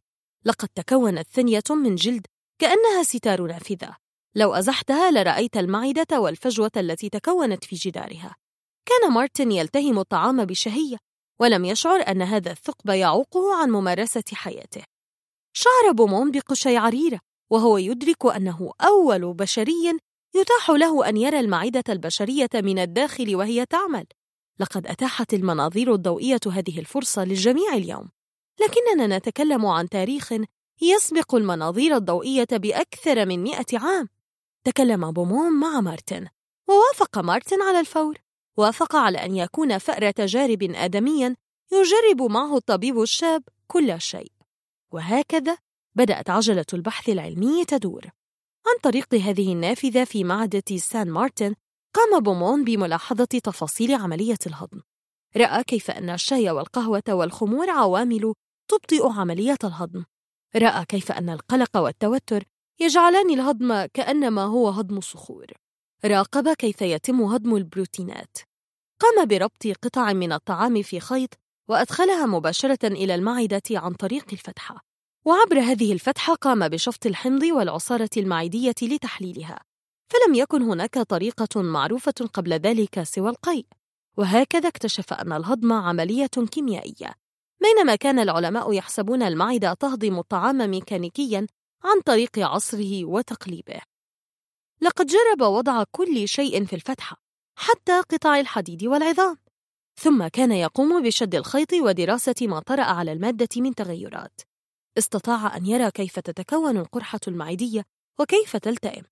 وهكذا بدأ كتاب عملاق يتجمع لديه اسمه مشاهدات على العصارة المعدية وفسيولوجيا الهضم وهو الكتاب الذي صدر عام 1833 أحدث هذا الكتاب في عالم الفسيولوجي ما أحدثه كتاب النسبية في الطبيعة. لاحظ أن علم الأحياء ظل دائما متأخرا بكثير عن علمي الكيمياء والطبيعة. لذا كانت هذه وثبة هائلة غيرت تفكير كبار علماء الفسيولوجي من ستارلينغ وبافلوف وسبالتزاني وكلود برنار. كان الكتاب يعج بمشاهدات فريدة وتجارب مثيرة صحيح أنها غير قابلة للتكرار لأن أحدا لا يمكنه الظفر بفرصة كهذه لكنها نوع مقبول من التقارير العلمية هو ما يسمونه دراسة حالة. هل كان سام مارتن متضايقا؟ في الواقع نعم ولا. في بداية التجارب كان مسرورا راضيا يرى أن هذا أقل ما يجب عمله للطبيب. دعك من أن الطبيب وقع معه عقدا ليصير خادمه وكان يمارس كل أعمال الخادم فعلا في الوقت الذي لا يصير فيه فأر التجارب. ثم مع مرور الوقت بدأ يشعر بأنه محاصر فعلا. حياة فأر التجارب ليست رائعة جدا. بعض التجارب كان مؤلما يسبب له الغثيان أو الدوار. خاصة عندما يملأ الجراح بطنه بأكياس من الطعام. هكذا هرب في ذات ليلة إلى كندا. هرب فظل بومون يبحث عنه عدة أعوام. في النهاية وجده. وجده بصحة طيبة لكنه قد تزوج امرأة باسلة ورزق بأطفال. اختصارا صار أبا سعيدا ينعم بحياته. هنا فقط قرر بومون أن الوقت قد حان كي يطلق سراح فأر تجاربه الكندي. ومن الغريب أن بومون مات عام 1853 بينما مات سان مارتن عام 1880 أي بعد موت طبيبه بسبعة وعشرين عاماً. لما مات سان مارتن كان قومه وأقاربه قد سئموا تدخل الأطباء المستمر في حياتهم. لذا تركوا الجثة تتعفن قليلا قبل الدفن حتى لا يستفيد منها أي طبيب أو يفكر في سرقتها لوضعها في متحف. لقد عاش سام مارتن على الحافة بين الحقيقة والأسطورة لكن من دونه كنا سننتظر مئة عام حتى نعرف كل ما يعرفه أي طالب مدرسة عن عملية الهضم. من الجحيم نعم، هناك تيد بوندي وزودياك وإدجن. هناك ألف سفاح وسفاح من تاريخ العالم الغربي بلا فخر، لكن يظل السفاح الأهم والأشهر هو جاك السفاح. إنه السفاح الذي بدأ كل شيء. برغم هذا، هو لم يمارس نشاطه إلا في النصف الثاني من عام 1888 وفي منطقة محدودة من ويست أند في لندن هي وايت شابل ما زال ملف القضية مفتوحا حتى اللحظة ولربما كانت أشهر قضية يفشل فيها رجال الشرطة على الإطلاق. هناك في العالم من يعملون على فك طلاسم هذه القضية حتى اليوم وهم من يطلقون عليهم اسم علماء جاك السفاح. وحتى اليوم ما زال السياح يقصدون حانة الأجراس الأربعة التي كانت ضحايا السفاح يجتمعن فيها. حاول صاحب الحانة أن يغير اسمها إلى جاك السفاح لكن المنظمات النسائية منعته من ذلك. لندن المصابيح الضباب الشوارع الخالية بنات الليل التي يعرضن المتعة الحرام على من يدفع. هناك إحدى عشرة جريمة قتل في وايت شابل كلها لفتيات ليل من هؤلاء. تبدأ يوم الأحد الثالث من إبريل عام 1888 لمن تدعى إيما سميث. وتنتهي يوم الجمعة الثالث عشر من فبراير عام 1891 بمن تدعى فرانسيس كولز هناك فتاتان قتلتا في ذات الليلة لهذا يسمون هذه الجريمة الحادثة المزدوجة. سبع فتيات ذبحن وتم تمزيق أحشاء جميع الفتيات باستثناء فتاتين. في حالة واحدة استأصل القاتل الرحم وفي حالة أخرى انتزع القلب. عامة لم تكن هناك دماء في مسرح الجريمة مما دعا المشرح إلى افتراض أن الضحايا تم خنقهن قبل الذبح وذلك لضمان ألا يصرخن أو يسبب الدم فوضى. الأعضاء انتزعت بدقة تشريحية ممتازة جعلت فكرة أن القاتل طبيب أو قصاب واردة في كل التحريات. راح بوليس لندن كله يطارد القاتل وقد تم إرسال تعزيزات من سكوتلاند يارد. على كل حال مال رجال الشرطة إلى قبول ست جرائم قتل على أنها من فعل نفس الرجل الذي سموه جاك السفاح. بينما خمس جرائم لا يبدو أنها تحمل بصماته. المشكلة هي أن وسائل البحث كانت غير متقدمة في ذلك الوقت. حتى البصمات لم تكن متاحة. لهذا ربما لو ظهر جاك السفاح في عصرنا هذا لسقط في يد الشرطة بسهولة. أما سبب اسم جاك السفاح فهو خطاب أرسله القاتل لدائرة الشرطة يحمل هذا التوقيع. وقد رحبت به الصحافة على الفور. هذا اسم يبيع الصحف فعلا. حصر رجال الشرطة المتهمين في مجموعة. هم مهاجر بولندي فقير ومدرس منتحر ونصاب روسي وطبيب مدع أمريكي. كل واحد منهم يمكن أن يكون القاتل ولا يوجد دليل واحد على واحد منهم برغم هذا. كان الذعر في كل مكان وتكلمت الصحف الأمريكية والأوروبية كلها عن هذه الجرائم. وكانت صورة القاتل في خيال الناس هي سيد مهذب يلبس ثيابا سوداء وقبعة متدلية. وفي يده حقيبة سوداء لامعة. تلقى رئيس الشرطة في السادس عشر من أكتوبر 1888 هدية غير سارة. هي كلية بشرية جاءته بالبريد. مع هذه الهدية كان توقيع من الجحيم. وبرغم هذا ساد احتمال أن تكون هذه مجرد دعابة من طالب طب. اتجهت أصابع الشك إلى اليهود في وقت ما. بسبب كتابة بالدم على الجدار وجدوها جوار إحدى الجثث. تتباين الحكايات عن نص الرسالة. فهناك من قال إن محتواها كان فقط اليهود لا يلامون على لا شيء. بينما قال آخرون إنها قالت اليهود لن يلاموا على هذه الجريمة.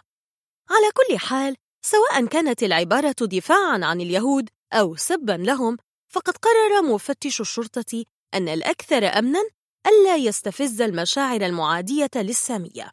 وقرر محو الكتابة في الحال فلم ينتظر حتى تصويرها فوتوغرافياً. صيغة الجملة مختلة أصلاً وفيها نفيان مما يعزز الاعتقاد بأن كاتبها من العامة الذين يستعملون لهجة الكوكني. استعمل الكاتب هجاء غريبا للفظة اليهود هو Juwes لهذا انطلق أحد كتاب نظريات المؤامرة ويدعى ستيفن نايت إلى الزعم بأن الكلام هنا عن قاتل أسطوري شهير في العقيدة الماسونية. ومن هنا ساد الاعتقاد بأن مقتل الفتيات له علاقة بالطقوس الماسونية.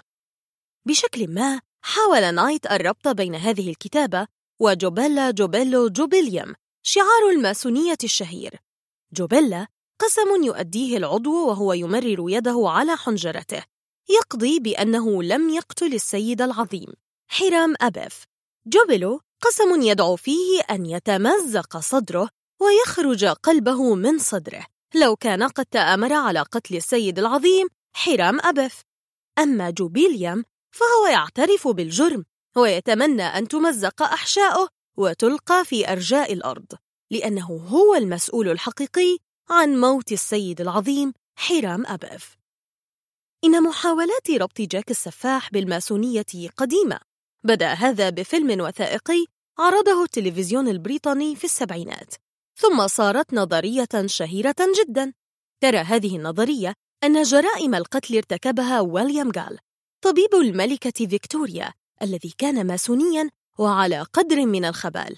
السبب هو أن ابن الملكة الأمير أدوارد وقع في حب بائعة هوى اسمها ماري كيلي وتزوجها وأنجب منها. هكذا كلفت الملكة طبيبها بأن يقضي على الفضيحة وهو ما فعله عندما قتل الزوجة بائعة الهوى وكل الفتيات زميلات المهنة اللاتي عرفن بقصتها. وقد قتلهن بطريقة ماسونية طقسية جدا الذبح وإخراج الأحشاء ووضعها على الكتف اليسرى وتشويه الوجه ثم قطع الثدي ووضعه تحت الرأس وهي الحبكة التي اعتمد عليها فيلم من الجحيم. الذي قدمته هوليوود في التسعينات يؤيد هذا الرأي أن لندن كان فيها من ثمانين إلى مئة ألف عاهرة في ذلك الوقت فلماذا اختار السفاح خمس فتيات يعرفن بعضهن ويرتدن ذات الحانة؟ لماذا حملت فتاتان من الضحايا اسم ماري كيلي؟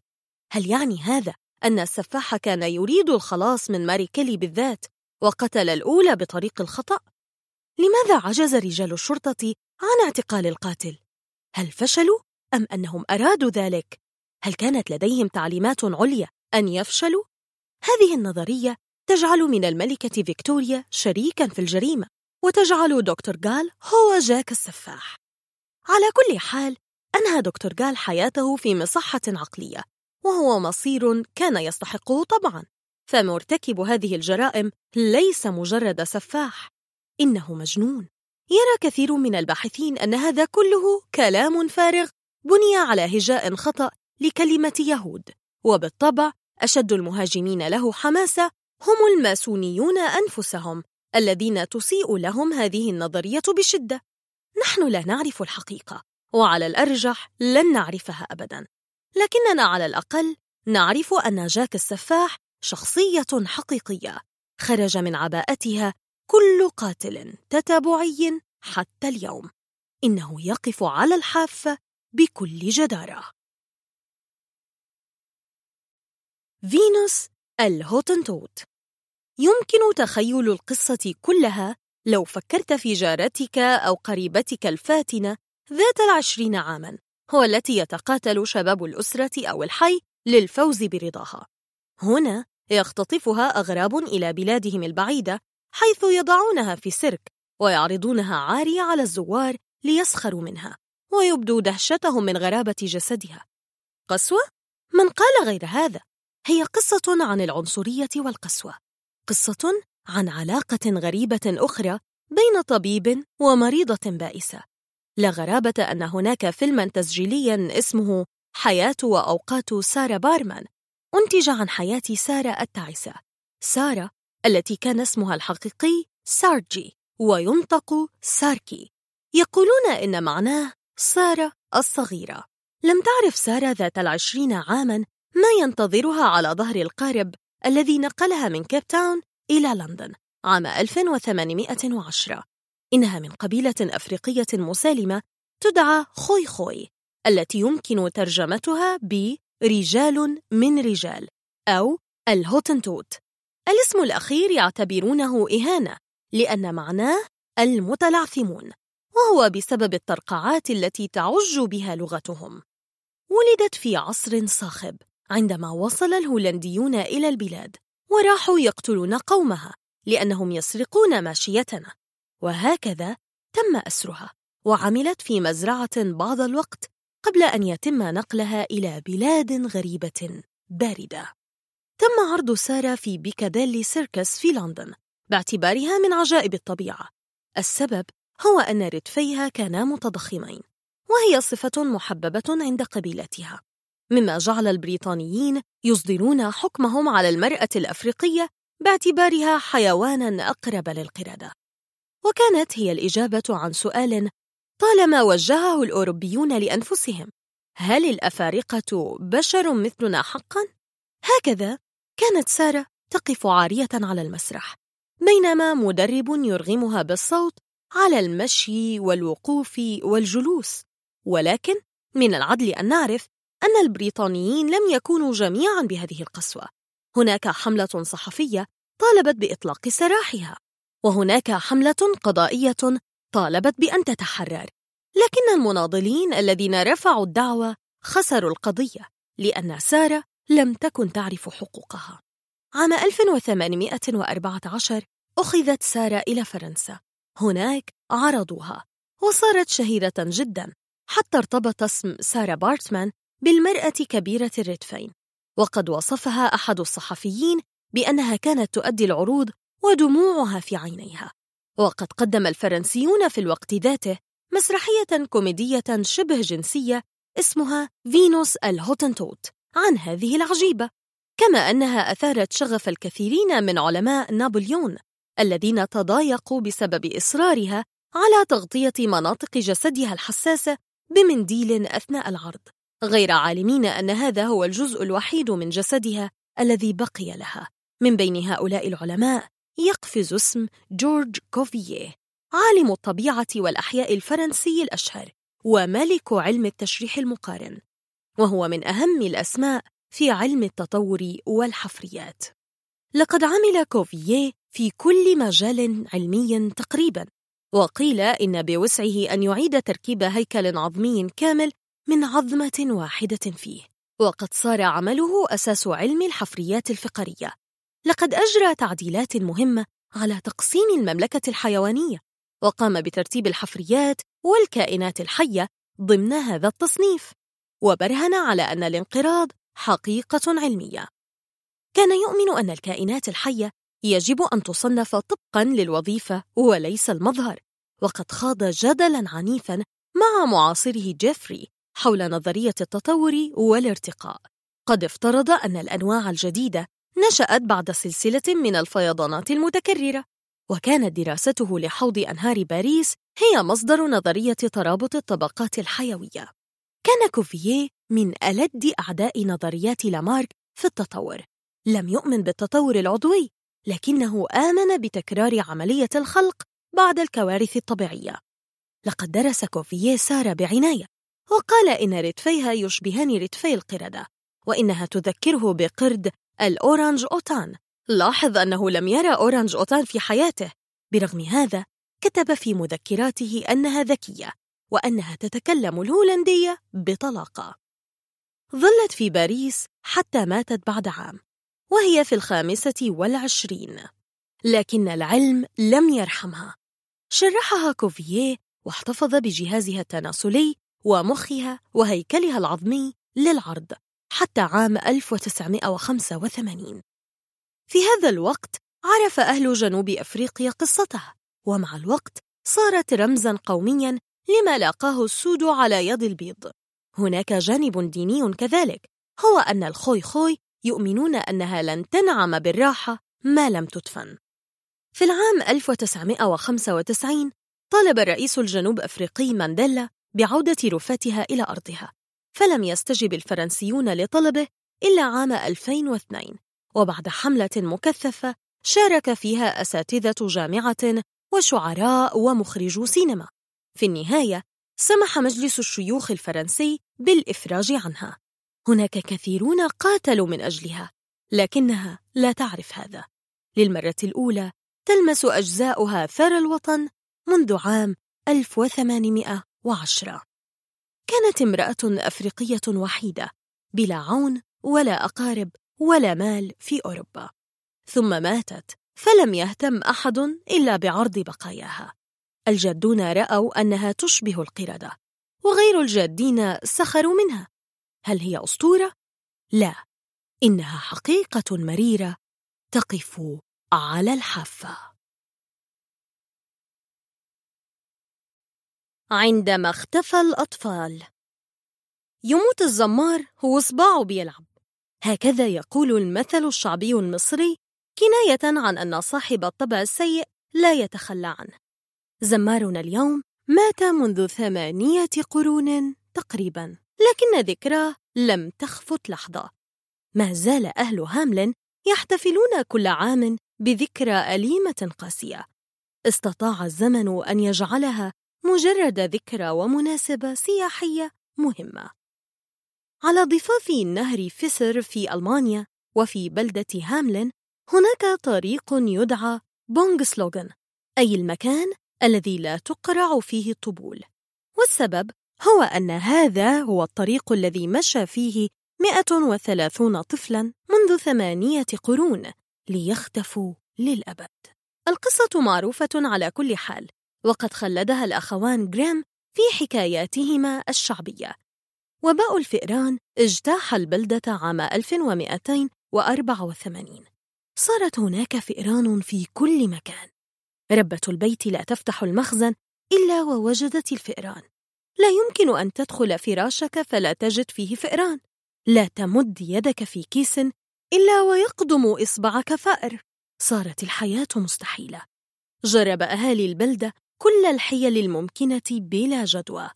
العمدة جمعهم وطلب رأيهم. هنا ظهر له رجل يعمل زمارا ويلبس ثيابا غريبة مبرقشة. لهذا يسمونه بايبر بايد الزمار المبرقش.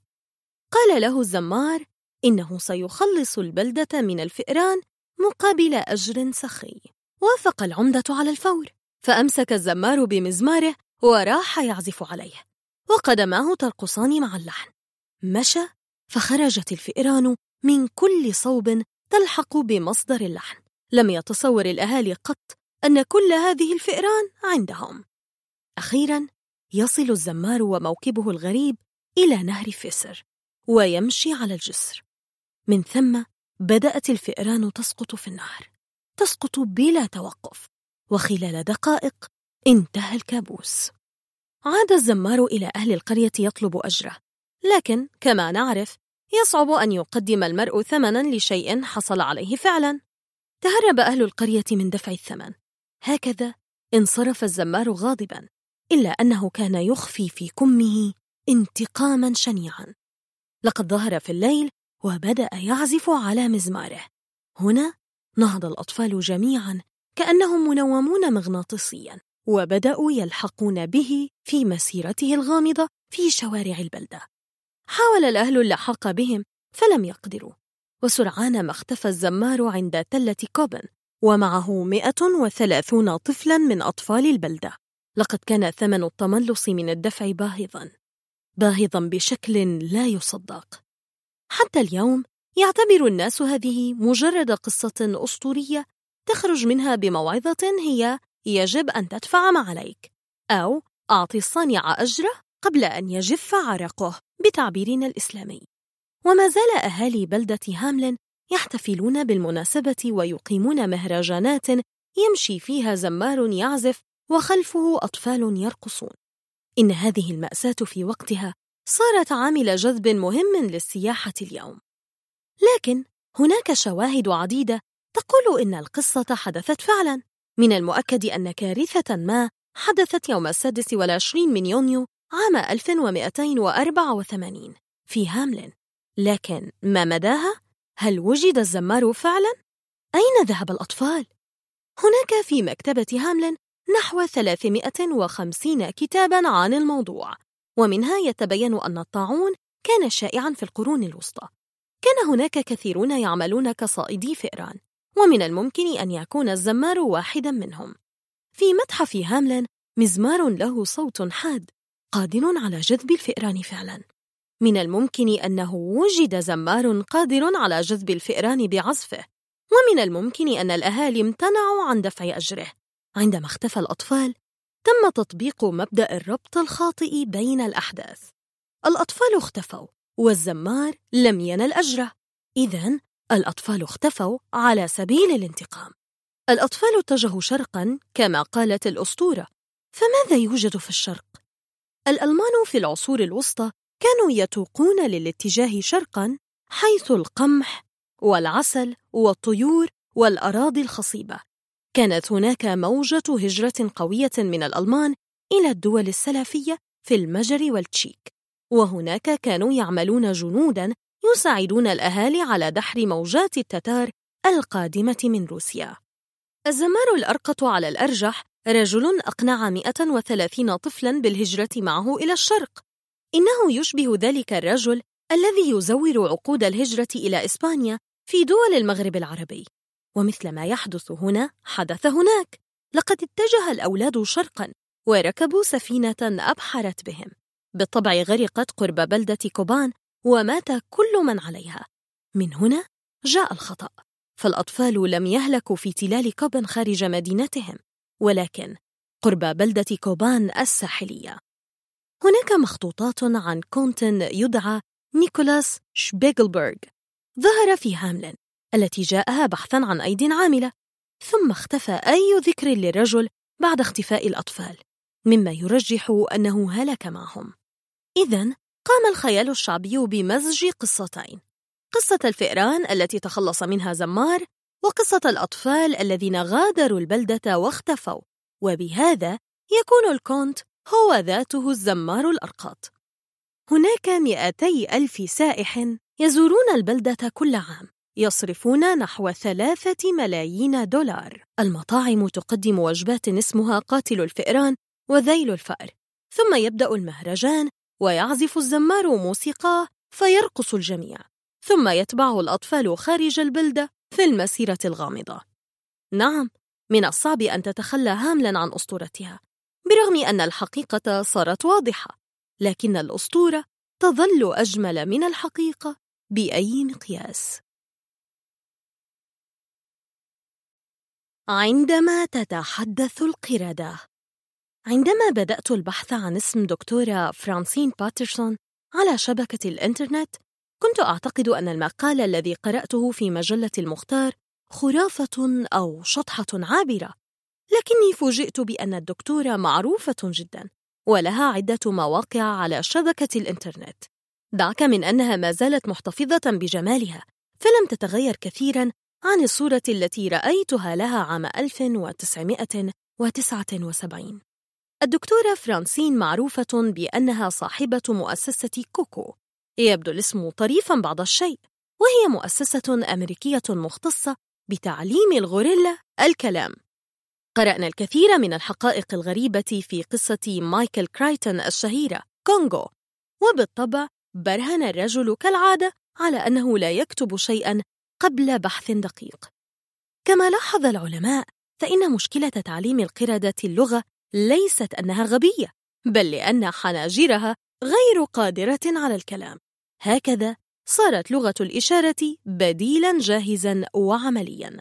أما كوكو نفسها فهي الغوريلا التي تعلمت هذه اللغة. هناك غوريلا أخرى اسمها مايكل توفيت عام 2000 كانت الدكتورة فرانسين حاصلة على درجة علمية في علم النفس ورسالة الدكتوراه الخاصة بها كانت عن تعليم لغة الإشارة لغوريلا الجبال. هي كذلك رئيس تحرير مجلة اسمها الغوريلا.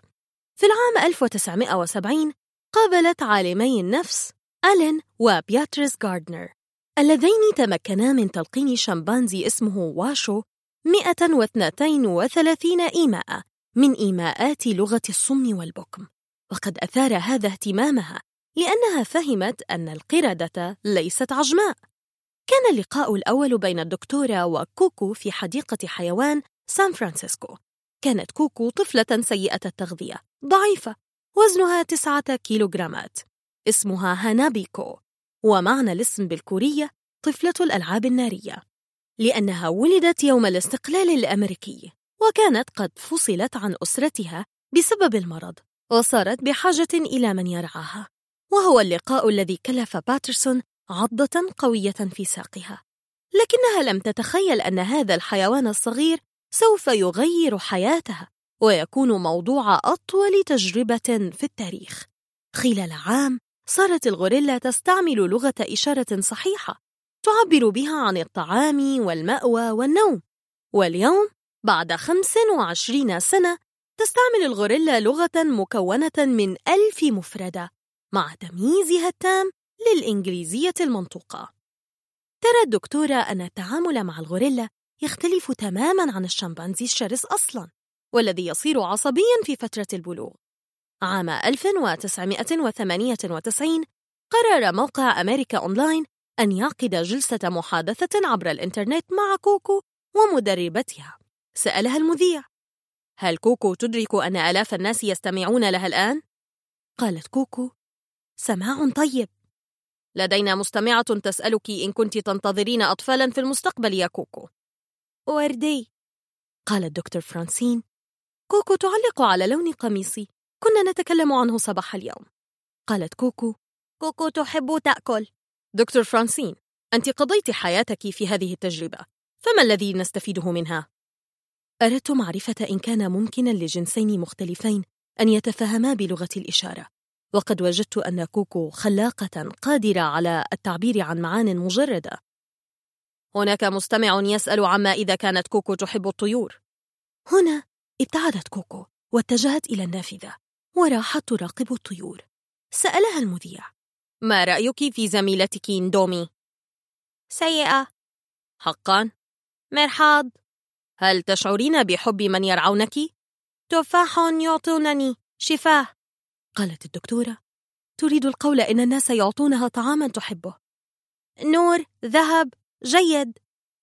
أي أنها تتأهب للعشاء. تبدو المحادثة مخيبة للأمل. لكننا لا نتوقع أن تناقشنا الغوريلا في السياسة والفنون طبعا. تحكي الدكتورة أن كوكو رأت حصانا في فمه لجام. فقالت حزين حصان.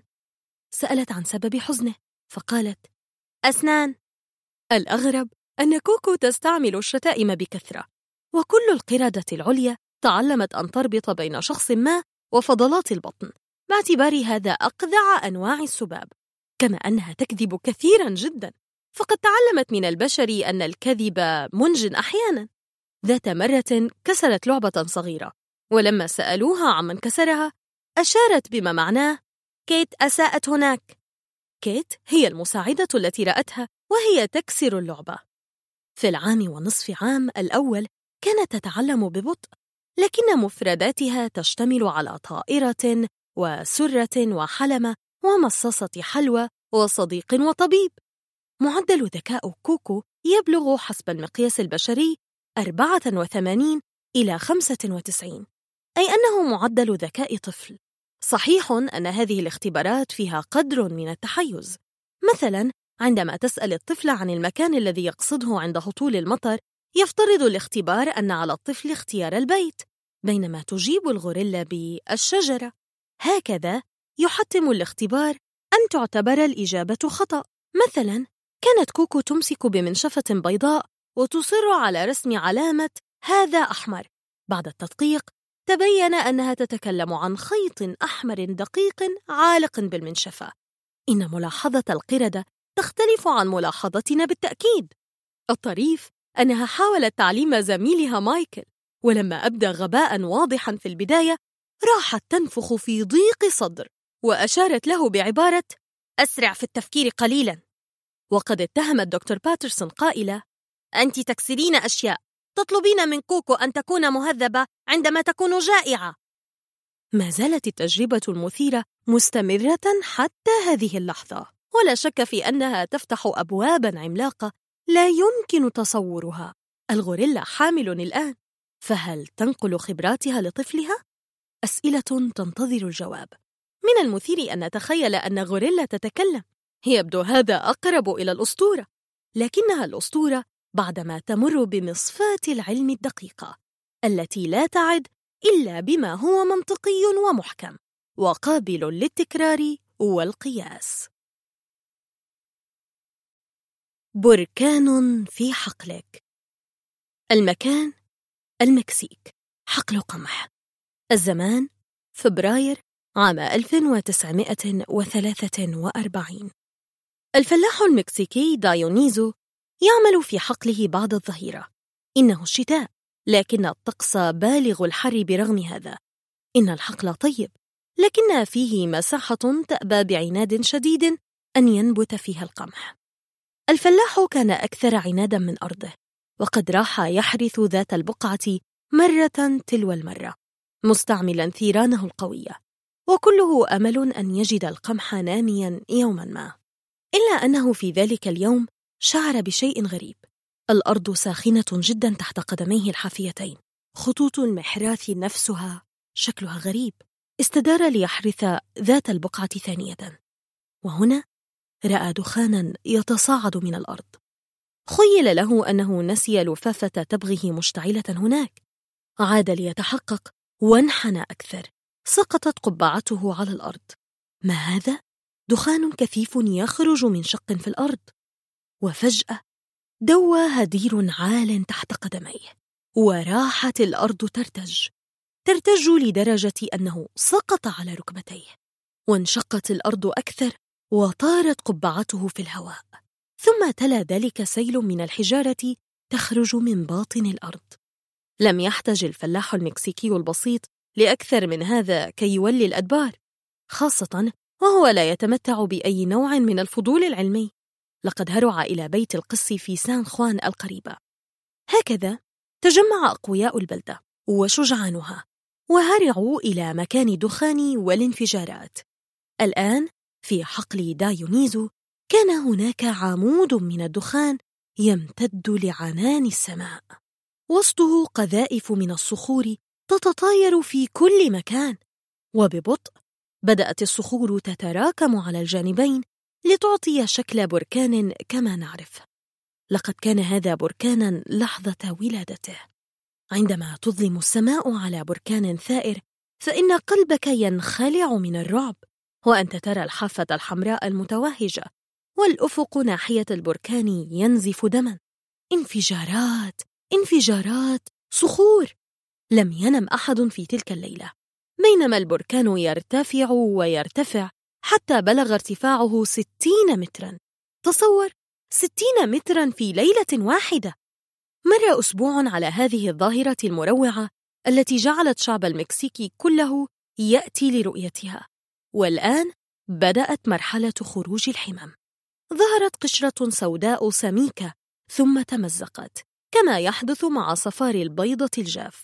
ومن المزق خرجت حمم طازجة ساخنة سائلة سرعان ما تجمدت بدورها ومن مزق فيها خرجت حمم جديدة. لقد صار حقل دايونيز المسكين عبارة عن بركة من الحمم يتصاعد منها الدخان الأبيض. لقد ولد البركان الذي يعرف اليوم باسم باريكوتين والذي غطى الحقل الأصلي بطبقة سمكها تسعين متراً من الحجارة. ظل الناس شهرين ينتظرون أن يخمد البركان أخيراً لكن هذا لم يحدث وكان المشي قرب الحقل يعني أن يذوب نعلاك من الحرارة. لقد انتهت الحياة في القرية ولم تعد هناك مراع للماشية وراح الرجال يزيحون الرماد الذي غطى أسقف بيوتهم. ثم جاءت النهاية مع لسان من الحمم اتجه نحو القرية ليمحوها تماما. وإن استطاع السكان الفرار. وأخيرا همد للمرة الأخيرة في مارس عام 1952 لقد عاش حياة بركان كاملة في تسع سنوات وكان كنزا للعلماء. لكن هذا بالتأكيد ليس رأي الفلاح البائس. يعرف من زاروا إيطاليا تلك التماثيل المخيفة الباقية من انفجار بركان فيزوف. امرأة ساقطة على وجهها وهي تحتضن صندوق مجوهراتها. وكلب مربوط بسلسلة يحاول فكها إلى آخره. لكن الغريب هنا أن هذه ليست تماثيل وإنما هي الجثث ذاتها والتي تغطت بالرماد البركاني. ثم تسربت أملاح الكالسيوم إلى داخلها لتحل محل اللحم والعظم. نفس الأسلوب الذي تكونت به الغابة المتحجرة على طريق القاهرة السويس حيث تجد جذع شجرة بكامل تفاصيله لكنه من الصخر. لقد تحجر هؤلاء البؤساء حتى صاروا يذكروننا بمشاهد هلاك القرى الفاجرة في الكتب الدينية. بركان فيزوف واحد من براكين إيطاليا. وقد افترض القدماء أن هذه مداخن فولكان إله الحدادة عند الرومان. لهذا سمي كل بركان باسم فولكينو كان بركان فيزوف خامدا تغطى بالمروج الخضر ونشأت حضارة عظيمة على قاعدته. كانت هناك مدينتان عظيمتان هما هيركلينيوم وبومبي. هناك رواية تحكي مصير المدينة الأخيرة اسمها آخر أيام بومبي. بومبي كانت مرتعا للشهوات والأثام مما يجعلها بحق جديرة بالعقاب الإلهي التالي والذي وصفه بدقة المؤرخ بليني الأصغر مما جعلنا نعرف عنه كل شيء تقريبا. البركان بدأ يثور في الرابع والعشرين من أغسطس عام 79 خرجت من فوهته سحابة بيضاء عملاقة وبدأت الأرض ترتج. وشموا رائحة ثاني أكسيد الكبريت الخانقة. بالطبع ساد الظلام كذلك لأن الشمس احتجبت. إن البراكين تختلف عن الزلازل في أنها تعطي إنذاراً واضحاً قبل أن تثور بفترة كافية. عندما تهتز الأرض انظر إلى البركان الخامد. لو خرجت منه سحابة بيضاء فلتفر كأن الشيطان يطاردك. إن الفرصة ما زالت أمامك قبل أن تصير السحابة سوداء. عندها لن تجد الوقت الكافي لأي شيء. كانت هناك فترة طويلة من التردد. لا يجب أن تلوم هؤلاء الناس. فالحقيقة أنه لو ثار بركان خامد في بلدتك فإن نسبة بسيطة جدا هي التي ستغادر بيوتها بينما سيفضل الباقون اختبار الأقدار والبقاء. دعك من أن عملية نقل حياتك بالكامل صعبة فعلا. هذا هو ما حدث في بومبي وعندما قرر الناس الفرار كان القرار متأخرا جدا. لقد غمر الرماد كل شيء وتساقط المئات في الشوارع. في الواقع مات ثمانية عشر ألفا من سكان المدينة الذين بلغوا عشرين ألفا. أما سكان هيركلينيوم فقد رأوا الحمم تتجه لمدينتهم من ثم اتخذوا قرار المغادرة بسرعة وبشكل حاسم. ظلت المدينة تحت الرماد سبعة عشر قرناً حتى جاءت ملكة شابة معجبة بالتماثيل إلى مدينة نابولي وقد استهوتها التماثيل المتقنة التي يستخرجها الناس في هذا المكان. من ثم بدأت حركة حفريات نشطة. هكذا بعثت مدينة بومبي من جديد بقصتها المخيفة وتماثيلها الحية. هاواي جزر صنعتها البراكين بالكامل ولها دور مهم في تراث الشعب هناك. تمتاز براكين هاواي بانطلاق نافورات نارية تتطاير في كل مكان ثم تتعلق على فروع الأشجار البعيدة على شكل خيوط من زجاج. السبب هو أن هذه الحمم تحوي كمية أقل من السيليكون وأكثر من الحديد لهذا هي رقيقة القوام والأهالي يطلقون على هذه الخيوط اسم شعر بيل إلهة البراكين عندهم. كانت طريقة السيطرة على البراكين عندهم بسيطة. ففي العام 1881 اقترب نهر من الحمم خرج من بركان مونالو من إحدى مدنهم المدعوة هيلو فاستدعوا أميرة اسمها كاماهامينا من جزيرة قريبة. جاءت الأميرة وبثقة قصت خصلة من شعرها وألقتها في الحمم وهكذا توقف التدفق المرعب. عام 1935 تكرر الأمر وهددت الحمم ذات المدينة. لكن العلماء لم يجدوا أميرة تقص شعرها هذه المرة.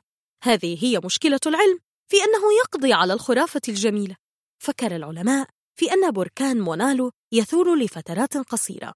لهذا يمكن أن نحول حممه لتدور حول المدينة فترة طويلة وفي الوقت الذي تدور فيه يكون البركان قد خمد.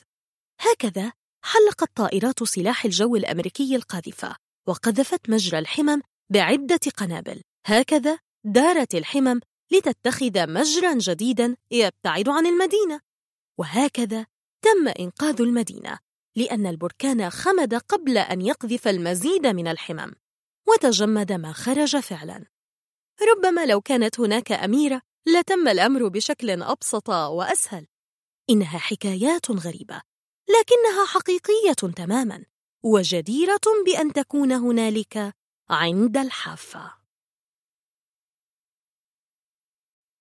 طفولة الخرائط. يدهش المرء عندما يقرأ الكفاح المضني الذي عاناه الناس حتى يعرفوا شكل الأرض التي يعيشون فوقها. ما يعرفه اليوم أي طالب في مدرسة ابتدائية كان يمكنه أن يغير وجه التاريخ لو عرف في أيام الرومان مثلا.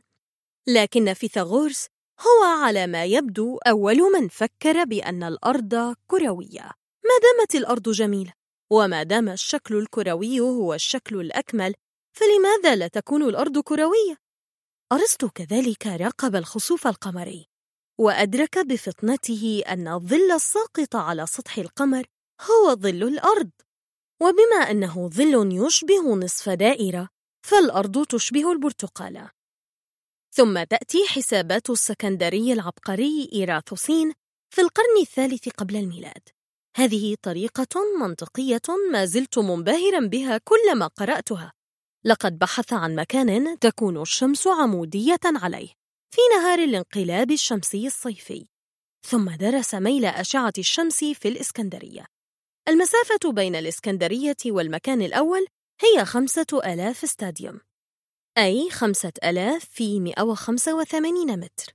ميل أشعة الشمس كما حسبه هو واحد إلى خمسين من زوايا الدائرة. إذن محيط الكرة الأرضية هو خمسون ضعفاً للمسافة بين الإسكندرية والنقطة الأولى أي أن محيط الكرة الأرضية هو 42 ألف كيلو متر بالطرق الحديثة في عصر الأقمار الصناعية وجد العلماء أن محيط الكرة الأرضية هو 40 ألف كيلو متر وهذا يعني أن إيراثوسين عبقري إذ حسب هذا بالمنطق الرياضي وحده منذ 23 قرناً.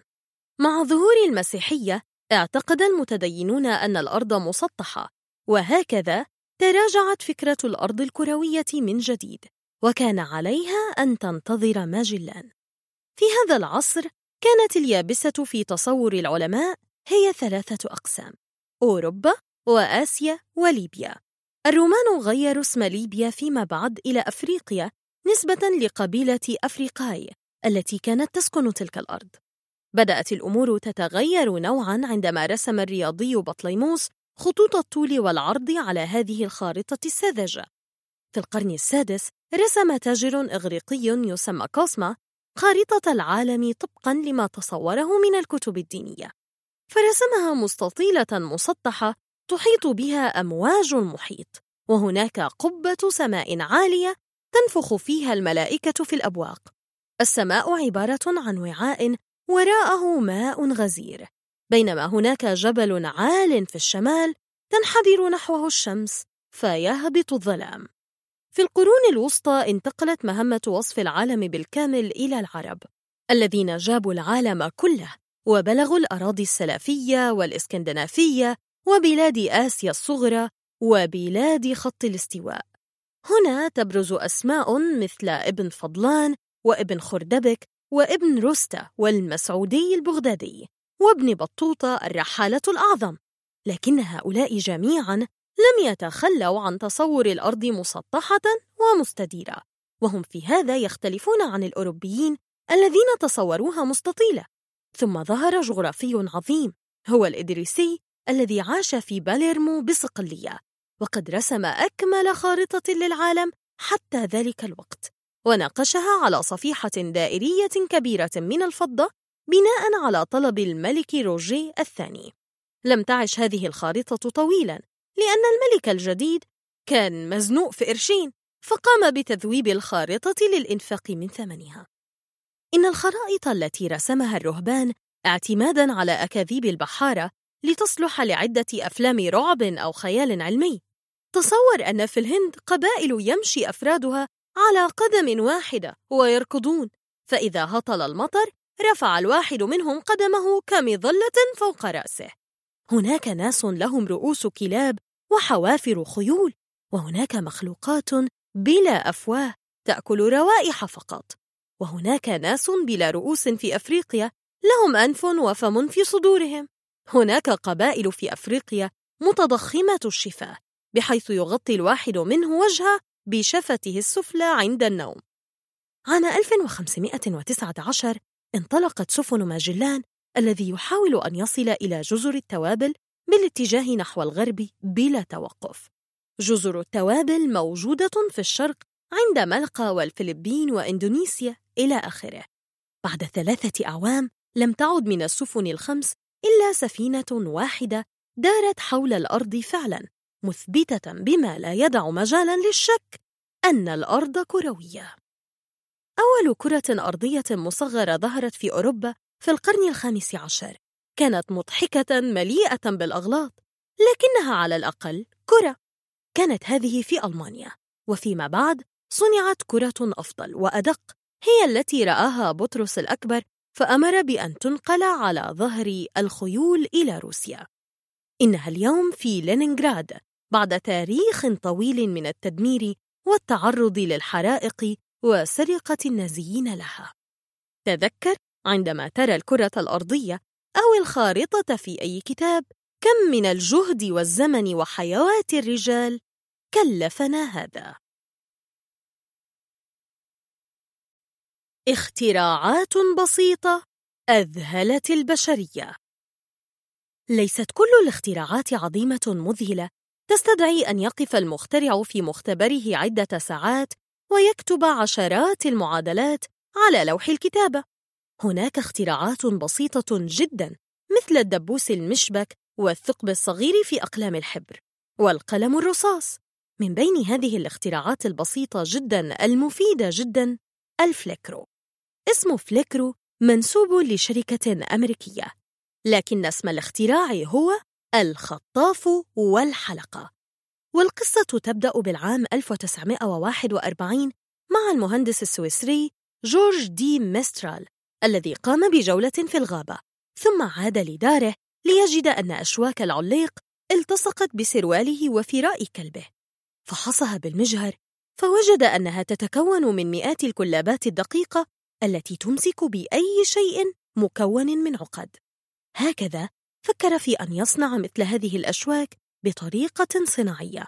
أطلق على الاختراع اسم فليكرو من كلمتين فرنسيتين بمعنى مخمل وخطاف. هكذا ولد الفليكرو وغزا كل مجال نحتاج فيه إلى ربطة مؤقتة. ومنذ ذلك اليوم نسمع صوت تش المميز لفك هذا الرباط اللاصق المتين عن الأزرار وأربطة الأحذية صوت مميز جدا دعا الجيش الأمريكي إلى البحث عن فليكرو بلا صوت حتى لا يحدد الصوت مكان جنوده من المؤكد أن العالم الذي سيتوصل لاكتشاف فليكرو صامت سوف يدخل التاريخ ويصير مليارديراً هل تعتقد أنه اختراع تافه؟ إذا لماذا استعملت مكوكات الفضاء 65 ألف فليكرو على كل مكوك؟ لماذا استعمله رواد الفضاء لتثبيت أقدامهم على الأرض عندما تنعدم الجاذبية؟ في الدبابات يوجد فليكرو يستخدم في إدارة برج المدفع وفي المفاعلات النووية يحيط بأنابيب الماء الساخن. الاتهام الوحيد الموجه لفليكرو هو أنه علم الأطفال ألا يربطوا أحذيتهم. عزم القص لفليكرو يبلغ كيلوغراما لكل سنتيمتر مربع. وقد قام أحد المخاطرين الأمريكيين على شبكة أن بي سي بالقفز وهو يلبس كلابات صغيرة على جسده إلى جدار مكسو بالخيات الصغيرة. كانت النتيجة أنه التصق فعلاً. يستعمل الفليكرو كذلك في صناعة السيارات. وقد جرب على السيارة بونتياك فتبين أن الاهتزازات التي يمكن أن تفك مسماراً إنما تقوي التحام الفليكرو في الواقع. هذا نموذج مذهل لاختراع بسيط لكنه عبقري ولن يتوقف العالم عن استعماله أبداً كما يبدو. القلم الرصاص. كل من قرأ تاريخ الحملة الفرنسية على مصر يذكر اسم المواطن نيكولا كونتي وهو عالم ورسام فرنسي من علماء الحملة الذين كانوا أفضل شيء فعله بونابرت. من دون هؤلاء ما كانت مصر لتعرف المطبعة وكتاب وصف مصر الرائع. إن كونتي قد ابتكر العديد من الأشياء لكن التاريخ يضعه في مكانة مهمة لأنه مخترع القلم الرصاص. ولد عام 1755 في نورماندي وتميز في علم الميكانيكا كما أنه ابتكر عدة نماذج للمناطيد التي تحلق بالهواء الساخن وقد صمم المنطاد الذي يحلق على ارتفاع عال ليرصد أرض المعركة. على سبيل الاستطلاع. كان مسؤولا عن تجربة المنطاد الفاشلة الشهيرة في مصر. إنها تلك التجربة التي رصدها الجبرتي ونقول الترك. كان هذا عندما تزامن مولد النبي صلى الله عليه وسلم مع شم النسيم مع عيد الثورة الفرنسية عام 1789 وأراد بونابرت أن تكون مناسبة جبارة تبهر القاهريين. بدأ الأمر بألعاب نارية قطعت أنفاس المصريين لأنهم لم يروها من قبل.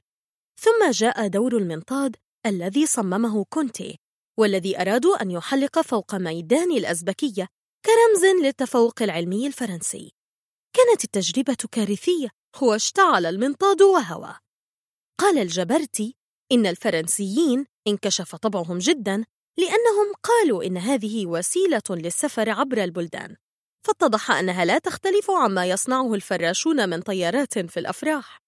لكن كونتي لم يدخل التاريخ باعتباره مصمم مناطيد فاشلا ولكن دخله كمخترع القلم الرصاص. لقد فكر في صنع قلم يمزج بين الصلصال والجرافيت ثم يحشر الخليط بين نصف اسطوانتين من الخشب. كان هذا اختراعا عبقريا وعمليا ولا بد أنه صنع آلاف الأقلام الرصاص لعلماء الحملة الفرنسية في مصر عندما كانوا عاكفين على رسم المعابد التي وجدوها. حتى اليوم ما زال اسم كونتي يمثل أهم شركة لصنع أقلام الرصاص. إن الاختراعات قد لا تكون معقدة إلى هذا الحد لكن قيمتها عظيمة. وقد كان على العالم أن ينتظر عدة أعوام حتى يأتي عبقري آخر يفكر في تثبيت ممحات في مؤخرة القلم الرصاص لتكون متاحة في كل وقت. ليست الضخامة هي مقياس الوجود على الحافة دائما. المقياس هو الأهمية والغرابة والطرافة. وجبة الموت باهظة الثمن. شراهة المرء تحفر له قبره، وما ملأ ابن آدم وعاء شرا من بطنه. لكن هذه الأكلة اليابانية تبلغ الحد الأقصى في المخاطرة بالحياة. إنها وجبة سمك الفكهة أو بافرفيش التي يحبها اليابانيون وهي التي كادت تتسبب في موت جيمس بوند في نهاية رواية من روسيا مع حبي لأيان فليمنج هذه السمكة مميزة جدا في أنها قادرة على أن تنتفخ عندما تشعر بالخوف لتصير كالبالون تحيط به الأشواك من كل جانب. وهذا البالون قوي جدا لدرجة أنه يسمح لرجل ضخم بأن يقف فوقه. عندما تطمئن تعود لحجمها العادي. اليابانيون يحبون أكل هذا النوع من السمك لكن مع المجازفة بالموت فرصته نحو 60% وهو موت شنيع يصاحبه شلل وعجز عن الكلام وضيق تنفس. يرقد المصاب عاجزا عن النطق أو الحركة وإن كان يدرك تماما ما يحل به أي أنه واع تماما حتى اللحظة الأخيرة. وهذا شيء بشع. يأكل اليابانيون هذا السمك ليس لمذاقه الطيب فحسب بل لإظهار شجاعتهم في تحدي الموت. أي جزء من الكبد أو المبيض يبقى أثناء الإعداد معناه الهلاك. ويقول المثل الياباني من يأكل الفكهة أحمق لكن من لا يأكلها أكثر حمقاً. الطبق نفسه شكله مغر جدا فهو شرائح نيئة من السمك يعدها الطاهي على شكل زهرة أو طاووس والوجبة غالية جدا. طباخ هذه الوجبة يمر بامتحانات عسيرة ويجتاز عدة دورات تدريبية وبرغم هذا هي تقتل مئة ياباني سنويا. وقد مات بسببها أعظم ممثلي اليابان. وهو موتسوغورو باندو عام 1975 يعرف الطباخون المحترفون ثلاثين خطوة لا بد من اتباعها عند إعداد هذه الوجبة كأنهم بصدد الإقلاع بطائرة. لا بد من إزالة الأمعاء والكبد والجلد والعينين والمبيضين ثم يبدأ تقطيع اللحم الأبيض البراق إلى شرائح رقيقة تغسل بعناية. يتم غمس الشريحة في مزيج من الصلصة والفجل والفلفل قبل ابتلاعها. ويقال إن اللحم يحدث تنميلا خفيفا لدى أكله. سم هذه السمكة يدعى تترودوكسين وجرعته القاتلة هي مليغرام واحد فقط أي ما يكفي لتغطية رأس دبوس. إنه سم عضلات فعال جدا ولا علاج له. يفوق السيانيد بألف مرة. وسر قوته يعود إلى أنه يسد مجاري الصوديوم في الخلية في الوضع المعروف بالموقع واحد. بالتالي ينتهي ميكانيزم دخول الصوديوم وتشل العضلة. وقد لوحظ أنه لا يلعب الدور ذاته مع عضلة القلب. فلم تحدث حالات توقف قلب مصاحبة للتسمم. عام 1996 تسبب هذا السم في إصابة ثلاثة طهاة في الولايات المتحدة تعاملوا مع سمك مستورد من اليابان. مبرر الاستيراد واضح وهو أن سعر الوجبة الواحدة في الولايات المتحدة يبلغ 400 دولار. ظهرت الأعراض خلال ثلاث دقائق إلى عشرين دقيقة وبدأت بتنميل في الفم وجانب اللسان ثم دوخة وإرهاق وصداع وانقباض في الصدر والحلق ثم قيء. الموت يحدث خلال ست إلى 24 ساعة. ويكون نتيجة لشلل الجهاز التنفسي. هذا السم يتحمل الحرارة أي أن الطهي لا يؤثر فيه. أول من وصف هذا السم هو الكابتن جيمس كوك الذي أكل بحارته نوعا غريبا من الأسماك ثم أطعموا الباقي للخنازير. أصيبوا بدرجة خفيفة من التسمم لكن الخنازير ماتت كلها. وقد تم فصل السم عام 1901 وتمكن عالم ياباني من تصنيعه في المختبر في السبعينات. من المثير أن تعرف أنه من السموم المهمة في جزر الكاريبي لصنع الزومبي وعن طريقها يدخل الشخص في غيبوبة يزعم بعدها الساحر أنه تحول إلى زومبي. لمزيد من التفاصيل راجع كتاب موسوعة الظلام. وهناك رجل شهير يدعى كلارفيوس نارسيس تم دفنه حيا في هايتي بسبب تأثير هذا السم. إنها لقصة مثيرة.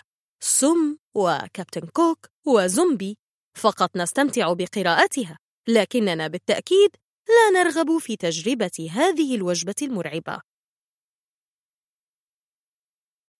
الأرض التي غفل عنها الزمن. الأرض التي غفل عنها الزمن عنوان معتاد في قصص الخيال العلمي. كما أنه عنوان مفضل لدى إدغار رايس بوروز. مبتكر شخصية طرازان الشهيرة. لكن جزر جالاباغوس الموجودة عند خط الاستواء في المحيط الهادي هي أرض غفل عنها الزمن حقيقة لا خيالا. ومن يذكر كتاب الأحياء في المدرسة يعرف جيدا أن داروين استكمل نظرياته عن أصل الأنواع والتطور والارتقاء عندما وصلت السفينة بيجل هناك عام 1835 فقد كانت جالاباغوس مختبرا تمارس فيه الطبيعة تجاربها دون تدخل من أحد لمليون سنة. الجالاباغوس تسع عشرة جزيرة بركانية كبيرة وعشرات الجزر الصغيرة تنتشر على مساحة ستين ألف كيلومتر غربي أمريكا الجنوبية عند خط الاستواء. لقد رآها الأمريكي هيرمان ميلفيل وقال إنه لم يرى قط بقعة في الأرض أشد قسوة وانعزالا. إن هذه المنطقة هي أكثر منطقة بركانية نشطة في العالم كله. وحتى اليوم تعتبر كثافة السكان قليلة جدا. إن مستوطنة بويرتو أيورا هي أكثر البقاع ازدحاما في الجزر لأن بها 800 نسمة. هذه من البقاع النادرة في العالم. التي لا يوجد بها سكان أصليون على الإطلاق وإنما كل من عليها وافد. العاصمة هي سان كريستوبال واللغة الأولى هي الإسبانية طبعاً. أهم حيوان في الجزر هو سلحفاة جالاباغو التي أعطت اسمها لهذه الجزر وهي تبدو كأنها دبابة قادمة من عصور ما قبل التاريخ. لقد نشأت منذ سبعين مليون سنة كما يرى العلماء حيثما كانت الأشجار عالية. صارت أرجل السلحفاة أطول وصارت لصدفتها فتحة أوسع تسمح بمد العنق. بينما في الجزر التي ينمو فيها العشب مثل سانتا كروز فإن السلاحف قصيرة الأرجل.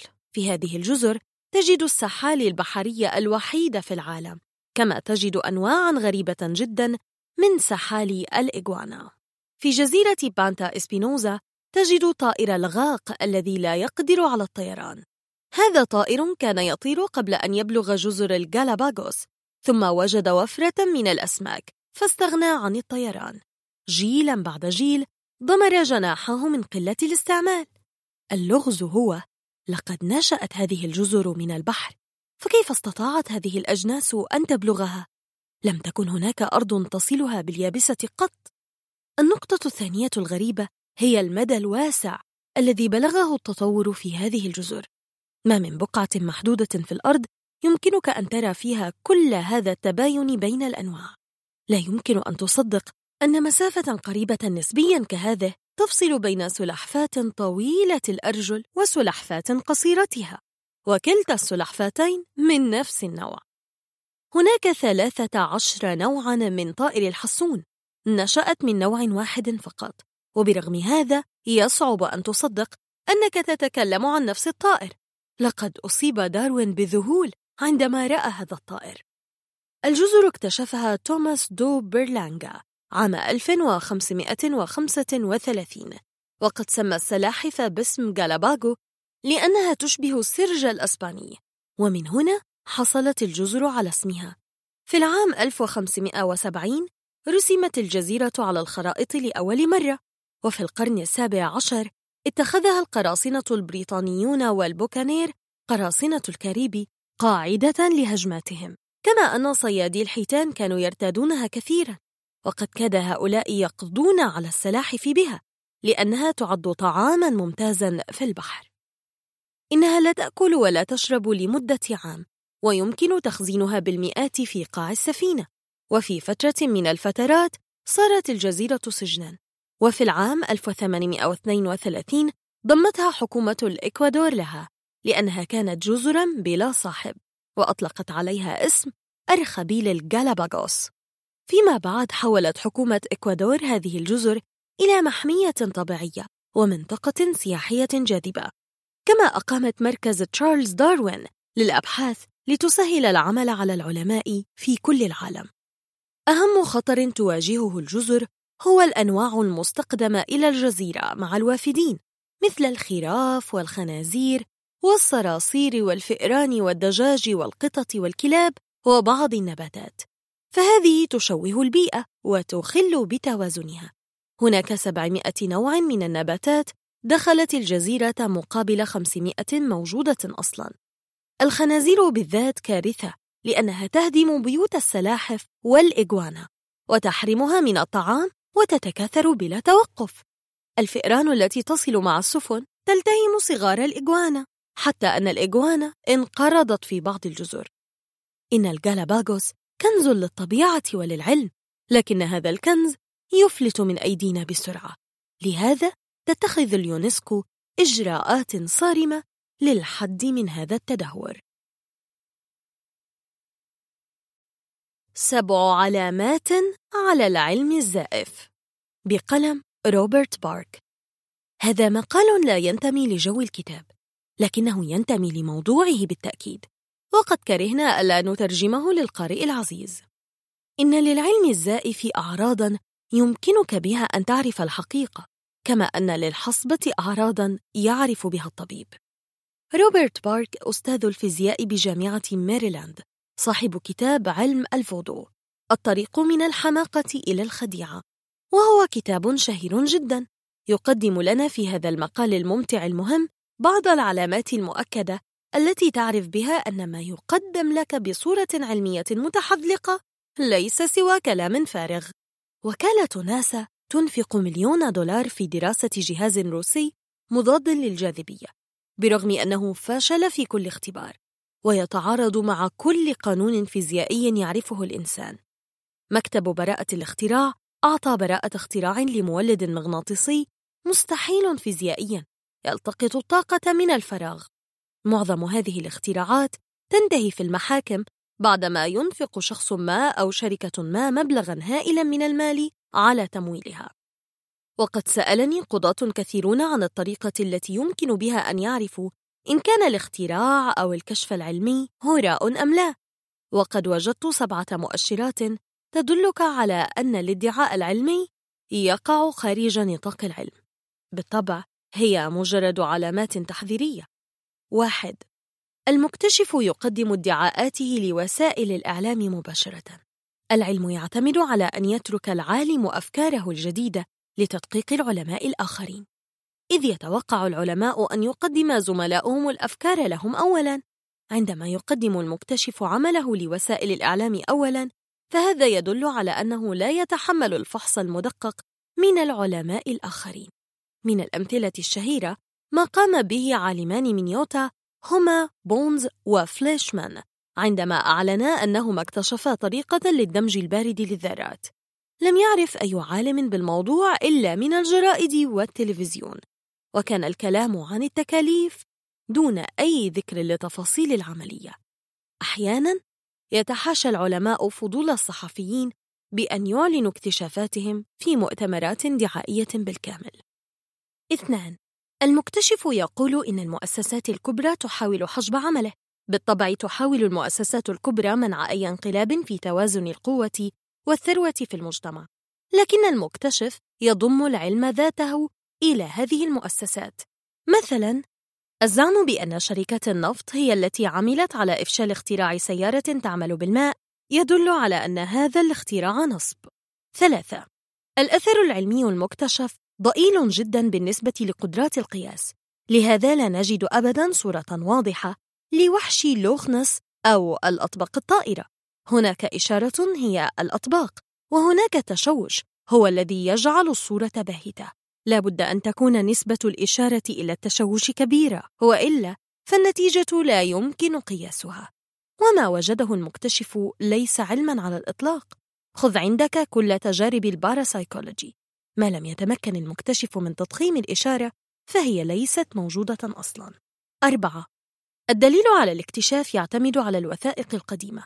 لو كنا قد تعلمنا شيئا في عصر العقل فهو ألا نثق في الوثائق. إنها تعتمد على عواطف من يدونها أقوى شيء أمدنا به العلم الحديث ليس المضادات الحيوية ولا التطعيم إنها طريقة البحث العلمي المحايدة.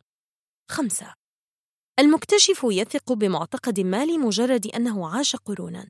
هناك اعتقاد سائد أن أجدادنا كانوا يملكون طرقا سحرية للعلاج لا نعرف عنها شيئا، بينما هم في الواقع لم يكونوا يعرفون أي شيء عن الدورة الدموية ولا وظائف الأعضاء. معظم الطب البديل ينتمي لهذه القائمة. ستة. المكتشف أجرى أبحاثه وحده. صورة العالم العبقري الذي يسهر الليل وحده في قبو هي صورة تناسب أفلام هوليوود للخيال العلمي. لكن لا يمكن أن تتحقق في الواقع. اكتشاف العلم اليوم هي نتاج تعاون عدد من العلماء. سبعة. المكتشف مضطر لأن يصمم قوانين طبيعة جديدة يفسر بها الظاهرة.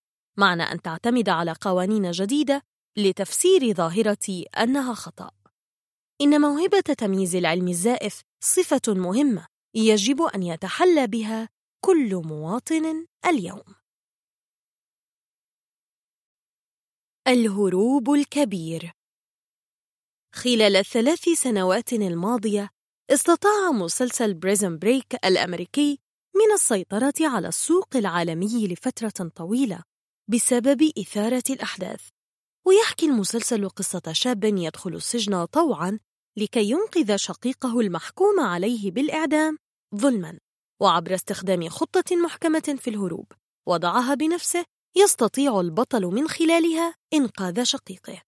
ورغم ما تبدو عليه القصة من خيال إلا أنه هناك قصة مشابهة جرت في أرض الواقع. لا تقل إثارة عن قصة مايكل سكوفيلد بطل مسلسل Prison Break وشقيقه ففي عام 1962 استطاع الأخوان جون أنجلين وكلارنس أنجلين بالتعاون مع فرانك موريس من الفرار من أكثر السجون رعباً على وجه البسيطة الكاتراز بخطة عبقرية صدمت العالم أجمع فما هي قصة هذا الهروب؟ وما هو سجن الكاتراز؟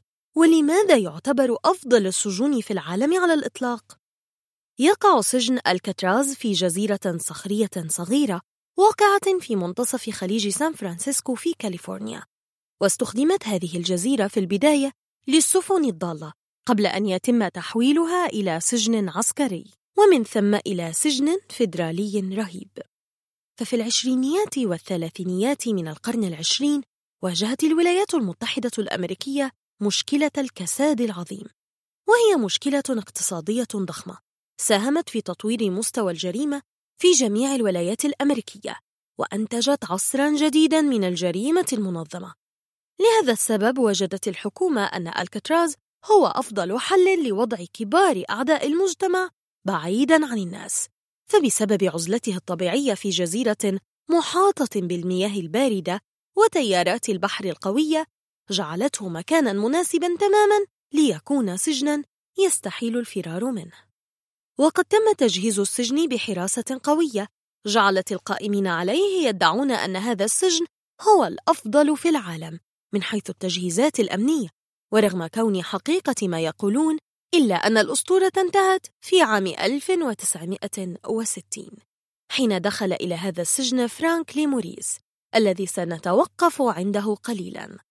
ولد موريس في مدينة واشنطن واحترف الإجرام بسن مبكرة حيث أدين بجريمته الأولى في سن الثالثة عشر وبأواخر عمر مراهقته ألقي القبض عليه لعدد من الجرائم التي تتراوح ما بين حيازة المخدرات إلى السرقة بقوة السلاح. ومع تقدم عمره تدريجياً كان يتم نقل موريس من سجن إلى آخر حتى وصل إلى أخطر السجون على الإطلاق الكاتراز في عام 1960 كان موريس يعرف عند وصوله إلى هذا السجن أنه من أكثر السجون أمناً في الولايات المتحدة الأمريكية وكان يعرف تماماً أن جميع محاولات الهرب من هذا السجن كانت قد فشلت أو انتهت بمقتل الهاربين أو إلقاء القبض عليهم قبل الوصول إلى بر الأمان. إلا أن عبقريته وحاصل ذكائه المرتفع يبلغ حاصل ذكاء موريس 133 رفض هذه الحقيقة وصمم خطة هروب ذكية للفرار من هذا السجن الرهيب. وتماما مثل مسلسل Prison Break فقد صرف موريس فترة سبعة أشهر من عمره لوضع مخطط الهروب المحكم بالاتفاق مع مساجين آخرين هم الشقيقين كلارينس أنجلين وجون ويليام أنجلين. وقاموا بتنفيذ خطتهم المعقدة والمثيرة هو التي ستستمتع بأحداثها التي تفوق الخيال في السطور التالية. في البداية قام الفريق المكون من السجناء الثلاثة بالحصول على عدد لا بأس به من معاطف المطر من خلال سرقتها من غرف الغسيل أو أخذها من السجناء الآخرين وتم تجميعها في مكان سري لأمر آخر ستعرفه بعد قليل. ومن ثم بدأوا في عملية الحفر في السقف داخل فتحة التهوية. كانت العملية منظمة.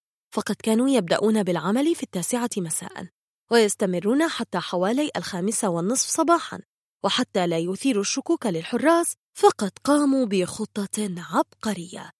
فمن خلال مخلوط من الإسمنت المحلي الصنع الذي تم صنعه بالسجن باستخدام الصابون هو ورق المراحيض استطاعوا صنع نماذج لثلاث رؤوس وأضفوا لها بعض الشعر المسروق من حلاق السجن ووضعت في السرير فترة النوم. مما خدع الحراس تماما. فمع الإضاءة الضعيفة في السجن لم يميز الحراس أبدا إن كانت هذه الرؤوس حقيقية أم لا. وتماما مثل المسلسل الأمريكي الشهير Prison Break فإن الحظ كان حليفا جيدا لموريس في خطة هربه. ففي أحد الأيام أصيب أحد مكيفات السجن بعطل فأرسل موريس للعمل في عملية الإصلاح ليتفاجأ بوجود محركين في هذا المكيف فسرق أحدهما. وجعل المكيف يعمل على محرك واحد. وطبعا استخدم المحرك المسروق في تحويله لجهاز يساعده في الحفر. كما سرقوا خلال فترة عملهم صمغا احتاجوه في الخطوة النهائية من عملية الفرار الكبير. في التاسعة والنصف من مساء يونيو من عام 1962 ميلادية بدأ تنفيذ الهروب من خلال فتحة التهوية. سار الفريق كله إلى أن وصلوا إلى السطح. وبصعوبة بالغة استطاعوا أن يفكوا الحماية الموجودة. ومن خلال عدد من غطاءات الأسرة استخدمت في عملية النزول من السجن للوصول إلى البحر. وهنا جاء دور معاطف المطر التي صنعوا منها طوافة كبيرة استخدمت في نقلهم خارج أسوار السجن في أغرب خطة للهرب في التاريخ. وحتى هذا اليوم لم يعثر على أي من الثلاثة وهم مطلوبون من قبل مكتب التحقيقات الفيدرالية ال FBI الغريب في الأمر أن هناك برنامج أمريكي شهير اختبر خطة الهرب في حلقة كاملة عام 2006 استخدم فيها عددا ضخما من المعدات العلمية وكانت المفاجأة أن الهاربين قد خدعوا الجميع وذهبوا إلى غرب جسر الجولدن جيت وهو عكس المتوقع طوال الفترة الماضية مما أثبت بجدارة أن موريس يتمتع فعلا بقدرات عقلية هائلة جعلته يقف بجدارة على الحافة. من فعلها؟ هناك نمط من القصة البوليسية سائد في الغرب. هو قصة من فعلها التي تعرفها بالطبع هو التي لمع فيها اسما أغاثا كريستي وآرثر كونان دويل. النمط معروف هناك قصر ثم يموت اللورد همفري ويأتي المفتش آرو سميث ليحقق في الأمر ويفحص كل شيء. هناك الوصيفة ورئيس الخدم والوريث الثري العابث والفتاة التي كان اللورد يأمل الزواج منها إلى آخره.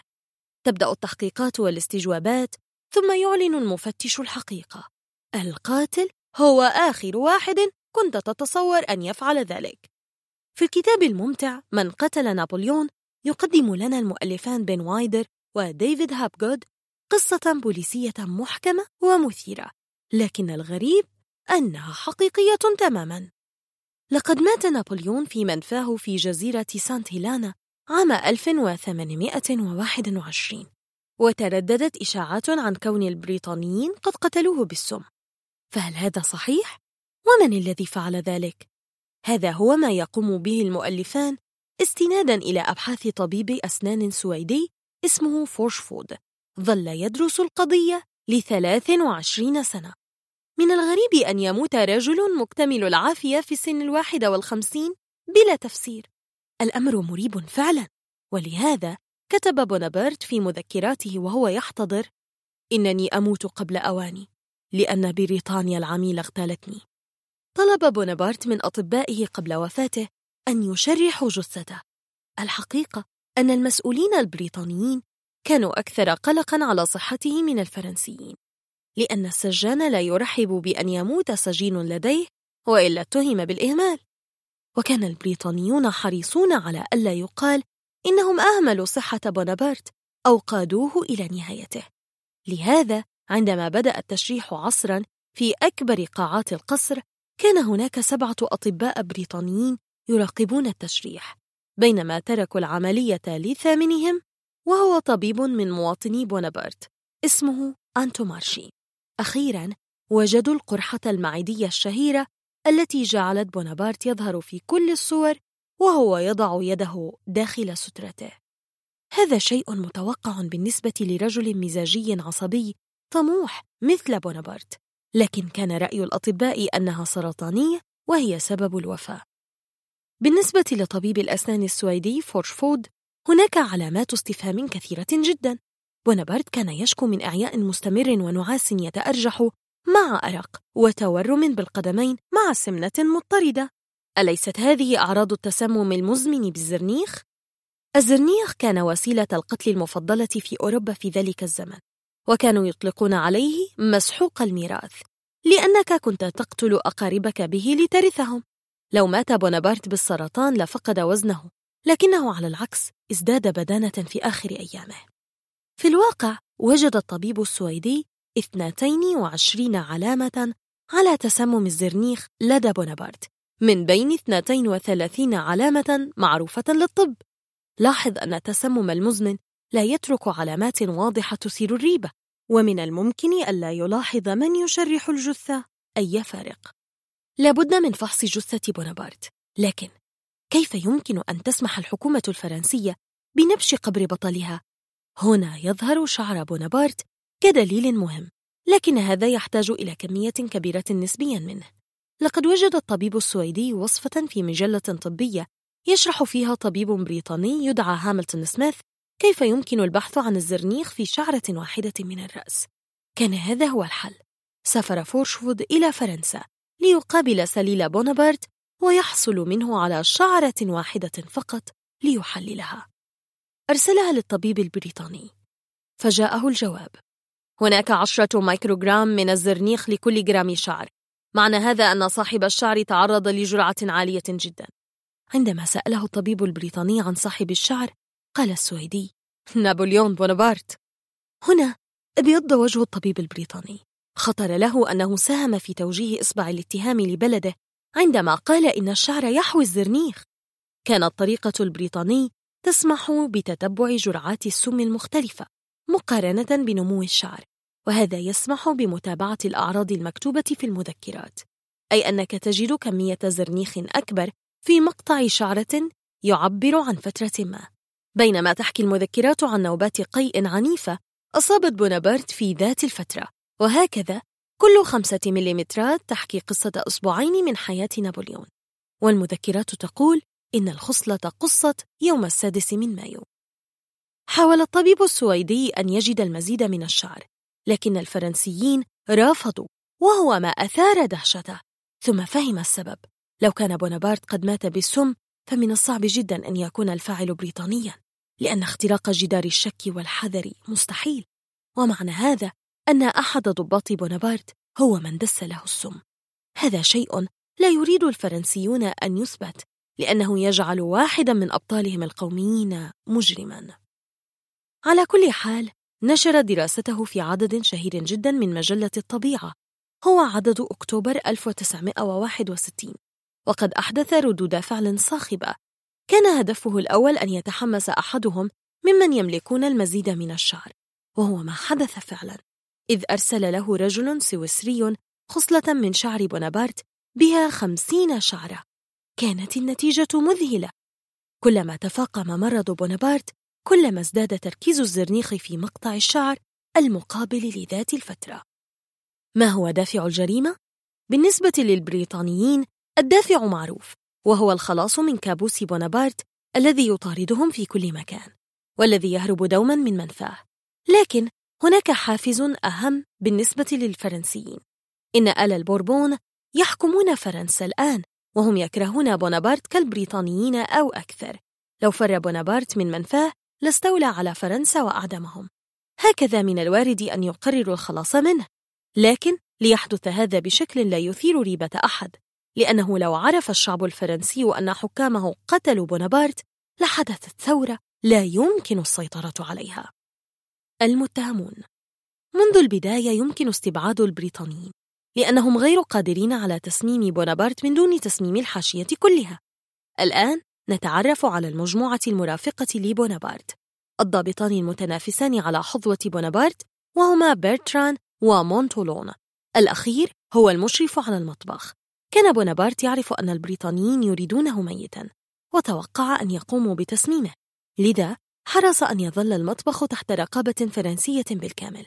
بالإضافة لهذا كان الجميع يتهمسون عن علاقة تربط بين الإمبراطور وزوجة مونتولون مما دفعها لمغادرة الجزيرة. هناك مارشان كبير الخدم ومنفذ الوصية وهو الذي أشرف على دفن الإمبراطور وعلى تقسيم خصلات من شعره على أقاربه وإن احتفظ لنفسه بخصلة على سبيل الذكرى. هناك جورجو الضابط المرافق لنابليون الذي كان يعاني الملل لأنه غير متزوج وفي الوقت ذاته ليس لديه إلا القليل مما يقوم به من عمل. كان عصبيا كثير الشجار مع الضباط الآخرين. ثم غادر الجزيرة مغضبا. هناك دكتور أنتو مارشي نفسه وإن وصل جزيرة سانت هيلانا في وقت تلا قص الخصلة مما يعني أنه لا دور له في دس السم. هكذا يمكن أن نستبعده من قائمة المتهمين. يمكن بالاستبعاد أن نخرج جورجو وأنتو مارشي وزوجة مونتولون من الدائرة لأنهم جاءوا إلى الجزيرة بينما الأعراض مستمرة والأول غادرها قبل الوفاة بفترة. هناك بيارون كبير الطهاة وهو قادر على دس السم متى أراد لكنه لا يقدم الطعام. إذا فلا سبيل أمامه لضمان أن يصل السم لبونابرت وحده. إذا نستبعده. هكذا يبقى مونتولون ومارشان. مونتولون شاب ثري طموح يحب المتعة. فما الذي جعله يترك مباهج باريس ليعيش مع بونابرت على تلك الجزيرة القاحلة؟ مونتولون كان صاحب مفتاح خزانة الخمور التي يشربها بونابرت. هكذا كان بوسعه دس السم متى أراد. إنه هو المتهم الرئيس ومن الواضح أنه كلف بهذه المهمة من قبل أسرة البوربون. على كل حال لم ينعم طويلا بهذه الجريمة. لقد بدد ما ورثه من بونابرت خلال عام واحد وصار سكيرا ثم سجن ومات بعدها. عندما نبش الفرنسيون قبر بونابرت في سانت هيلانة بعد عشرين سنة كي ينقلوه للدفن في فرنسا فتحوا القبر فهالهم أن يجدوا الإمبراطور بكامل صورته. لم يتعفن قط. لا توجد معجزات هنا. السبب هو الزرنيخ. جثث الذين ماتوا بتسمم الزرنيخ لا تتعفن. أو تتعفن ببطء شديد. إنها قصة غريبة حقيقية تماما وجديرة بأن تقف هنالك على الحافة. التنين الأخير. عندما تخبر أحدهم أن هناك تنينا حقيقيا ما زال حيا في عالمنا اليوم فلا تندهش عندما يعتبرك مجنونا لكنها الحقيقة ولا شيء غير الحقيقة. كما تعهدنا في هذا الكتاب. عندما رأيت تنين كومودو رأي العين شعرت برهبة لا يمكن وصفها. إنه ضخم بشع عتيق فعلا. تشعر بأنه بالفعل قد رأى الديناصورات ورأى الزلازل والبراكين التي شكلت القشرة الأرضية. تنين كومودو سحلية كومودو المؤشرة Varanus komodoensis أورا كلها الشيء ذاته. هذا الوحش لم يعرفه علم الأحياء إلا بعد الحرب العالمية الأولى. والسبب أن وجوده مقصور على أندونيسيا والهند الصينية في بيئات قاسية جدا. صخور وعرة ماء نادر براكين إلى آخره. لهذا لا تعد مكانا محببا للبشر. وجاء التقرير الأول من طائرة حربية سقطت في الحرب العالمية الأولى وسبح طيارها حتى تلك الجزيرة. كان أول من تكلم عن التنين هو عالم الأحياء. كونراد فون جسنر عام 1565 لقد رأى في باريس تنانين مجففة صغيرة الحجم تنطبق عليها كل تخيلاتنا عن التنين. هذا الحيوان معروف فعلا ووجوده معترف به علميا واسمه هو التنين الطائر أو دراكوفولانس هذا التنين الصغير يعيش حتى اليوم في أرخبيل الملايو. إن العلماء يفطنون اليوم أكثر من أي وقت إلى أنه ما تزال هناك مواضع على الأرض لا نعرف عنها أكثر مما نعرف عن أعماق المحيط أو أجواز الفضاء. الغابات الممطرة في قلب أفريقيا مثلاً كانت وستظل لغزاً. بعض الجزر في الملايو وأندونيسيا ما زالت مجهولة. الحدود الجبلية بين فنزويلا وجيانا في أمريكا الجنوبية حيرت الجميع وعنها كتب كونان دويل قصته العالم المفقود في العام 1926 بدأت حملة بيردن الشهيرة لملاحقة هذا الوحش الغريب. الحملة كانت مثيرة للخيال لدرجة أنها كانت البذرة التي استوحوا منها فيلم كينج كونغ الشهير. لقد قرر بيردن العالم الأمريكي الشاب أن يبحث عن هذا التنين المزعوم الموجود في جزر الهند الصينية. أخيرا وبعد رحلة شاقة نزلت الحملة في كومودو الجزيرة البركانية الوعرة. وكان معهم حمالون من راجا جزيرة سامباوا القريبة. آثارت آثار الأقدام المخلبية على تراب القشعريرة في جسد بيردن. هذه آثار أقدام ديناصور بلا شك. بعد ثلاثة أيام كان بيردن يحاول صيد غزال عندما سمع صخرة تهوي من أعلى. توارى ورقد على بطنه ونظر إلى أعلى المنحدر ليرى الوحش الذي عبر العالم كي يراه. الرأس الضخم يتشمم الهواء. اللسان المشقوق الأصفر يخرج ويدخل. أسنان شبيهة بأسنان سمكة القرش. كانت أنفاس بيردن توشك على أن تنقطع وهو يدرس الوحش بنظارته المعظمة. آثار الخدوش والجراح على جلده الخشن الدم الذي يسيل بين شفتيه. ثم توارى الوحش بسرعة وغموض كما ظهر. تم عمل عدة أفخاخ لهذا الوحش باستخدام الخنازير البرية وأسلوب الأنشوطة بحيث إذا حاول الوحش التهام الخنزير انغلقت الأنشوطة على عنقه. مر الوقت كئيبا متوترا وعندما ارتفعت الشمس في الأفق رأى بيردن رأس وحش عملاق كأنه خارج من عصور ما قبل التاريخ كان يتجه نحو الشرك سرعان ما انغلقت عليه الخية لكن الوحش كان قويا إلى حد لا يوصف. واستطاع أن ينزع الشجرة التي ربطت فيها الأنشوطة كأنها عود ثقاب. هكذا انطلق أحد صيادي الحملة ليقذف الوحش بأنشوطة أخرى. وتعاون الحمالون على تقييده وحمله إلى المعسكر في مشهد مهيب. وضعوه في قفص متين لكنه ظل عاتيا يضرب ما حوله في ثورة عارمة طيلة الليل. وعند الصباح وجدوا لدهشتهم أن القفص قد تحطم وأن الصيد الثمين قد هرب. استمرت الحملة مع مغامرات مثيرة فعلا جديرة بأن تقوم هوليوود بإخراج فيلمها الخاص عنها. وفي النهاية تمكنوا من قتل أول تنين كومودو بالرصاص. وسمح حاكم الجزيرة لبيردن بصيد 15 تنينا فحسب لأغراض علمية. كان منها تنينان حيان. قال العلماء بعدما درسوا هذه العينات إن تنين كومودو وحش من عصور ما قبل التاريخ لم ينقرض. إنه قادم من العصر الأيوسيني أي الفترة التي ظهرت فيها الثدييات. هناك لغز هنا. لغز لا حل له كما يبدو لأن الجزيرة لم تكن موجودة في العصر الأيوسيني فمن أين جاءها التنين؟ أين كان عندما اندلعت البراكين التي خلقت هذه الجزيرة فيما بعد؟ لماذا ظل هذا التنين حياً بينما انقرضت الديناصورات الأخرى؟ على كل حال حتى لو لم نجد إجابة عن هذه الألغاز فتنين كومودو وحش غامض مثير بحق وقد صار من أهم ما يرغب الزوار في رؤيته في حدائق الحيوان التي تحتفظ به.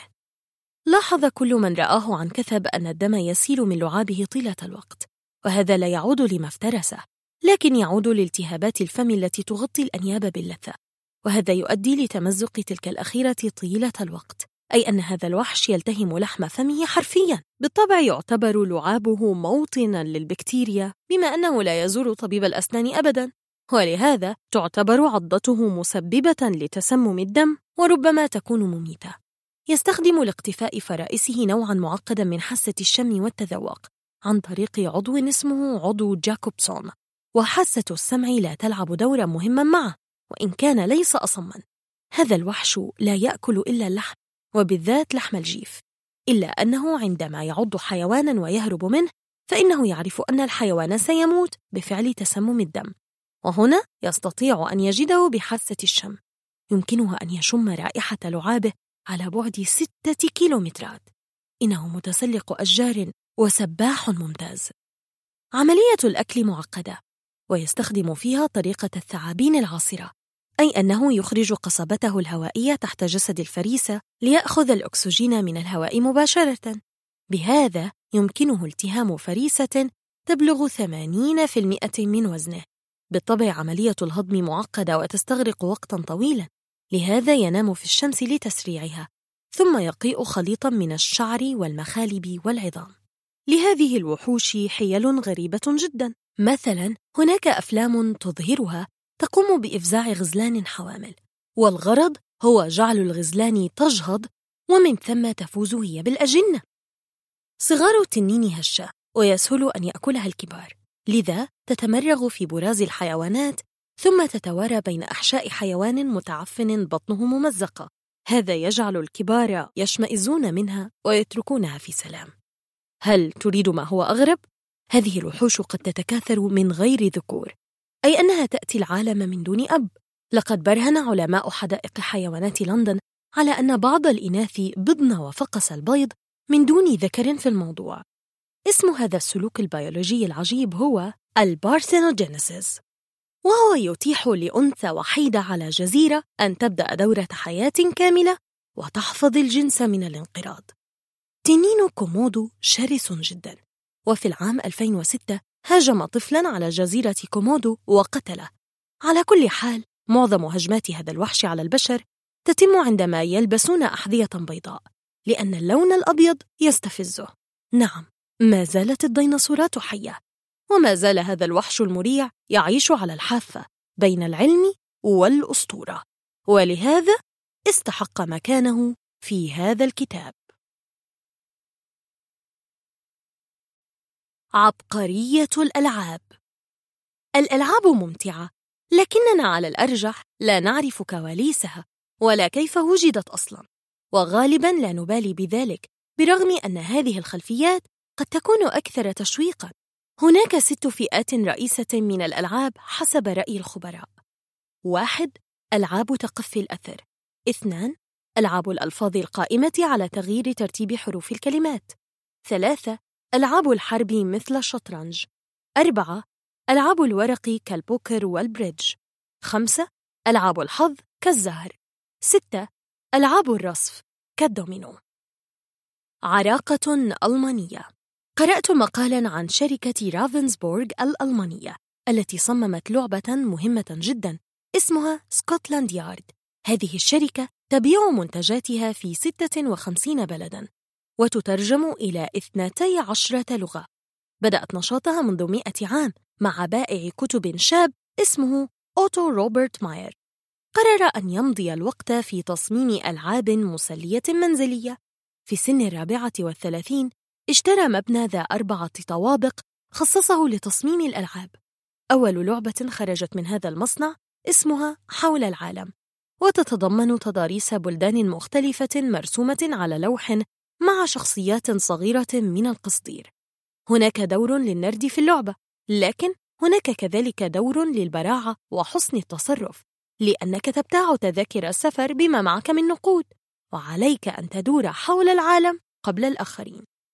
عندما توفي الرجل أدار أولاده الشركة وقرروا أن تكون ألعابهم أخلاقية تماماً خالية من الحرب والسلاح وخالية من التنافس.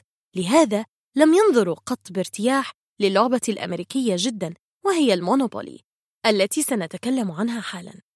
عام 1958 ولدت لعبة الذاكرة التي تقضي بأن ترفع بطاقات مقلوبة وترى ما عليها من صور. ثم تقلبها وترفع بطاقات أخرى وتحاول تذكر أين كانت البطاقات الأولى. يوجد عشرات من هذه اللعبة على شبكة الإنترنت. بيع حتى اليوم أربعين ألف نسخة من هذه اللعبة. الشركة كذلك هي التي ابتكرت ألغاز تجميع الصور بازل وصارت رمزاً لألمانيا. عقابك أن تلعب أكثر. ننتقل إلى الشرق الأقصى حيث نرى لعبة عجيبة. سوف تندهش عندما تعرف أن أحد من خسروها في هونغ كونغ مات بنوبة قلبية وعمره 35 عاماً فقط. وهناك عامل طلق زوجته لأنها تلعب ليلاً ونهاراً. وهناك عجوز صينية أصيبت بألام في ظهرها بسبب الإفراط في اللعب حتى صارت قاعدة الفراش. إن لعبة الماجونغ لعبة إدمانية مرتبطة بالقمار يمارسها مليونا فرد في هونغ كونغ وحدها. اللعبة نفسها تتكون من 144 قطعة تحمل نقوش خيزران أو لوتس أو دوائر. كل لاعب يأخذ 13 قطعة يصفها على شكل جدار أمامه. ثم يتناوب اللاعبون أخذ رقاقات من كومة في وسط الرقعة مع ترك ما لا يريدون من رقاقات. والغرض تكوين أربع مجموعات بها ثلاث أرقام متتالية وزوج متشابه. المؤرخون يرون أن اللعبة تعود إلى عهد أسرة مينغ الصينية منذ 600 عام. وهناك أسطورة صينية تتحدث عن صياد صيني كان هو أول من أبحر بأسطول في البحر وأراد تسلية بحارته الذين أرهقهم دوار البحر. فاخترع لهم هذه اللعبة. الدليل على وجود جانب من الصواب في هذه الأسطورة هو أن البحارة يدمنون هذه اللعبة. اللعبة كما يقولون تحتاج لذكاء شديد. ولها أساليب لعب لا تنتهي. إن الصينيين يستخدمونها في المصحات العقلية وفي السجون للتنفيس عن التوتر العصبي. لا توجد حفلات كوكتيل في الشرق لذا يجتمع الناس على هذه اللعبة التي تقرب العلاقات الاجتماعية.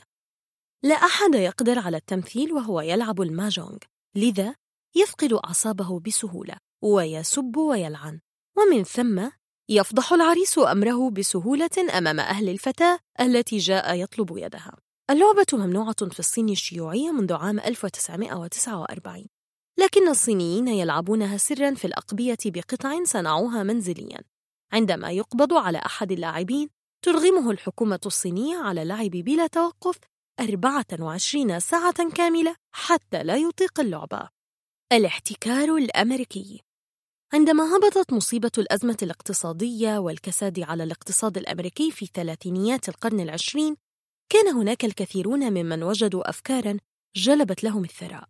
مثلاً عام 1932 جلس بائع عاطل يرسم مربعات على شرشف منضدة المطبخ وكان رأسه يعج بالحنين إلى المال والسندات و و. هكذا قام بابتكار لعبة تدور حول عالم السوق والمضاربة ورجال الأعمال. هدف اللعبة هو أن يتمكن طرف من أن يوصل الآخر إلى مرحلة الإفلاس. هذا قد يستغرق وقتا لا بأس به أبدا وقد استغرق أحد الأدوار 12 يوما. بعد هذا صنع عدة نماذج من اللعبة باع النموذج بدولارين ونصف. عاهد باللعبة إلى مطبعة قامت بطبعها وطرحها في السوق عام 1935 ثم عرض اللعبة على خبراء شركة إخوان باركر الذين لعبوها عدة مرات للتجربة. هنا حدث ما يحدث في كل مرة مع إي تي وفيلم حرب الكواكب وفريق البيتلز وستيفن كينج وزكي مبارك وسواهم. أفتى الخبراء بأن اللعبة غير صالحة وأنها تخرق 52 قاعدة من قواعد اللعبة الناجحة. يبدو أن هناك خبراء عملهم أن يثبتوا أن الذهب لا قيمة له كمعدن. في العادة يعاقب هؤلاء الخبراء بقسوة عندما يتضح مدى خطأ رأيهم لكن خبراء الشركة لم يلقوا هذا المصير. لقد ابتاع أحد أصدقاء سالي ابنة مدير شركة إخوان باركر لعبة من هذه الألعاب ودعا إلى أن تلعبها معه. جربت الفتاة اللعبة فوجدتها ممتعة جدا. من ثم أخبرت أباها ودعته إلى أن يجرب معها. هكذا اتصل الأب بمبتكر اللعبة وقرر أن تنتجها شركته. لكي نفهم مدى خطأ هؤلاء الخبراء يجب أن نعرف أن اللعبة حققت للشركة 240 مليونا من الدولارات. هذه اللعبة بيع منها حتى اليوم 80 مليون قطعة ويمارسها 250 مليون شخص في 47 بلداً. الدول الشيوعية حرمت هذه اللعبة حيث تلعب سرا ويقوم البعض بتهريبها من الغرب. اللعبة هي لعبة المونوبولي الشهيرة. التي تعرفها البلدان العربية باسم بنك السعادة ومبتكرها هو تشارلز دارو الأمريكي. ومن الملاحظ أنها لا تنتمي إلى أي قائمة من ست القوائم التي ذكرناها في البداية. لو أردنا الدقة لقلنا إنها تنتمي لها جميعا.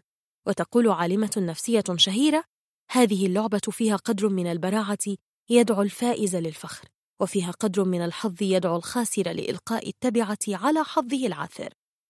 الشركة التي اشترت حقوق اللعبة هي كما قلنا شركة إخوان باركر وقد صنعت تصميمات غريبة منها صالحة للعب في أعماق المحيط أو ليتسلى بها رواد الفضاء كما أن أسماء الأماكن وأنواع العملات تختلف من بلد لآخر.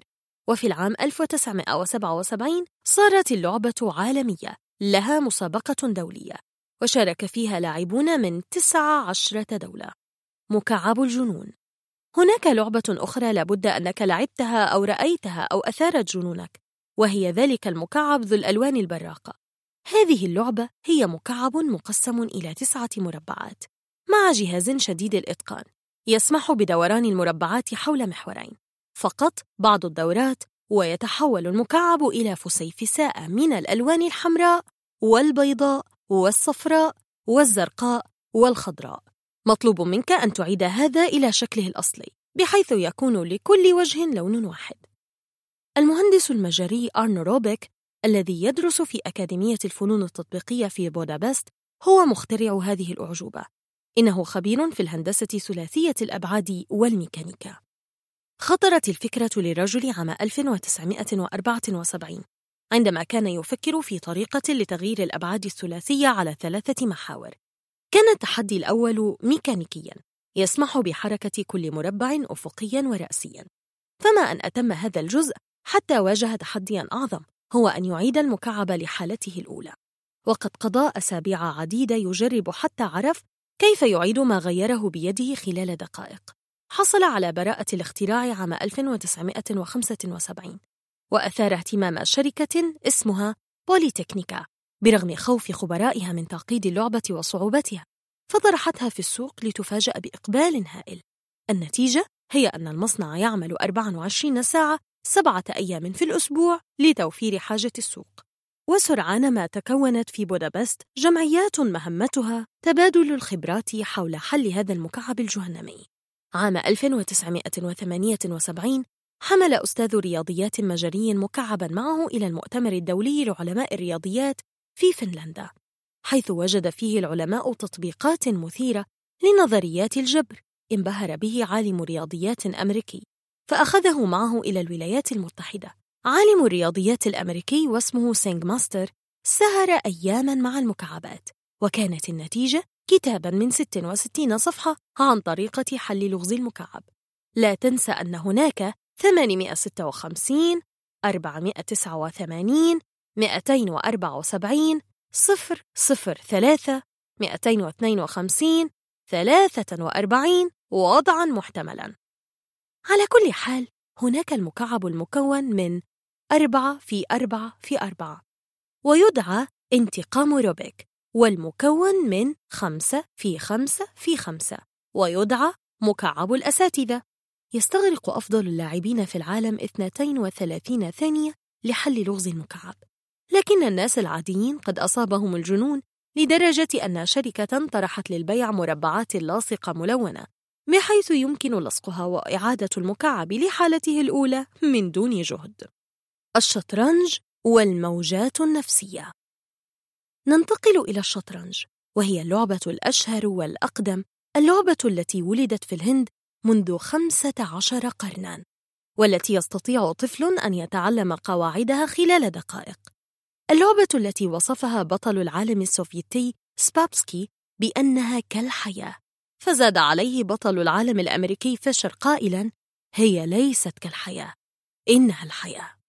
هذه من الألعاب القليلة التي لا يلعب الحظ أي دور فيها. ولاعبو الشطرنج العالميون يتمتعون منذ الصغر بذاكرة خارقة. وقد تنبأ بطل الشطرنج البريطاني هنري بلاكبورن بأنه سيهزم خصمه بعد ست عشرة نقلة. وهذا ما حدث فعلا.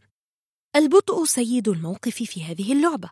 وقد استغرق اللاعب الروسي بونشتاين خمسين دقيقة في إحدى المباريات قبل أن يحرك أول قطعة. كان السوفيات من أكثر الشعوب اهتماما بهذه اللعبة. ولينين كان لاعب شطرنج بارع فحرص على إدخال هذه اللعبة ضمن برامج التربية. يضم اتحاد اللعبة خمسة ملايين في روسيا. بينما عدد اللاعبين في الولايات المتحدة لا يتجاوز خمسين ألفاً. لهذا يعد بطل العالم السوفيتي إعداداً نفسياً خاصاً على يد خبراء.